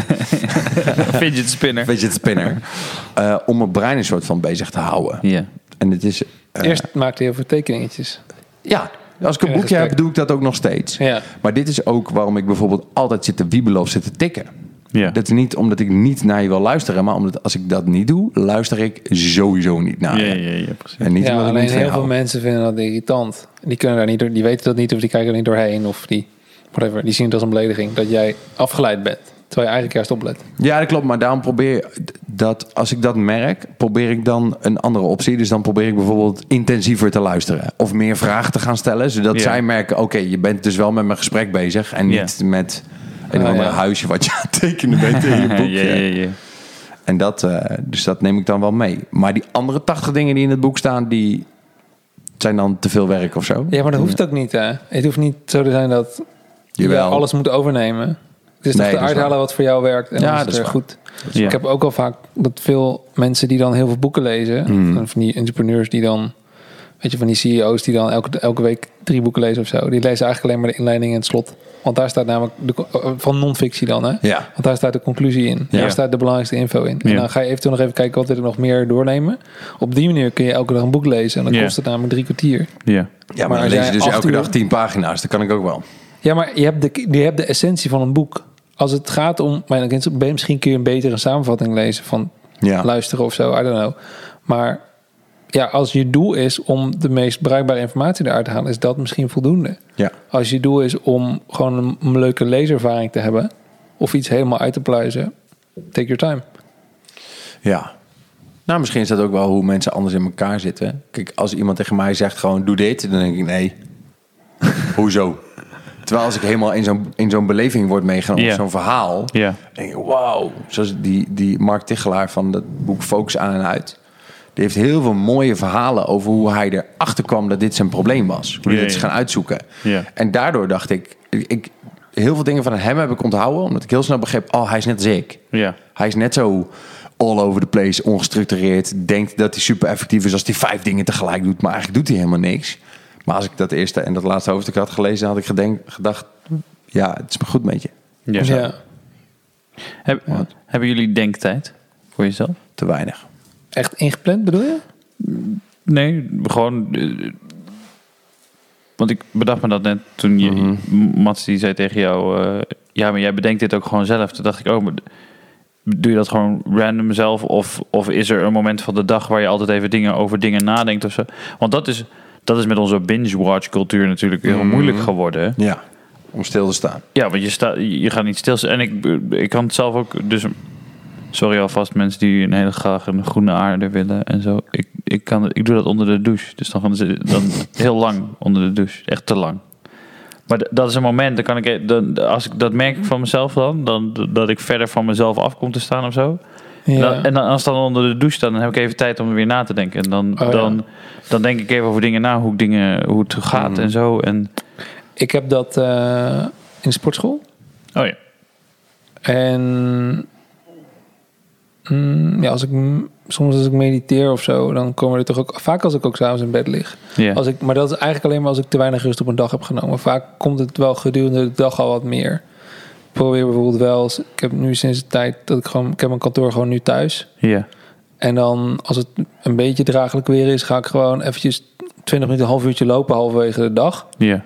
En eh, dat is ook wel heel relaxed. Even rust, even weg van het scherm. En ook even, ja, dan komen er soms wel weer wat dingetjes of zo. Maar het is niet dat ik echt denktijd inplan. Soms komt het ook, bij mij werkt het heel goed, gewoon ook zoals dit. Gesprekken, een beetje sparren met mensen. Eh, in, in mezelf, ja, soms komt ineens iets tot je, maar vaak loop je ook een beetje vast. Of zo. Dan zit je, blijf je een beetje in een hoek. En het is heel goed om, voor mij werkt het heel goed om, om ideeën en impulsen en kijkhoeken van andere mensen te krijgen, waardoor ik er zelf ook weer op een frisse manier naar ga kijken. Ja, Mij is het wel heel erg... eh, eh, ik vind dat heel ingewikkeld. Omdat ik mega snel afgeleid ben. En ehm, het heel erg bij mij past om leuke dingen op te zoeken... als ik eigenlijk moeilijke dingen moet voelen of bedenken. Dus tegenwoordig eh, doe ik gewoon een kwartier op een dag doe ik niks. En dat, dat we waren met het Enneagram bezig. En die man zei, wat, wat je type is heel erg gewend om te doen... is of als het saai is of zo, de muziek aan te zetten... of een film Ja. aan te zetten. Ik kan niet in stilte. Ik kan Ja. echt... Dit is het meest akelige wat er gebeurt als ik alleen in mijn huis ben... en er staat niks aan. oh ja. Ik was gisteren aan het lezen, Ja, een uurtje of zo. ja. En toen, toen, was dus ook, toen was ik zo net aan het lezen, dacht ik, oeh, Geen muziek. stil, Ja. heel stil. Toch, toch volhouden, ging eigenlijk wat chill. Ja. Maar het is fijner met, met eh, ja, maar het moet wel heel achtergrond zijn, heel rustig. Bij mij in ieder geval. Wat, muziek? Ja, als nee, het echt... helemaal niet. Nee? Oké, Ja. joy. Maar kun je dan lezen als iemand anders doorheen zingt? Eh, dat ligt eraan hoe interessant het boek is. Dus als het ingewikkeld is, dat is met, met, met dat brein. Als het ingewikkeld boek is, moet de muziek zacht of uit. Uh. of zachtjes, of rustigere muziek. Als ik een leuk boek aan het lezen ben, dan kan het gewoon lekker blije funky shit. Want dan kan ik ervoor kiezen dat het mijn achtergrond is of zo. Ja. Maar ik kan dan ook in één keer verdwaald raken in een of andere solo of een eh, muziek die, eh, die Ja. me boeit. En dan ben ik niet meer aan het lezen. dat is dan mijn tomatensaus die afgeleid raakt. En eh, Ja. Ja, ja, ja. dat. Nee, ik, eh, dat, ik moet echt, ik dwing mezelf echt nu op een dag. Ik vind dan dat ik moet gaan lopen en het bos in. En dat vind ik al ingewikkeld genoeg. Ja. Dus als ik dat doe, is dat een soort van bonus. Maar ik probeer nu iedere dag gewoon een kwartier telefoon weg, geen Ja. muziek, in een stoel zitten. Gewoon Zijn. uitzonen. Gewoon even, ja, niet per se zijn, maar gewoon mijn gedachten af te maken. Ja. Want dat, ik was daar al een beetje mee bezig, omdat ik merkte dat ik daar onrustig van werd. Maar ik vind dan dat ik moet mediteren en dat ik moet wandelen en dan wordt het allemaal veel te ingewikkeld. Moeten, hè? Dat. En toen las ik laatst een uitspraak. eh, hoe ging ook weer? Eh, dat de meeste problemen in de wereld voorkomen zouden kunnen worden als mannen gewoon met zichzelf in een kamer kunnen zitten zonder afleiding. Ja. En toen dacht ik, oh ja, De, de podcast Naval Ravikant bij John, John, Joe Rogan. Die vertelde dat. Oké. misschien, het is een quote ergens anders vandaan, maar ik heb het daar ook in gehoord. ja, volgens mij zag het in een plaatje, maar is is ja, volgens mij is het, is volgens een mij is het een quote. van, van een of andere van Aristoteles. Of, Ja. eh, The of, biggest eh, problem Ja, in volgens mij wel, ja. Ja, is that people cannot sit still in a room doing nothing. Ja. Ja. ja. Ja. Ja, most, ja. Ja, ik was aan het nadenken, zeg maar... Wat ik ook al zei over die teksten, zeg maar dat je dus je, je poep uit je teksten moet halen. Maar dat is ook eigenlijk gewoon in het leven een beetje zo. Ja. Zeg maar, je moet eigenlijk... Dat las ik ook ergens. Je moet, je moet eigenlijk een soort van red flags moet je, moet je eh, eh, eh, cultiveren in jezelf. Mhm. Dus dat is ook... Ze hebben het over onderwijs gehad. En dan lees je bijvoorbeeld een nieuwsbericht bericht en je zegt... eh, eh, eh, Nederlanders blijken steeds slechter in rekenen. En dan, dan in dat artikel dan wordt er over gepraat dat dat een probleem is met het onderwijs. En dat wordt je dan een soort van zo toegeschoven. En dan denk je, oké, er is een probleem met het onderwijs. Eh, we moeten beter leren rekenen, we moeten meer op gaan letten en zo. Ja. En dan moet je eigenlijk een soort van red flag. En denk je, oh, vind ik dit eigenlijk wel? En, en, Het wordt al ge- als een gegeven. ge- ja, Ja. precies. En, en, dus ook, de, en dus ook bij het woordje moeten, moet je een red flag hebben. Moeten? Hoezo? Moeten. ja, ook intern natuurlijk. Ja. Ja. En, en, maar zelfs bij, het woord, bij de woordjes de en het. Mhm.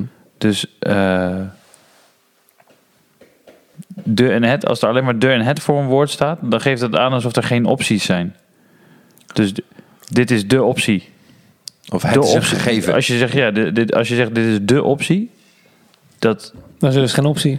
Nou ja, maar Nee. dat- dat- nee, precies. Dat is dan de ene optie. Ja. Terwijl dus als je dat woord ziet, moet je eigenlijk al denken, oké, eh, is dat wel zo? zo? Dus eh, gewoon echt van die, van die red flags, van, eh, om, om maar je eigen denken een soort van aan te zwengelen. En dus inderdaad te cultiveren dat je zelf meer gaat nadenken over dingen. Hmm. En, en niet om het maar moeilijker te maken en over alles bij alles stil te staan. Maar niet om. To be. Ja, Ja. nee, maar niet, dat- niet dat je gewoon maar het leven een soort van aan je voorbij laat gaan of zo. Hmm. En, en alles maar toegeschoven krijgt. Ja. Dat, daar is het ook allemaal te mooi voor of zo. Het is ook allemaal, het is allemaal te leuk.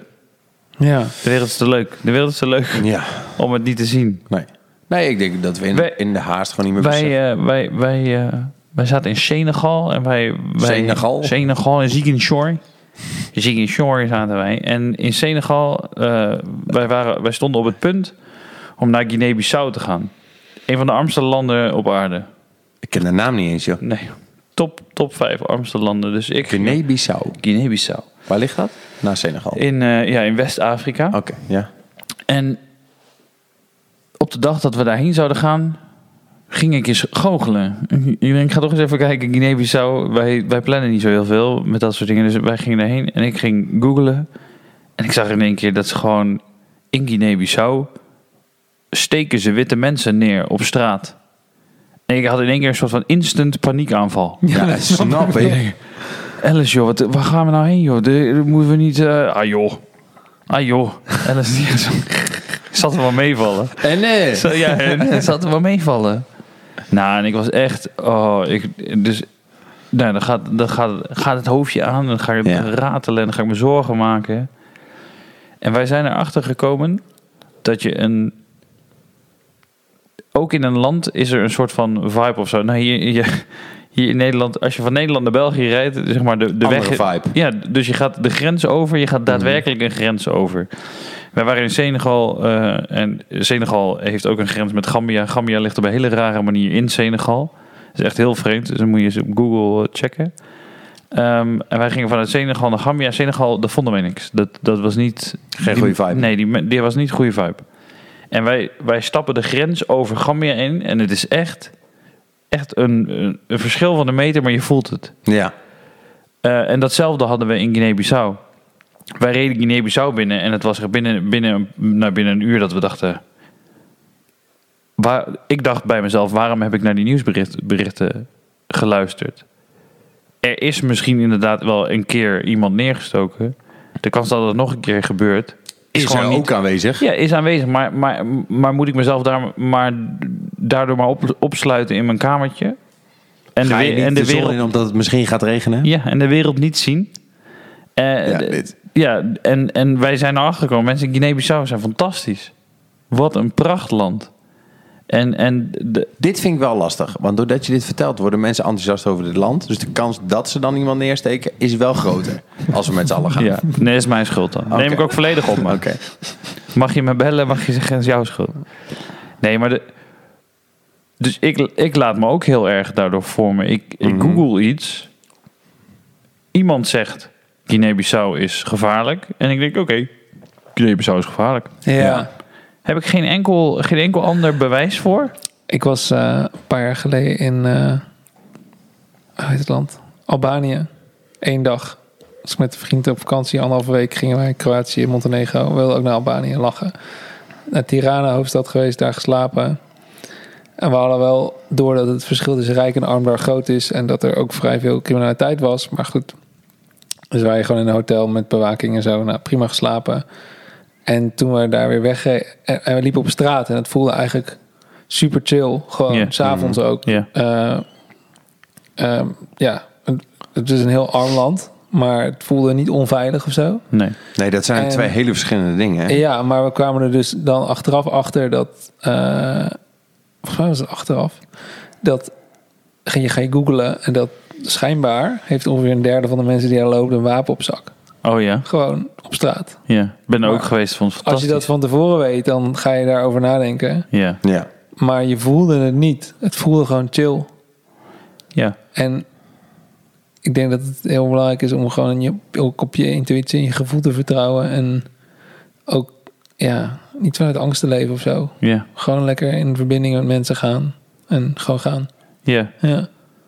Niet, ja, maar ook, ook, dat, ook dat zijn de lies we tell ourselves. Zeg maar, als je mij vraagt, wat, zijn de, wat, zijn de, wat is het vriendelijkste... Ja, we hebben mensen, voor wie dit geluid hoort, we hebben ook GoPro's, maar Ja, de Dus videobeelden de die we toch zijn- nooit online gaan zetten, die zijn eh, vol. zijn er niet mee Die gestopt. neem, ja, die, die, die nemen we alleen op voor onszelf. Ja. Gewoon om nog even naar onszelf te kijken. Ja, maar dus... Het vriendelijkste volk op aarde, wat mij betreft, van de, van de, die ik ontmoet heb... is of Indonesië of Marokko. ja, de mensen in Marokko zijn zo ongelooflijk gastvrij.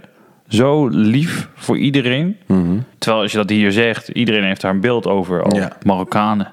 Marokkanen. Daar vind ik wat van. ja, omdat Maar- ze geïndoctrineerd zijn met hoe het hier in Nederland gaat. En Ik ga niet naar Marokko. Ik wil niet naar Marokko. Waarom zou ik naar Marokko? Nee joh. Ga naar een, klein dorpje in Marokko en je wordt, je, je wordt van straat geplukt door een oud vrouwtje om thee te komen drinken. En die zet gelijk een broodje op tafel met, met heerlijke olijfolie. Het is er niet, niet te film hoe dat daar gaat. Het is zo...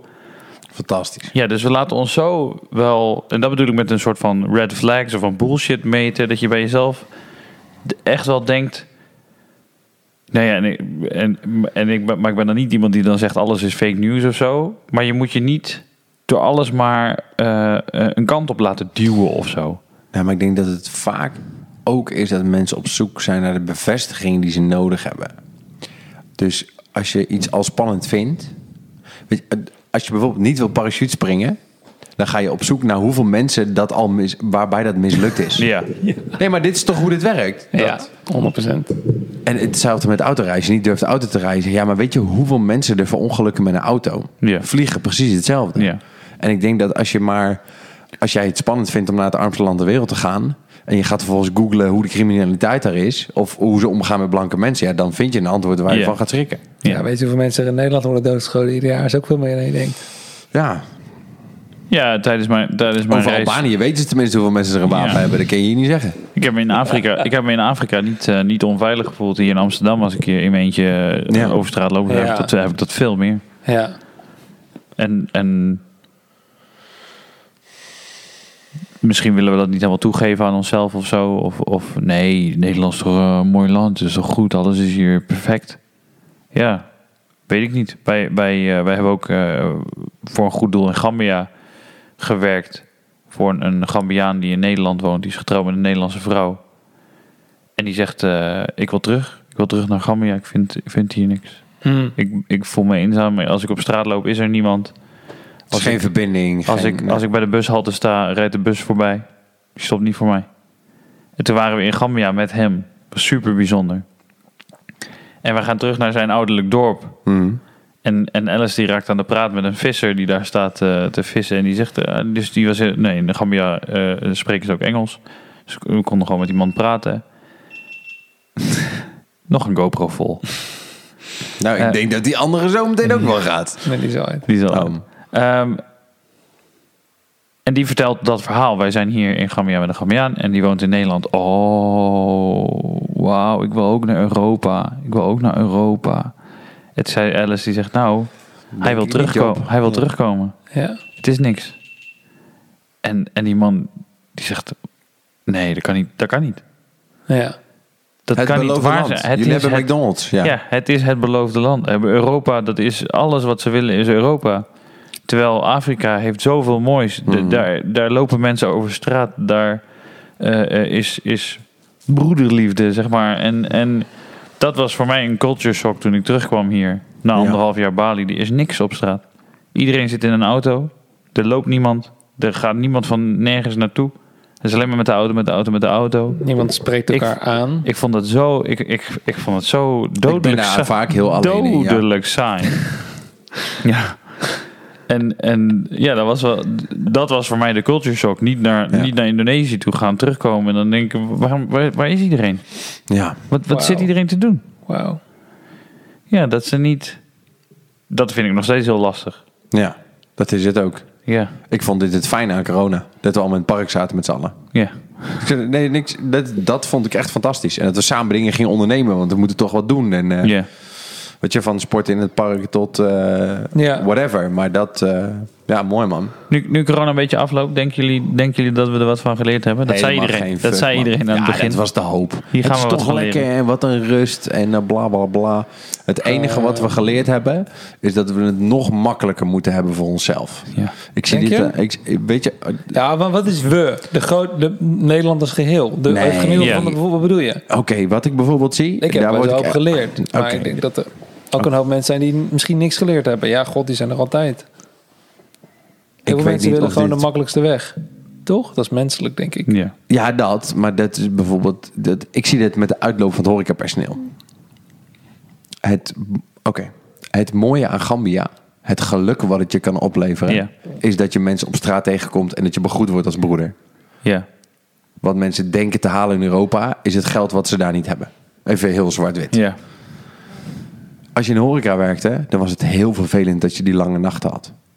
Maar je vergeet even wat voor beleving je mensen aan tafel bracht. Ja. En dan is het heel leuk om achter je laptop te gaan zitten en voor 15 euro voor de GGD af en toe de telefoon op te nemen. Ja. Maar daar word je niet gelukkig van. Nee. En dat is kiezen voor gemak en luiigheid. Ja. En dat is waar ik een beetje van schrik. Het is grappig dat je dat zei. We hebben dus voor dat goede doel. Zij, zij wilden logischerwijs, zij wilden een, ze waren bezig om een school te bouwen. Dus zij Mhm. wilden fondsen hebben daarvoor. Ja. En ehm, heb ik wat je nu vertelt, heb ik een beetje gebruikt om daar een, een campagne voor te bedenken, zeg maar. Ja. Zij zeiden, ja, we willen, we willen, eh, we zoeken sponsoren. Zei ik, nee, je moet het anders zien.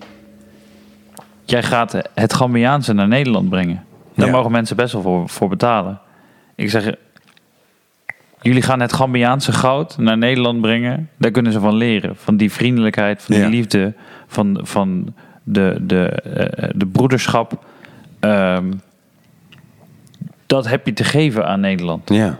Daar, daar moet je trots op zijn. Dat moet je met, dat moet je met, met trots ook brengen. Dus van, hey, je mag in die zin zeg maar, je, je mag je bijna abonneren op wat voor moois wij allemaal. Gambiaanse Ja. samenhorigheid. Ja. Ja. wat goed. Ja. Dus wij brengen het Gambiaanse goud naar Nederland. Wil je ons helpen om dat, om dat te doen? En, en, oh, en, en tegelijkertijd zijn we ook nog bezig om een school te bouwen. Want, want Gambia heeft ook wel inderdaad wat Nederlands nodig. Een beetje Nederland, Nederlandse fondsen en een beetje Gambiaanse liefde terug. Wat goed. Ja, het Gambiaanse goud. Dat is echt... eh, ja, daar leer je veel van. Van de culturen. Van, Ja, maar dat, dat... Ik doe het te weinig, reizen. ja. Zeker, da- daar baal ik het meest van. Ik was bij jullie geweest, toen dacht ik, nu ga ik de wereld ontdekken. En toen ging de hele wereld dicht. Corona. Carambas. Ja. dat was echt wel shit. Maar Ja. als dat... Ik was, ik was laatst vier dagen in Italië. Ja. En mijn probleem is dat ik dan altijd overal wil wonen als het ergens leuk is. dat, dat heb ik in Bali volgens mij Ja. Of Ja. in Indonesië in ieder geval. Jij was al aan het plannen hoe je, hoe je binnen een paar maanden Ach, terug ik kon dacht komen. dat mijn voorvader Indonesisch waren. ik voelde me helemaal senang. Zo is dat vroeger een Frans woord, maar dat is Ja. nu Indonesisch geworden. Maar ehm, dat je zoveel meer leert door opnieuw ontvangen te worden in een cultuur en met nieuwe mensen. En als ik dan zie hoe wij daarmee omgaan, is het toch wel even anders hoor. Ja. Al zijn het maar Italianen. Drie landen verderop. Als je niet aan tafel komt zitten, wat doe je hier dan? Ja. Kom lekker eten en Ja. gezellig en de hele avond en vertel en wijn. En, eh, Ja. ja, dat zouden we wat meer moeten leren van elkaar. Ja. Ja. Weet je, we hadden het net over, over, over eh, laten we zeggen, Marokko, Marokkaanse mensen in Nederland. Ik heb ooit een Marokkaanse huisgenoot ha- gehad. En van hem leerde ik heel erg het samen zijn. Ja. Samen koken, samen eten, op de vloer zitten, verbinden, praten. Familie, hoe gaat het met je? Weet je, dat. Dat heb ik echt van hem geleerd. Ja. Nou, en ik, en, ik, en ik ben ook wel, daardoor ben ik ervan overtuigd geraakt dat wij van de Marokkanen een kut Marokkaan hebben gemaakt. Te- Tegenwoordig zeggen zo mensen dat. Dat is omdat de, wij, wij hebben ze, ze niet laten integreren. Nee. Wij, wij, wij praten niet met ze. We, we weten niks van ze. We moeten ook niks van ze weten. Ja, tuurlijk ga je dan een tijdje... Ja, als iedereen jou als een, als een schoffie ziet... ga je ook als een schoffie gedragen. Je voelt je niet Ja, wij gehoord. scha- nee, je schat ja, elkaar niet op Ja, waarde. Hè? Je voelt je niet gehoord en dan, en dan ga je maar schreeuwen en dan ga je maar schoppen. Ja. Ja. Dat, is niet, dat is niet omdat er iets mis is met die mensen. Nee. Dat is omdat er iets mis is met hoe wij ze hier op hebben gevangen. We hebben ze hierheen gehaald en daarna volledig in de steek gelaten. Ja. Ja, dan moet je, dan moet je niet verwachten dat er iets heel... Dat is... De- de- Dat, dat is, je moet werken voor een wonder, hè? we hebben in, eh, in, in Estland, ik moet Mhm. in één keer denken aan een quote. We, we hebben in Estland hebben we bij een, eh, een rehab gezeten, de Village of Hope. Dat is een hele bijzondere plek ook.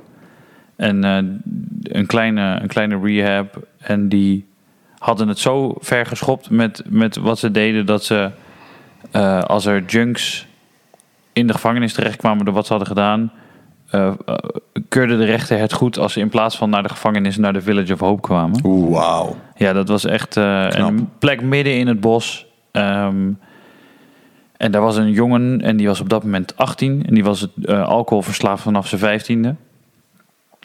En dus ik wilde zijn verhaal weten. Mhm. En ehm, dus ik heb de hele tijd met hem zitten praten. En hij zei in één keer, moet ik het even goed zeggen? What I don't understand is that they put me in a place with bad people and thought something good would come out. Dus ze, ze steken een jongen van, van 17, gooien ze in de gevangenis. En zij denken, daar gaat iets goeds van, vandaan komen. Dat kan gewoon niet. Nee. En dat is hetzelfde hier. Als jij, als jij begint te roepen kut Marokkaan, ja, dan, dan gaat hij zich daarna gedragen. Ja, dan worden ze het vanzelf. Ja, Ja, ja. terwijl dus Marokkanen zijn fantastisch. ja I know. Zulke Ja. lieve mensen. Zoveel liefde, zoveel gastvrijheid. Het is echt bizar. Ja. En dat vind ik wel scary of zo. Dat je, dat je door je eigen intolerantie, je komt in zo'n soort loop. Je bent Ja. intolerant, mensen gaan zich daarna gedragen en natuurlijk word je dan nog intoleranter. Ja, maar dat is, dat heel simpel. Ik zie dat met, met de, het is heel naar zeg maar, met de jeugd van tegenwoordig. Ik heb een aantal jongens lopen, die zijn echt fantastisch. Ja. Werken keihard, superleuk gasten, willen leren, doen ook, helpen elkaar, leuk team. Weet je wel? Natuurlijk zijn ze anders dan dat ik was toen ik jong was, maar in de basis superleuke gasten. Maar wat wij nu doen, is zeggen dat onze kinderen niks meer willen en niks meer willen leren. En deze generatie is, en dat zeggen we elke fucking generatie. Ja. Waardoor die gasten dus allemaal... Dus wat er een soort van gebeurt, dat zie ik met ouders, hè. Dus jongeren willen nergens meer voor werken, maar we moeten toch voor ze zorgen. En ze willen steeds meer. Nou, dan moeten we ze dat maar geven, want anders wordt het vervelend. Ja. Dus dat wordt een soort van opboxmomentje. Ja. Terwijl Ja, ik nog en- steeds ook jongens heb, als ouders zeggen... luister, als jij een jas wil van 750 euro, dat is prima vriend. Maar weet je hoeveel uur je daarvoor moet werken? Ja. Ja. maar dat is denk ik ook wanneer, wat je net zegt, van al- als we het ze maar geven en dan worden ze niet meer moeilijk, Mm. dan ga je dus precies creëren wat je niet wil creëren. Ja. Mensen die, dan wordt namelijk el- elke generatie steeds zwakker. Ja. Want mensen leren niet meer ergens zelf voor te werken. Nou, Ja. dat En schijnt een soort van parabool te zijn. Eh, hebben ze onderzocht dat ehm, ouders die het heel zwaar hebben gehad, eh, Paradox. maken hun kinderen heel. Oh. Oh, sorry. Oorzaak-gevolg. Ik Ja. weet niet even het goede woord. Ouders die het heel zwaar hebben gehad, maken hun kinderen heel makkelijk. Dan zien die kinderen dat en hebben die ouders het door dat ze dat verkeerd gedaan hebben. Dan hebben ze het daar met elkaar over. Dan denken kinderen, of die generatie denkt, daar hebben we dus niks van geleerd. En wordt vervolgens weer streng in de opvoeding van hun eigen kinderen. En dat is een soort van. Dus we gaan binnenkort weer onze kinderen slaan. Ik heb mijn slippers al besteld. Lijfstraffen komen terug, mensen. Maar uiteindelijk is denk ik. Nou ja, wat jij net zegt over. Weet je, Marokkanen het zijn zulke lieve mensen en wij ontvangen ze niet met genoeg liefde. Ik denk dat dat uiteindelijk wel de Essentie is. essentie is. Ja. Mhm. Gewoon meer acceptatie, liefde. Naar alles en iedereen. Ja. Ik heb nog wel voor vandaag mijn laatste... Oké, en afsluiter. voor, ja, voor vandaag Mensen- mijn laatste beetje wijsheid. Mijn laatste beetje wijsheid van... eh, voor, van voor, voor de strijders die nog Ja. bij ons zijn, 3,5 uur. Zeven weken later, omdat jullie de afdeling in delen hebben geluisterd. ja. Ja. Eh, mijn laatste beetje wijsheid van Alice. Zoals ik al zei aan het begin, toen, toen ik hier aankwam, ik zei: Je hebt eigenlijk de verkeerde de Frankrijker hier eh, uitgenodigd. Alice heeft de echte wijsheid in eh, pacht. Wil ze niet horen. Gaat ze je ook niet vertellen, dus dat doe ik.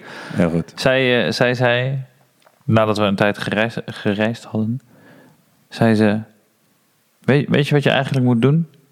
Als je, als je het gevoel hebt dat je iets mist in je, in, je, in, je, in je eigen zijn, dan moet je op zoek naar de cultuur die dat heel erg heeft. En dan daar een half jaar gaan wonen. Oh, wauw. Als jij het gevoel hebt dat je niet eh, assertief genoeg kan zijn, moet je een half jaar in Amerika gaan wonen. Ja. Als jij het gevoel hebt dat jij wel een beetje liefde en gastvrijheid kan gebruiken, moet je een jaar in, of een half jaar in Marokko gaan wonen. Want daar word je door aangestoken. Ja, daar kun je, Dat- niet, daar kun je niet uit. Nee, Klopt. precies. Als jij niet weet hoe je met familie om moet gaan, ga lekker naar Italië. Ga Ja. inderdaad, d- Dan word je wel aan tafel getrokken. Ja. En, dat, en toen dacht ik, wauw, dat is inderdaad wat je niet hebt. Zoek, zoek in Ja. welk Gaat land halen. ze dat hebben Ja, gaat halen. Slim. Fantastisch. Fra- Ja. We hebben echt verkeerde Frankrijk uitgekomen. Ja. Doe er drie uur om Ja. achter te komen, maar we hebben genoten. Ja. Sorry dat jullie drie uur hebben geluisterd naar mij. Eh, Nee, Martijn, oprecht. Ik, ik heb ontzettend genoten. Ja. Ik ook. vond het heel leuk. Fantastisch, dankjewel dat je er Ja. was. Thanks man. Cheers. Heel tof dat je luistert naar de Bewonderaars podcast. Voor meer informatie over onze gasten, dingen die we besproken hebben, check de show notes op bewonderaars.nl. Heb je met plezier zitten luisteren en vond je het inspirerend? Deel het op je socials, abonneer je op Spotify en volg ons op Instagram, @debewonderaars. Als je vragen hebt, slide in onze DM. Tot de volgende keer.